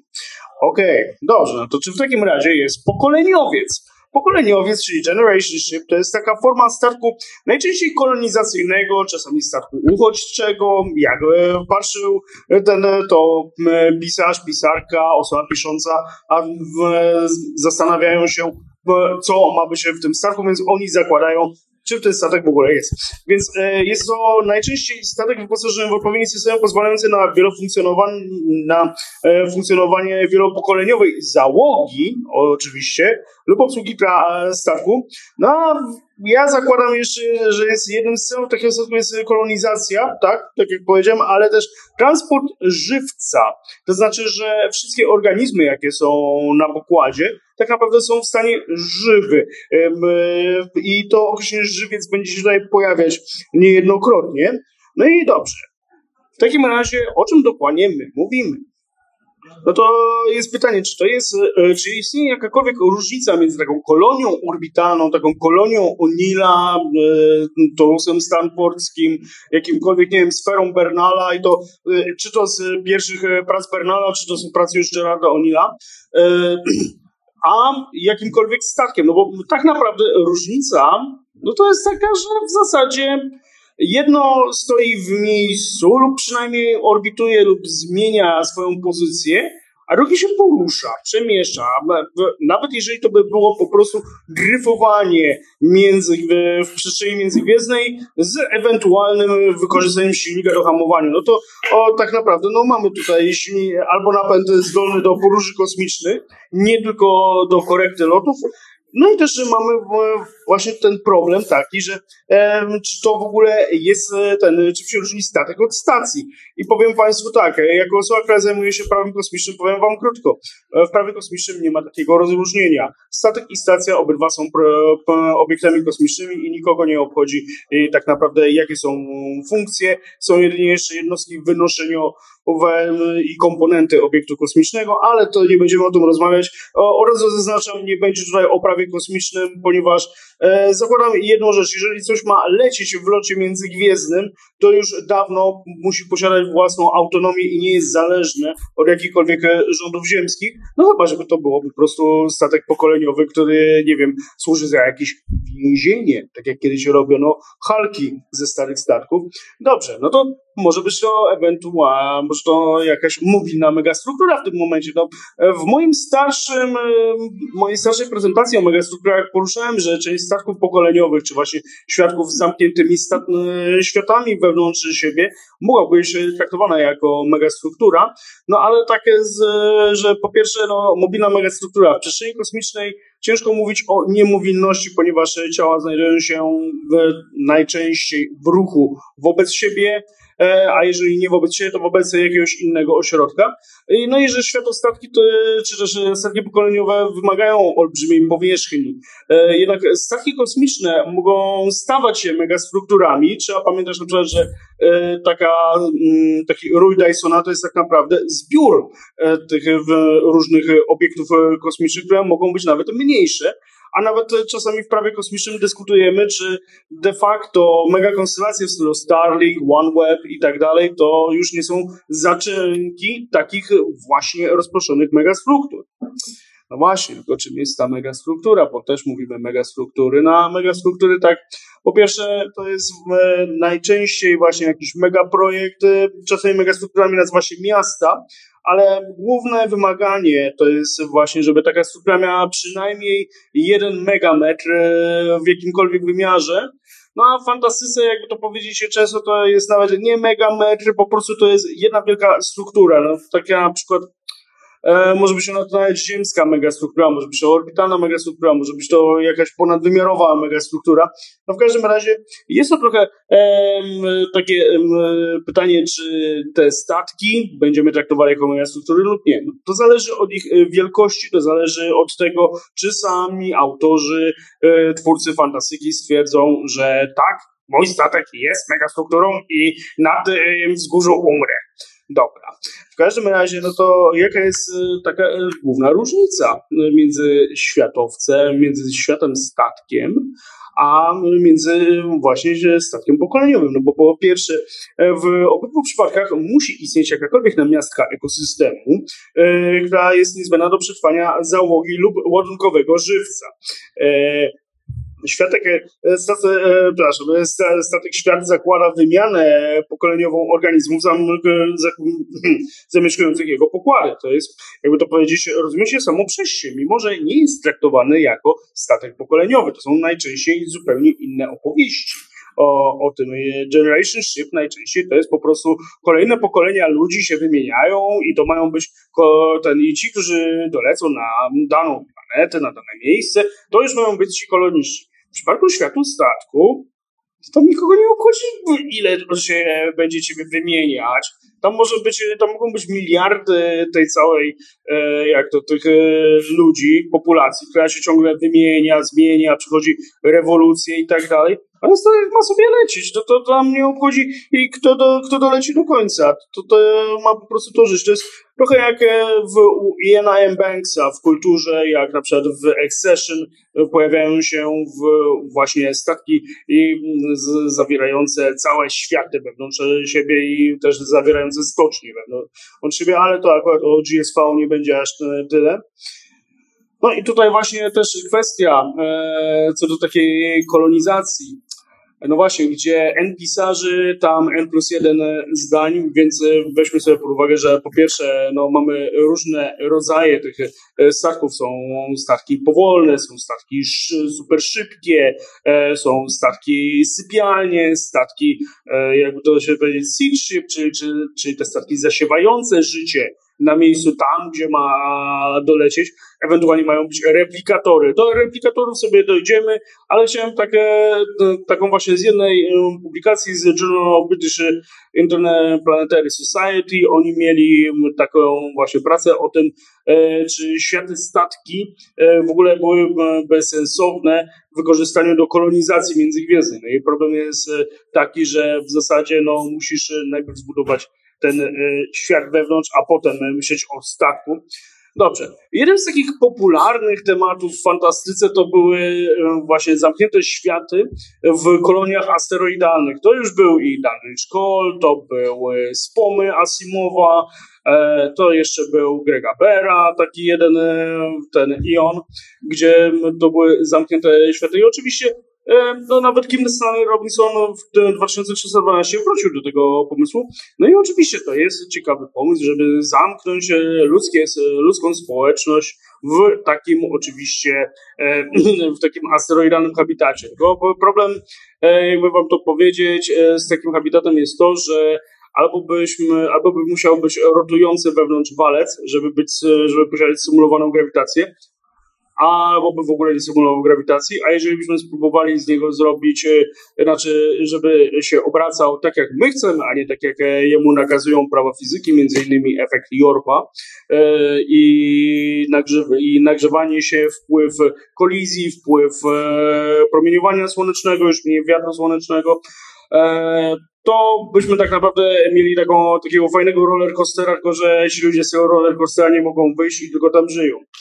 E, inną koncepcją był macrolife, czyli też zbudowanie na kometach czy wewnątrz asteroid. Znaczy, e, de facto ten obrazek to jest zjadana kometa przez drzewo Dysona. Natomiast e, normalnie macrolife to było pomysł, to było rozwinięcie pomysłu spomu Asimowa, czyli żeby kolonie ludzkie mogły żyć wewnątrz asteroid, tylko, że, mm, jakby to powiedzieć, e, Macrolife nie było skupione na ludziach. Ludzie byli tylko elementem układanki. Tam e, cała ta asteroida miała być traktowana jako organizm, włącznie ze wszystkimi mikroorganizmami, makroorganizmami i maszynami, sztucznymi inteligencjami, które miały być na pokładzie. Tak, w latach 60.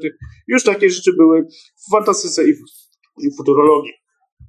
Oczywiście można też e, spojrzeć, tak jak wraca, wracając już do tych wszystkich pojazdów z kultury, czyli to są właśnie statki, które są większe od niejednego księżyca, w których mamy miliardy mieszkańców, e, czy to są statki wręcz muzealne, statki, które cokolwiek innego robią poza tym, że wożą ludzi. No bo pytanie, e, takie właśnie typowe pytanie Strossa, czy to w ogóle jest statek? Ponieważ statek ma wozić e, z miejsca na miejsce, a jeżeli tam na miejscu nie ma a gdzie przybić, to czy to w ogóle jest statek? No ale oczywiście do tego trochę wrócimy sobie później. Jeden z takich e, przykładów takiego świata wewnątrz jakiejś struktury, to mamy na przykład e, no, w tym cieniu długiego słońca, bodajże to się nazywało, to był Gina Wolfa, tutaj właśnie Jarek też wspominał o Gina Wolfie, E, to jest jeden z takich e, tych e, ciekawych przypadków, gdzie mamy de facto świat dosyć futurystyczny, ale cofnięty, no ale tak trochę zastały, trochę cofnięty, trochę idylliczny. E, będę o tym mówił pod koniec, e, jakie funkcje pełnią takie konstrukcje. Ogólnie no mamy zamknięty habitat cylindryczny z wewnętrznym promieniem plazmowym, który udaje słońce.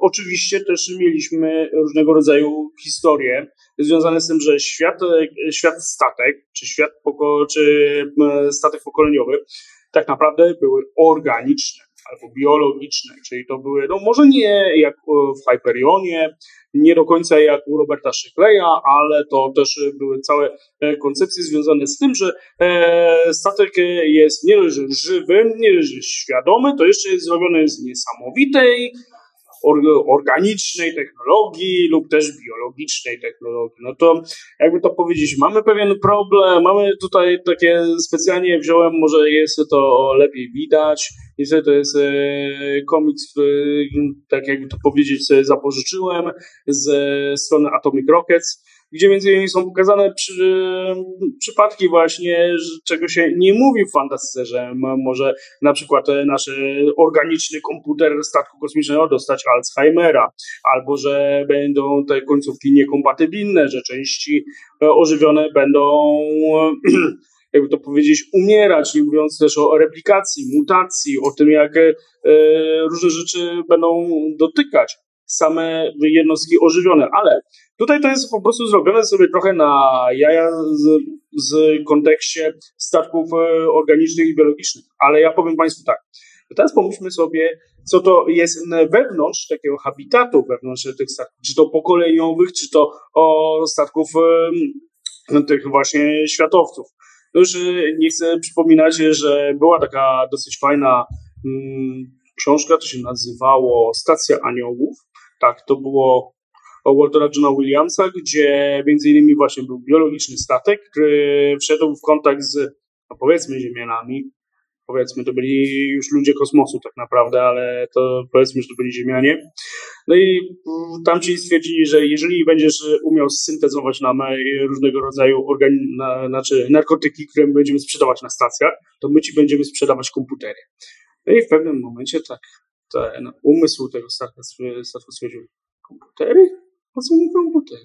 Potem zobaczył, że te komputery tak naprawdę coraz lepiej liczą niż te jego naturalne, ewolucyjnie wytworzone te organy. Stwierdził, hmm, będę chyba wymieniał wszystko powoli i wszystkie te organy e, nagle, jako że część z nich miała własną świadomość, e, w panice się zastanawia, że o kurczę, on nas wymieni na maszyny. Ale dobra, to to takie e, słowem trochę żartem. E, e, też trzeba wziąć pod uwagę inną rzecz. Coś, co mi się bardzo podobało w jednej z interpretacji ślepowidzenia Petera Wattsa, to znaczy, czy ten Rorschach, czy, czy to, co oni znaleźli, te, po polsku to były chyba wężydła, po angielsku oni byli scramblers, e, czy to były tak naprawdę, czy to była załoga tej stacji, czy to statku, czy to tak naprawdę była tylko jego ożywiona biologiczna obsługa. I w tym momencie można sobie założyć taką jedną ważną rzecz. Okej, okay, statek pokoleniowy. Super, fajna sprawa. Tylko, że y, co jeżeli tak naprawdę ta załoga jest wymienna? Ile razy ja na przykład prowadzę wykłady na temat e, produkcji kosmicznej no to mówię, każdy element musi być wymienny, każdy element musi być naprawialny. Najlepiej z lokalnych zasobów, a jeżeli nie, to trzeba pozyskiwać je z przestrzeni kosmicznej. No właśnie.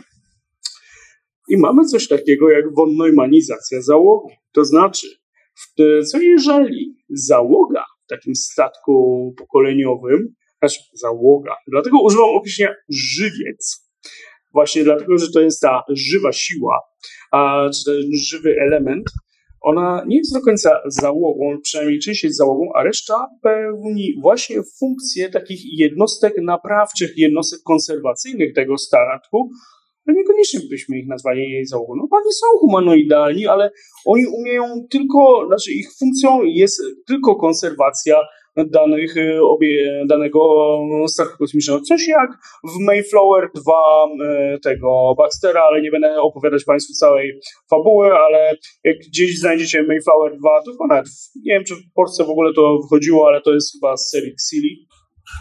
W każdym razie kwestia jest właśnie taka, czy wtedy to jest w ogóle załoga w takim statku pokoleniowym, czy to nie jest po prostu element wyposażenia statku. O, I tutaj też można coś, co ja właśnie w drugim punkcie założyłem, że czy nie byłoby ciekawie w, może napisać, może znaleźć, bo może ktoś już napisał taką fantastykę, że tak naprawdę ten statek pokoleniowy, to on jest niby pokoleniowy, a tak naprawdę wszyscy obsługują ten statek tylko dlatego, żeby na koniec e, na planetę e, przyszli ci, którzy mają już cały, jakby to powiedzieć, wszystkie zdolności kolonizacyjne i przetrwania w siebie wpisane, czyli właśnie ci, którzy są zamrożeni, a ci, co tam są na statku, oni i tak zostaną na statku, no bo po co nam oni? Oni nie umieją on przeżyć poza statkiem i tak. No i tutaj też e, właśnie tak jak powiedziałem, że mm, to byłyby zupełnie inne e, aspekty przystosowawcze i też przy zakładaniu kolonii. No i też kwestia inna przy normalizacji załogi. Co jeżeli to jest załoga cyfrowa, tak jak na przykład w diasporze Grega Egana i mm, to są symulowani ludzie, którzy mm, to też podobnie było w nie Century Rain, to było e, House of Sons e, Alistera Reynoldsa i a tak, tak, patrzę, uśmiechasz się, okej. Okay. Przetłumaczcie to kiedyś wreszcie. Dlatego no, my jesteśmy zależni od tej, od wydawnictwa. No to, to, to no, pogadajcie z nimi, no dobra. W każdym razie e, mamy całe cyfrowe cywilizacje, społeczności, które e, mogą dowolnie symulować e, ubieg czasu, mogą być nieśmiertelne, mogą być śmiertelne, mogą powstawać w wyniku jakiegoś właśnie kontaktu między tymi jednostkami symulowanymi nowe osobniki, albo mogą się jakby to powiedzieć, w wyniku mechanizmu jakiegoś losowego powstawa, a ten jako nowe jednostki, coś tak jak były tak zwane sieroty u Grega Igana. I w tym momencie no to też jest w pewnym sensie statek e, pokoleniowy, jakby na to nie patrzeć, mimo że to nie są, znaczy to z naszej perspektywy nie są ludzie, z perspektywy tych emulantów e, może im nawet e, no, nie zależeć na tym, co zbudowani z mięsa ludzie twierdzą o ich człowieczeństwie lub jego braku. Ale to trzeba niestety mieć też na uwadze, że no, w momencie takiej transhumanizacji będziemy też gadali o tym, że no, coś też jest statkiem e, przewodzącym ludzi w jakimkolwiek stanie. Jakby to powiedzieć, o, e, zawsze zalegam z takim jednym artykułem, a go od chyba od 10 lat chcę napisać o przewożeniu ludzi e, z Ziemi na Marsa, którzy byliby w hibernatorach i brać pod to analizę różnych e, praw, między innymi tego, jak w Stanach e, trzymanie człowieka właśnie w tym e, takim hibernatorze, jaki ma Alcor, czyli tej krioprezerwacji, to jest e, forma pochówku, a dlaczego w Kanadzie w ogóle to nie byłby nawet e, pochówek, ponieważ jest to nielegalne, a jak to jest w Wielkiej Brytanii. No i się takie e, mam w końcu w pewnym momencie przysiąść i napisać, czy to będzie w ogóle człowiek, czy nie, jakie to będzie, jakie ta jednostka będzie miała prawa, pomijając w ogóle całe kwestie mikrograwitacji i ciepłego azotu. No, wracając. Oczywiście, że statkiem takim e, pokoleniowym, czy statkiem e, światem może być taka właśnie ta misa niebieska, czyli ten cały silnik szkatowa, e, który opisują, no to był mm, Gregory Benford i Larry Niven. Jeśli nie czytaliście, to jest nawet ciekawa seria.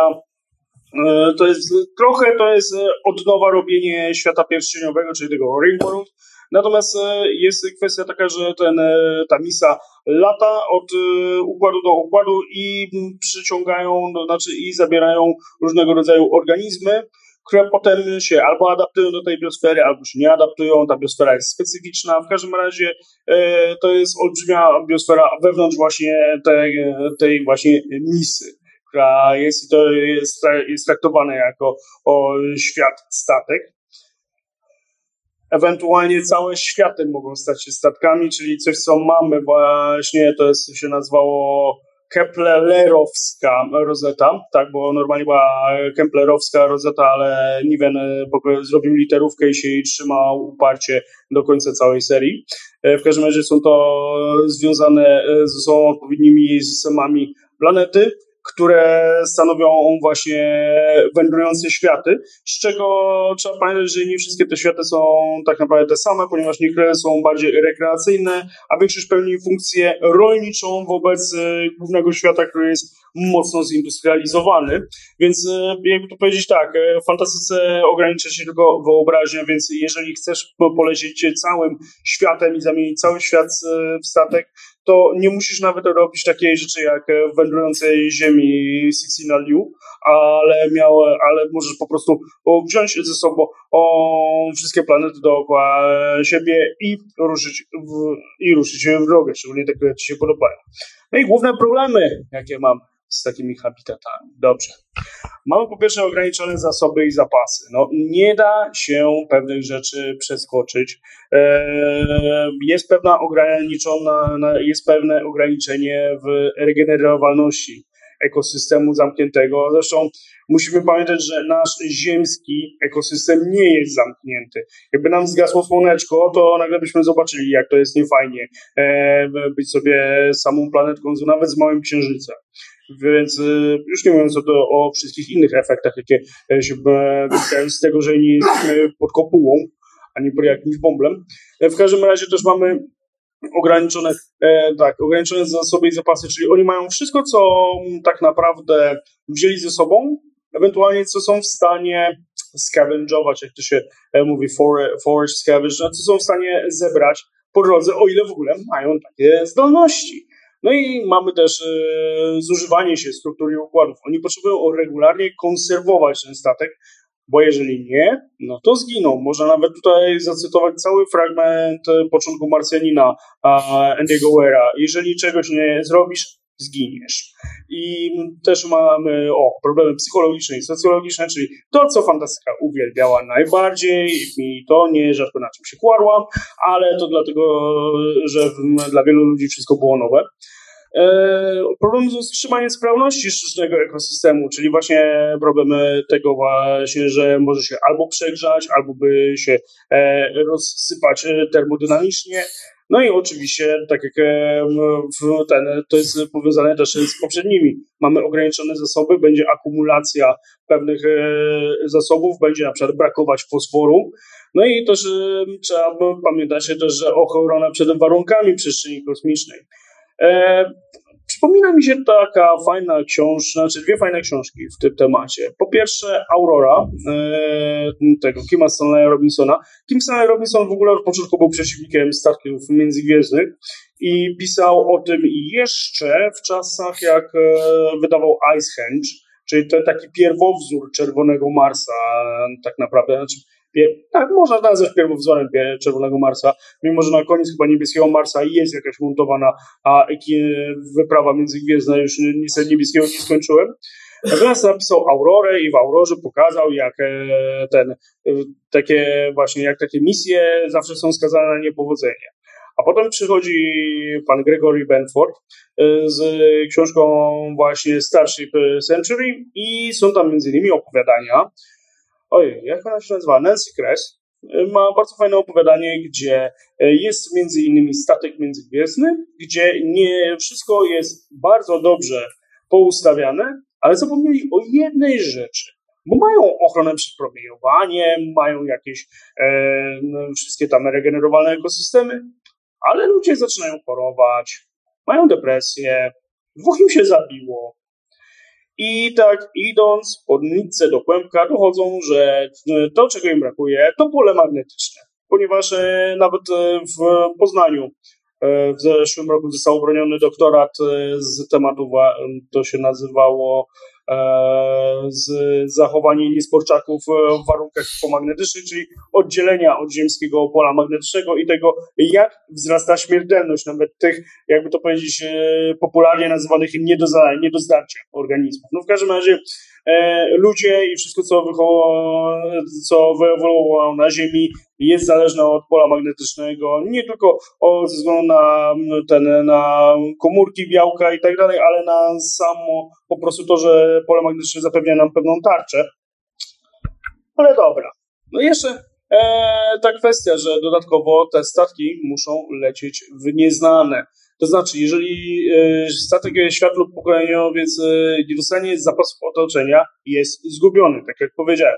W przypadku, gdybyśmy na przykład mówili o tym, że to nie są statki, które lecą w podróży międzygwiezdnej, tylko to są jakieś habitaty wokół Jowisza, to zaraz byśmy mieli całe rozpisanie się, że a, amoniaki to bierzemy stąd, a skąd, a za asteroid bierzemy i wodę, i minerały, i to, a skąd bierzecie takie i takie substancje, a bierzemy e, je dostawami stąd, stąd i to, on jeszcze jest e, całe rozpisanie się, jak żyjemy, jak zarabiamy i tak dalej. No, statek międzygwiezdny nie ma takiego luksusu, no i właśnie no tutaj podrzucam taki temat, że zawsze możliwe jest puszczenie wcześniej statków zwiadowców lub statków, e, lub statków przemysłowych, czyli statków, które by wcześniej już odpowiednie zaprogramowane, znaczy jedne by przeczesały, czy w ogóle jest czego szukać, a drugie by, jeżeli już było czego szukać, to było, byłyby w stanie stanowić no takie jakby przystanki lub stacje benzynowe z zapasami i hot dogiem e, ten, oraz kawą dla tych, którzy lecą w przestrzeń, ten, przestrzeń międzygwiezdną. Oczywiście nie jest to łatwe do, łatwe do wykonania, ale pomysł gdzieś zawsze jest. E, no i możliwe jest, że będą to też podróżujące rezerwaty i kolonie korzystające z obsługi. To znaczy, e, w przypadku na przykład takim, jak opisuje Robert Zubrin w swoim, e, nie wiem, czy w The Case for Space do tego wraca, ale w Entering Space u nas to były narodziny cywilizacji międzygwiezdnej. On fajnie porusza coś, co potem rozwinęło całe uniwersum ramienia Oriona, czyli e, że są mm, różnego rodzaju o, trasy e, szybkiego ruchu w kosmosie, tylko że to nie są warpowe, tylko to są tak zwane beam ridery, czyli to są albo na smart na jakieś specjalne e, pelety i odbijanie się od tego tarczy magnetycznej pojazdu, albo jest to po prostu rozpędzanie żagla laserowego, czy inna e, jakakolwiek metoda. W każdym razie gdzieś po drodze są stacje przystankowe i przesyłowe i to po prostu są wędrujące już po obiekty w jakichś albo pętlach, takie jak e, cykle e, Schroedera, bo to, to jest przeróbka cyklera, cyklera Aldrina, ale Schroeder z tego robił na chyba recenzowane prace, z tego swojego międzygwiezdnego Schroedera, który był podstawą książki Permanence. E, w każdym razie niekoniecznie e, najlepszym rozwiązaniem byłoby, żeby to leciały, że tak to za przeproszeniem powiem, na pałę te statki, czyli leciały w nieznane, a tylko żeby to były już e, jakiekolwiek pojazdy i statki, które by latały w, na trasie, która ten, już była przeczesana. Więc też bardzo ważna rzecz już w tej części technicznej, żeby pamiętać o tym, że najpierw to powinien być habitat, a potem się doda napęd i zewnętrzny system zasilania, ponieważ bardzo e, oczywiście też trzeba pamiętać, że tworząc habitat, jeżeli będziemy zakładali, że no on tam będzie gdzieś tam na orbicie Jowisza, albo na orbicie Marsa, albo w punktach libracyjnych Ziemi i Księżyca, no to możemy często zapomnieć e, po pierwsze, jak w ogóle e, funkcjonuje punkt e, Ziemi i Księżyca, a po drugie, za bardzo się niestety uprzeć na panele słoneczne, które wraz z kwadratem odległości tracą swoją, ten, swoją moc. No chyba, że będziemy mieli ze sobą jeszcze sztuczne słońce, ale to już aż takiej fantastyki tutaj nie będą uprawiał. Dobrze. No to już możemy iść w temacie dlaczego one w ogóle funkcjonują, fantasy jakie mają, miały znaczenie? Po pierwsze, bardzo łatwo jest zaznaczyć, że e, świat statek e, może pełnić rolę e, świat statek lub też właśnie też pokoleniowiec może pełnić rolę takiego świata w butelce, czyli mamy małe, małą społeczność, która a jest, ma swoje pewne problemy, musi się z nimi zmagać. I też cały, cała kwestia tego, że cała nasza a fabuła się ogranicza tylko do tego statku, ponieważ często bohaterowie nie mogą wyjść z tego statku, nie mówiąc o tym, że nierzadko nie wiedzą, że są na statku. E, nie będę spoilerował tej najsłynniejszej powieści Briana Aldisa, która się nazywała The Starship. w jednym wydaniu. E, w każdym razie e, tutaj też kwestia jest taka, że nieraz mogłoby to bardziej być mobilną wersją zamkniętej utopii kolonii. E, nieraz się można spotkać, że to są na przykład takie statki, jak na przykład The Expanse, czy w pracach Timothy'ego Leary'ego, że pewne grupy religijne mogłyby zakładać, że dobra, wykupujemy sobie taki światostatek, czy taką kolonię, która może od biedy wędrować, tylko po to, żeby żyć w zamkniętej społeczności według naszych zasad.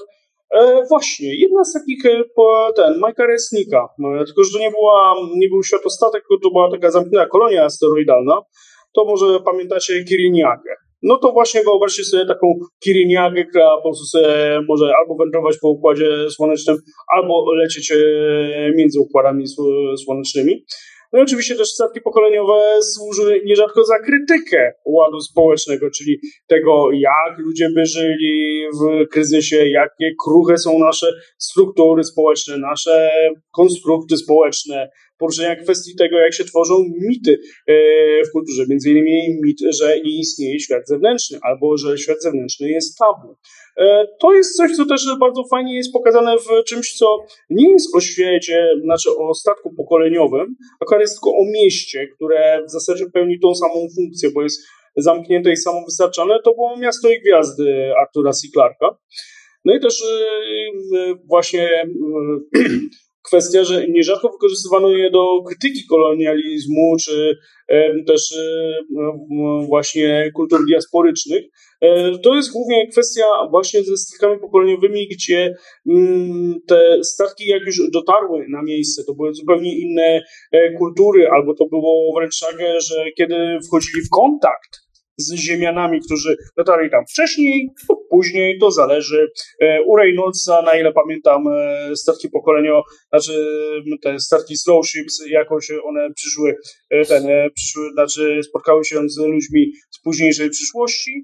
Natomiast u, jak on się nazywał, na z przeszłości to był Jamesa Hogana, to było właśnie trochę tak jak u Clarka, jak to się nazywało, Pieśń z odległej ziemi, i właśnie te statki, one nie były de facto pokoleniowe, to były bardziej takie już embrionalno-kolonialne, ale one były, ale społeczność, która się wytworzyła wewnątrz takich statków, e, znaczy, e, na tych koloniach była zupełnie odmienna od społeczności ziemskiej. I w przypadku statków e, pokoleniowych też nierzadko jest tak, że po prostu to jest pokazanie, że zupełnie inaczej byśmy się zachowywali, inaczej byśmy traktowali innych ludzi, jeżeli od ich życia i ich funkcjonowania zależałoby nasze życie, ponieważ jesteśmy w jednej wielkiej puszce, która leci w przestrzeni kosmicznej. No i też Y, kultury diasporyczne, czyli tego, jak na przykład kultura diasporyczna potrafi e, bardziej podkręcić swój tradycjonalizm czy mity, ze względu na to, że już nie ma kontaktu z oryginalnym, znaczy ze swoją mm, częścią, znaczy z tymi, którzy pozostali na macierzycej planecie lub na macierzystym świecie. E, kwestia też oczywiście inna, to znaczy, tak jak już powiedziałem, miasto i, e, i gwiazdy, czyli ta klaustrofobia. E, nierzadko te statki są klaustrofo, klaustrofobiczne. Na przykład, no, może nie jest spotkanie z ramą, spotkanie z ramą nie jest aż takie e, klaustrofobiczne, ale e, jest ta klaustrofobia pokoleniowa, no, zdarzy się w niektórych utworach. Między innymi chyba u Heinleina się pojawiało w Orphan, nie w Orphans of Helix, to było Simonsa, w ten Orphans of the Sky. E, w każdym razie w niektórych utworach e, ci mieszkańcy wiedzą, że e, świat zamknięty się porusza, w kosmosie tego nie robią. No właśnie, świat dysku. Świat dysku jest ruchomym światem, statkiem, jakby to powiedzieć. E, wiem, że w jednej powieści też coś takiego robi w Ciemnej Stronie Słońca, ale jeszcze nie czytałem Pratchetta, natomiast czytałem jego Warstwy Ziemi, czyli tą jego powieść, gdzie pierwszy raz pojawia się dysk, i jest nawet zażartowany, że mógłby być na grzbiecie słoni, które się poruszają, na, które stoją na żółwiu. No, ale to jeszcze, ale to akurat nie była część e, świata dysku. W każdym razie e, też jest e, kwestia taka, że czasami w fantastyce zdarzało się, że to była desperacka ucieczka pokoleniowcem, że to są, jest forma emigracji z danego miejsca, tylko po to, żeby ratować e, swoje życie, nawet jeżeli to ma być e, ten życie z wykorzystanie, nasze życie wewnątrz zamkniętych habitatów. Na przykład to była e, arka tego, jak on się nazywał, e, Stevena Baxtera, też kilka tych e, historii, gdzie o, lecimy w kosmos statkiem pokoleniowym. Jak to się nazywał ten, e, może pamiętacie, ten film z Colinem Farrellem, taki był na Netflixie jakiś czas temu. Taki bardzo dziadowski. Voyagers. O, Voyagers się nazywał. Nie oglądajcie, naprawdę. To jest strata czasu. To, od razu wam powiem. To jest bardzo słaba adaptacja Władcy Much, udająca statek pokoleniowy. To już lepiej obejrzeć e, pasażerów, którzy są na statku sypialni. E, przynajmniej tam to jest ciekawsze. No ale w, każdym razie desperacka ucieczka pokoleniowcem jako element post też między innymi u Grega Bera się pojawiała jako właśnie temat e, tego cyklu EON.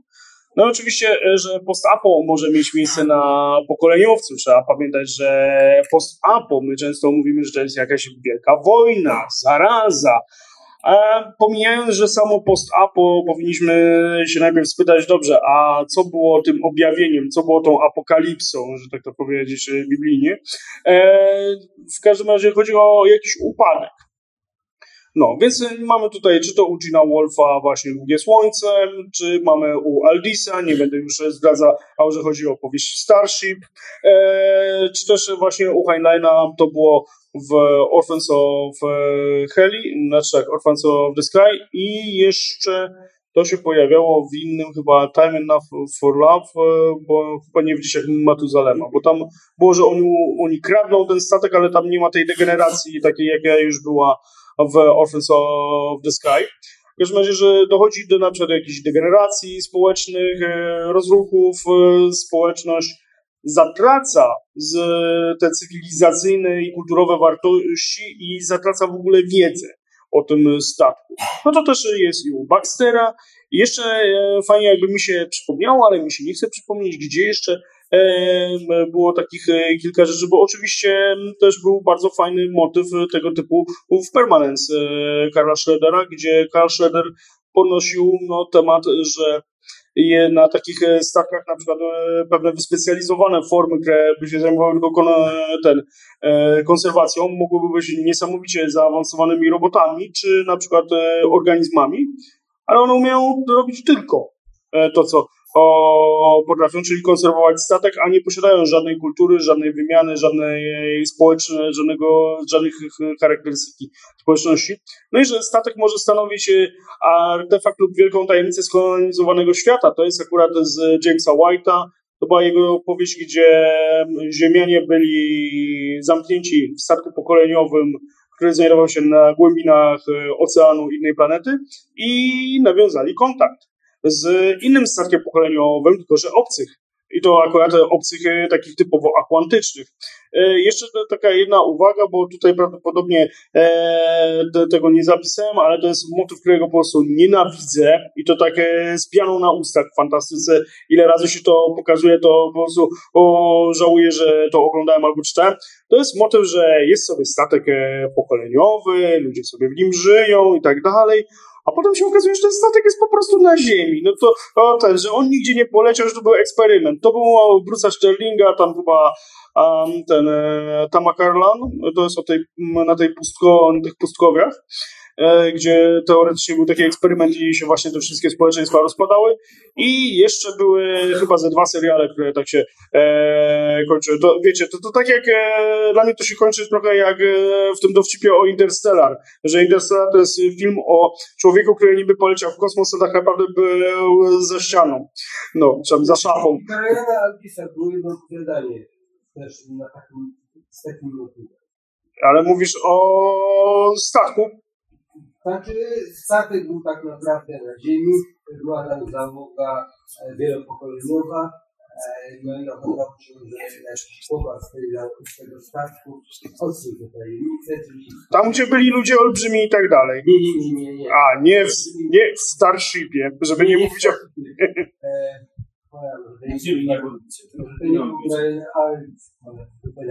Motyw był taki, że bystry chłopak z, te, z tego statku mm -hmm. znalazł wyjście i tak. Baragę, tak. O, tak, no. To, to jeszcze to i już w sumie o ostatni slajd to to jeszcze pewne warianty tego, czyli to, że statek ze zdolnościami może być to kolonizacja, taki właśnie pokoleniowiec z zdolnościami terraform, terraformacyjnymi lub kolonizacyjnymi.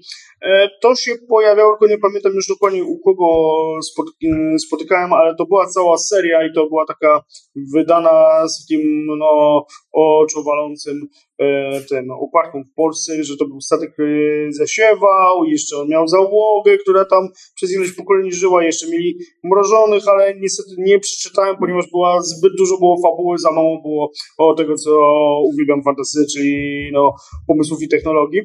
No dobrze, może być coś takiego też jak niezamierzony statek pokoleniowy, czyli w Tau Zero Paula Andersona, którego w Polsce oczywiście nie wydano, bo, oczywiście po co wydawać klasykę science fiction. E, w każdym razie, tak e, nie spoilerując, to jest statek, który był napędzany silnikiem strumieniowym Bazarda, który po prostu w pewnym momencie zaczął, ten, nie, nie potrafił przestać przyspieszać i załoga zamiast e, dolecieć tam, gdzie miała dolecieć, leciała w nieskończoność i po prostu w pewnym momencie pojawiały się kolejne pokolenia. E, niektórzy stwierdzili, że dobra, wyskakujemy z tego statku, bierzemy jakieś tam lądowniki, co mieliśmy z pierwszej kolonii i zakładamy jakąś e, inną kolonię, inną społeczność, nam się już tutaj nie podoba.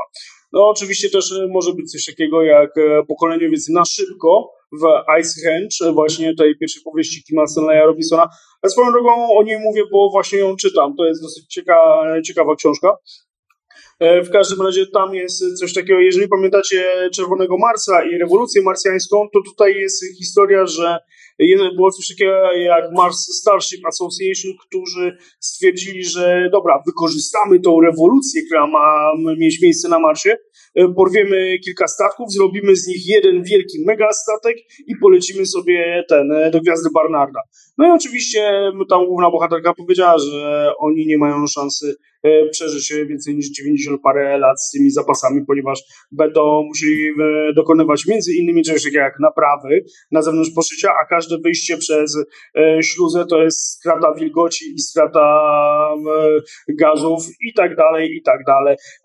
Tam jest wszystko wyłuszczone, zresztą to jest jedna z tych książek science fiction, które kiedyś już ten jak się nazywał ten Jarek, ten nasz ten ilustrator fantastyki w Feniksie. Musiał, no. To musiał się kiedyś ze mną kłócił o taką fantastykę świętej pamięci Jarek, bo jak mu przynosiłem Roberta Forwarda i mówię, patrz, patrz, on ma ilustrację, to Jarek musiał mi powiedział, jak lubisz fanta jak lubisz książki z ilustracjami, opisami technicznymi, to ja ci przyniosę instrukcję od mojego odkurzacza. No ale w każdym razie wtedy, jak to, że może być to na przykład e, coś takiego jak skolonizowany lub sterraformowany statek obcy, ten cały światostatek lub e, statek e, pokoleniowy. To jest między innymi The Great Ship Roberta Reeda. The Great Ship była chyba tylko w ekstremalnej księdze science fiction w ogóle poruszono, było jedno opowiadanie, ale większość opowiadań dzieje się wewnątrz tych światów, które są w statku wielkości Jowisza tak naprawdę, który został skolonizowany przez ludzi, mimo że tak naprawdę według prawa galaktycznego ludzie e, nie mieli prawa do tego statku. Pierwsze prawo miała e, cywilizacja, która już dawno nie istnieje, ale jej sonda jako pierwsza przyleciała na ten statek i zaczęła go badać. A to nie będę wam e, wymieniał, bo to jest opowiadanie Alone i jeszcze Eremoras. To powiedzmy tak, jak ktoś lubi transhumanizm i tematy właśnie takich statków pokoleniowych, to The Great Ship jest genialny od e, tej perspektywy. Dobrze. Miasta zamienione w statki oczywiście, czyli no James Blish, e, tutaj nie pamiętam, bo chyba, nie, u Wojtka nie kupowałem, ale kiedyś właśnie dostałem cały pakiet tych właśnie Cities in Flight, e, ten Blisha. No oczywiście też mamy kwestie pokoleniowe, takie jak właśnie długowieczni mieszkańcy, czyli u Heinleina, czyli cała seria Lazarusa Longa, e, znaczy Lazarusa Longa i jego o, tej rodziny, no i oczywiście też e, Sheffielda, Between the Strokes of Night, e, tylko że tam to polega bardziej na tym, że żeby sobie poradzić z tym, jak oni e, mają funkcjonować na tym statku i zmniejszać e, zapasy, e, część ludzi żyło w trochę mm, innym trybie czasowym, ale to musiałbym poświęcić trochę czasu, żeby wyjaśnić, jakim cudem to było tak, że część ludzi wokół nich po prostu latała jak głupi, a inni byli totalnie spowolnieni czasowo i ich funkcje były zupełnie inaczej przebiegały. No i oczywiście też mogą tam być cyfrowi mieszkańcy, tak jak powiedziałem, u Reynoldsa, u Igana, w całym właśnie Orion's Arm, ten obrazek, co pokazałem. Zresztą tylko tak wrócę do tego starego jednego obrazka. O, ten obrazek to jest właśnie statek e, z cyfrową cywilizacją, kongres futurologiczny z Uniwersum Ramienia Oriona. Ramię Oriona to jest zespół e, opowiadań, nie mają jeszcze gier, ale tak naprawdę to są taki wspólny, kolektywny projekt. Co, koniec? Nie, bo ten, stukasz. Aha, okej. Okay. Dobra. Nie. No i to będzie e, tyle. Dziękuję Państwu za uwagę. I czy będą jakieś pytania? Taka uwaga, że w polskiej fantastyce jednym z pierwszych... Tak, Proxima? Ta, znaczy Proxima, znaczy Zagubiona Przyszłość. Proxima nie, bo Proxima, w Proximie to już lecieli, jak Pan Bóg przykazał, e, z prędkością na tyle szybką, że żadnych zmiany pokoleń nie było, ale Zagubiona Przyszłość. A, że, znaczy, mam ją, bo u Wojtka kupiłem, ale niestety nie przeczytałem. No, w każdym razie mieli lecieć 18 tysięcy lat do e, Alfa Centauri, a już po kilkuset latach mu się to regulowało. Duży spoiler nie będzie z powodu problemów z jodem, oparli walutę Aha. W związku z czym ktoś tam mówił, że za pomocą jod, monet zawierających jod możemy sobie kupić e, pokarm, który jest teraz jod. Aha. Ale to. dlatego głównie to był ucieczkowa. Wiem, że chyba u Wojtka są te nowe wydania tego, bo to tak. Borunia i Trepki było. Tak, to jest fotografia starych wydań. To jest A. talentem napisana książka, tak na przyszłość przeczytać. Tylko, tylko szkoda, że właśnie pojawiło się nowe wydanie współcześnione, które używało pewne... U Wojtka to jest stare wydanie. No, to jest no, no, stare wydanie jest chyba lepsze, ale tak czy inaczej, bo to e, sta, e, statek ucieczkowy, czyli 60 kapitalistów uciekało przed e, komunistycznym rządem Stanów Zjednoczonych i porwali sztucznego satelitę i. Czekaj, czekaj, czekaj, to przecież nie jest podobne opowiadanie tego Paula Andersona.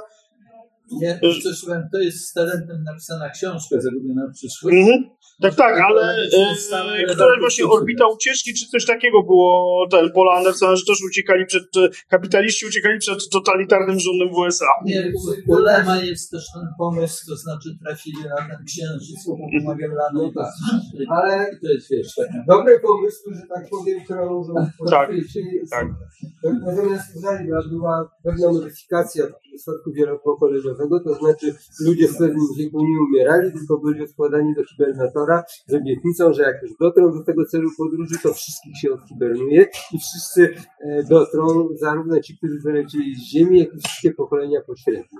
E, no, Dalej nie będę spoilował, ale w każdym razie tak, taki był zamysł. Jak duży statek musiał być. Dostatecznie. No, żeby tylko potem nie było ten, że mają dylemat moralny, czy wpuścić do naszego społeczeństwa ilość tysięcy zahibernowanych boomerów. Już nie będę spoilował. Dobra. Ale idea jest ciekawa. To jeszcze jakieś pytania, czy... A ten Starship to jest y, tłumaczony na polskie jako non-stop, czy... Tak, niestety, to jest, to, tak, bo to był tak. największy spoiler, e, że wydawca amerykański wydał całą, ten, cały, zwrot, a, cały zwrot, całą tajemnicę w tytule jednego wydania, tak. Właśnie, bo tam jest trochę, zmienia się koncepcja statku pokoleniowego w sumie światostatek, tak? Tak. Oni pierwotnie mieli być chyba statkiem pokoleniowym, ale tak, tak. się też i rozeszli. Zresztą nawet... E, tak. i wrócili. Tak. Proszę Państwa, proszę Państwa, no i tak zwany obowiązkowy punkt programu, czyli recenzarium Ewiwy. Dzisiaj Luiza Dobrzyńska zaprasza Państwa na planetę Kalgar.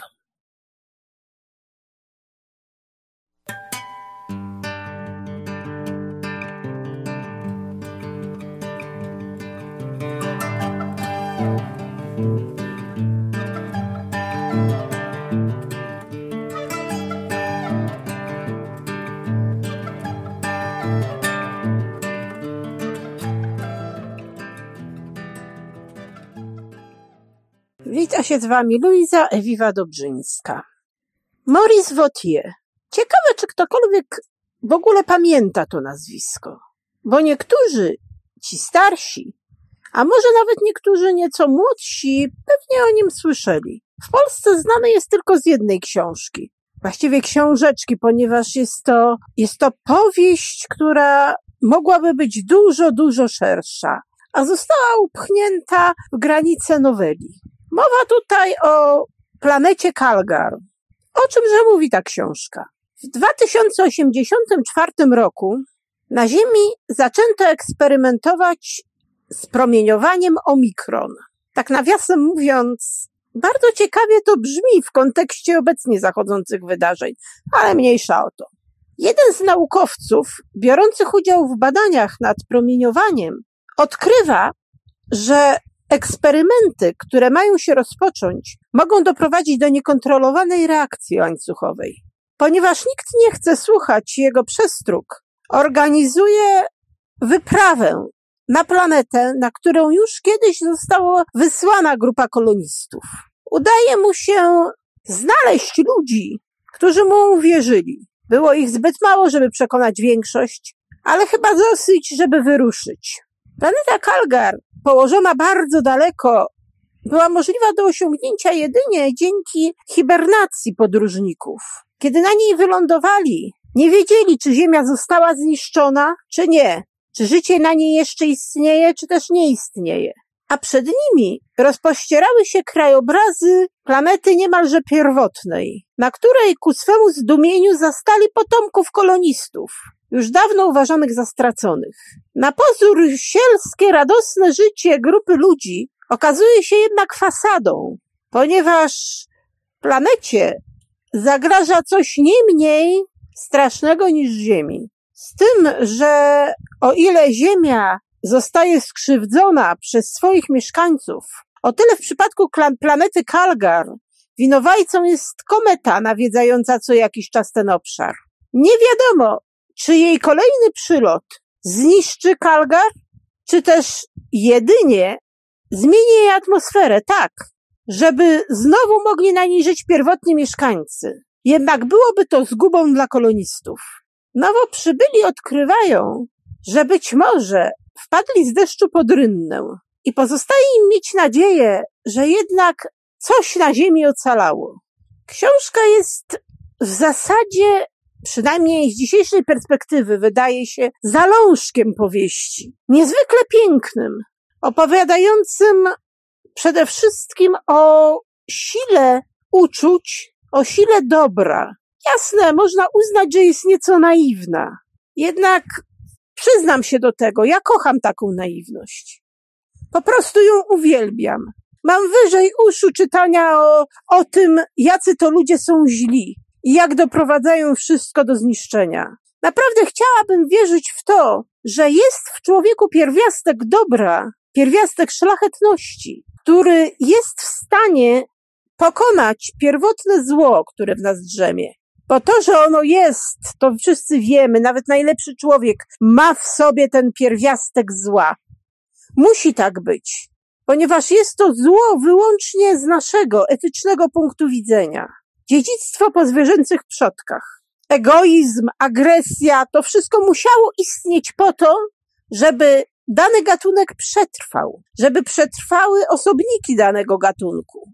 Szlachetność, zdolność do poświęceń, ideały wtedy nie były w ogóle potrzebne, a nawet przeszkadzałyby. Dopiero rozwój ludzkości spowodował, że zaczęto je cenić. Ale właśnie o to chodzi. Że my już, może kiedyś byliśmy zwierzętami, ale już nimi nie jesteśmy.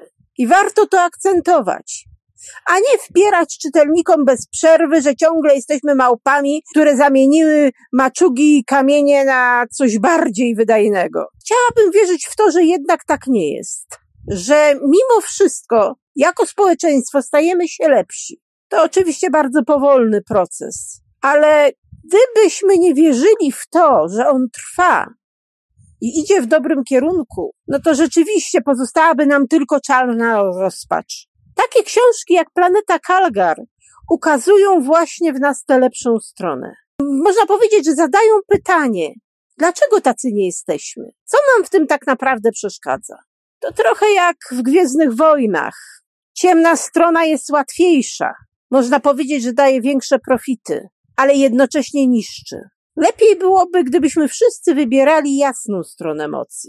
Właśnie tą jasną stroną przesiągnięta jest książka sympatycznego Francuza. Chociaż w tej chwili, tak jak powiedziałam, jest już w zasadzie prawie że zapomniana. Warto ponownie po nią sięgnąć. Do czego szczerze zachęcam. Żegna się z wami Luiza Ewiwa Dobrzyńska. Tak, proszę Państwa, nie da się ukryć, że to już koniec Bibliotekarium 2.0. No cóż, a za tydzień, a za tydzień zapraszam oczywiście na kolejny Bibliotekarium 2.0, a w nim mamy spotkanie z Krzysztofem Kiecmanem, tłumaczem, tak, tłumaczem między innymi książek ze świata Star Wars, ale też znakomitym znawcą tego uniwersum. Co ważne, Krzysztof jest też wydawcą. Jego Krzysztof Zin jest pozycją cenioną i rozpoznawalną wśród fanów fantastyki. Może zainteresuje również kogoś z Państwa, bo Krzysztof Zin to kolejne miejsce, do którego można słać swoje opowiadania. A teraz już pięknie, pięknie Państwu dziękuję. Do usłyszenia za tydzień w kolejnym bibliotekarium. A mówi to słowa do Państwa jak zawsze gospodarz AWF Marek Żelkowski, audycję jak zawsze od strony technicznej obsługiwał Marek Sangiewelios, Radio Paranormalium i Bóg Radio. Dziękuję za uwagę, dobranoc i do usłyszenia ponownie już za tydzień. Archiwalne odcinki Bibliotekarium 2.0 znajdziesz w archiwach podcastów Radia Paranormalium i Bóg Radia.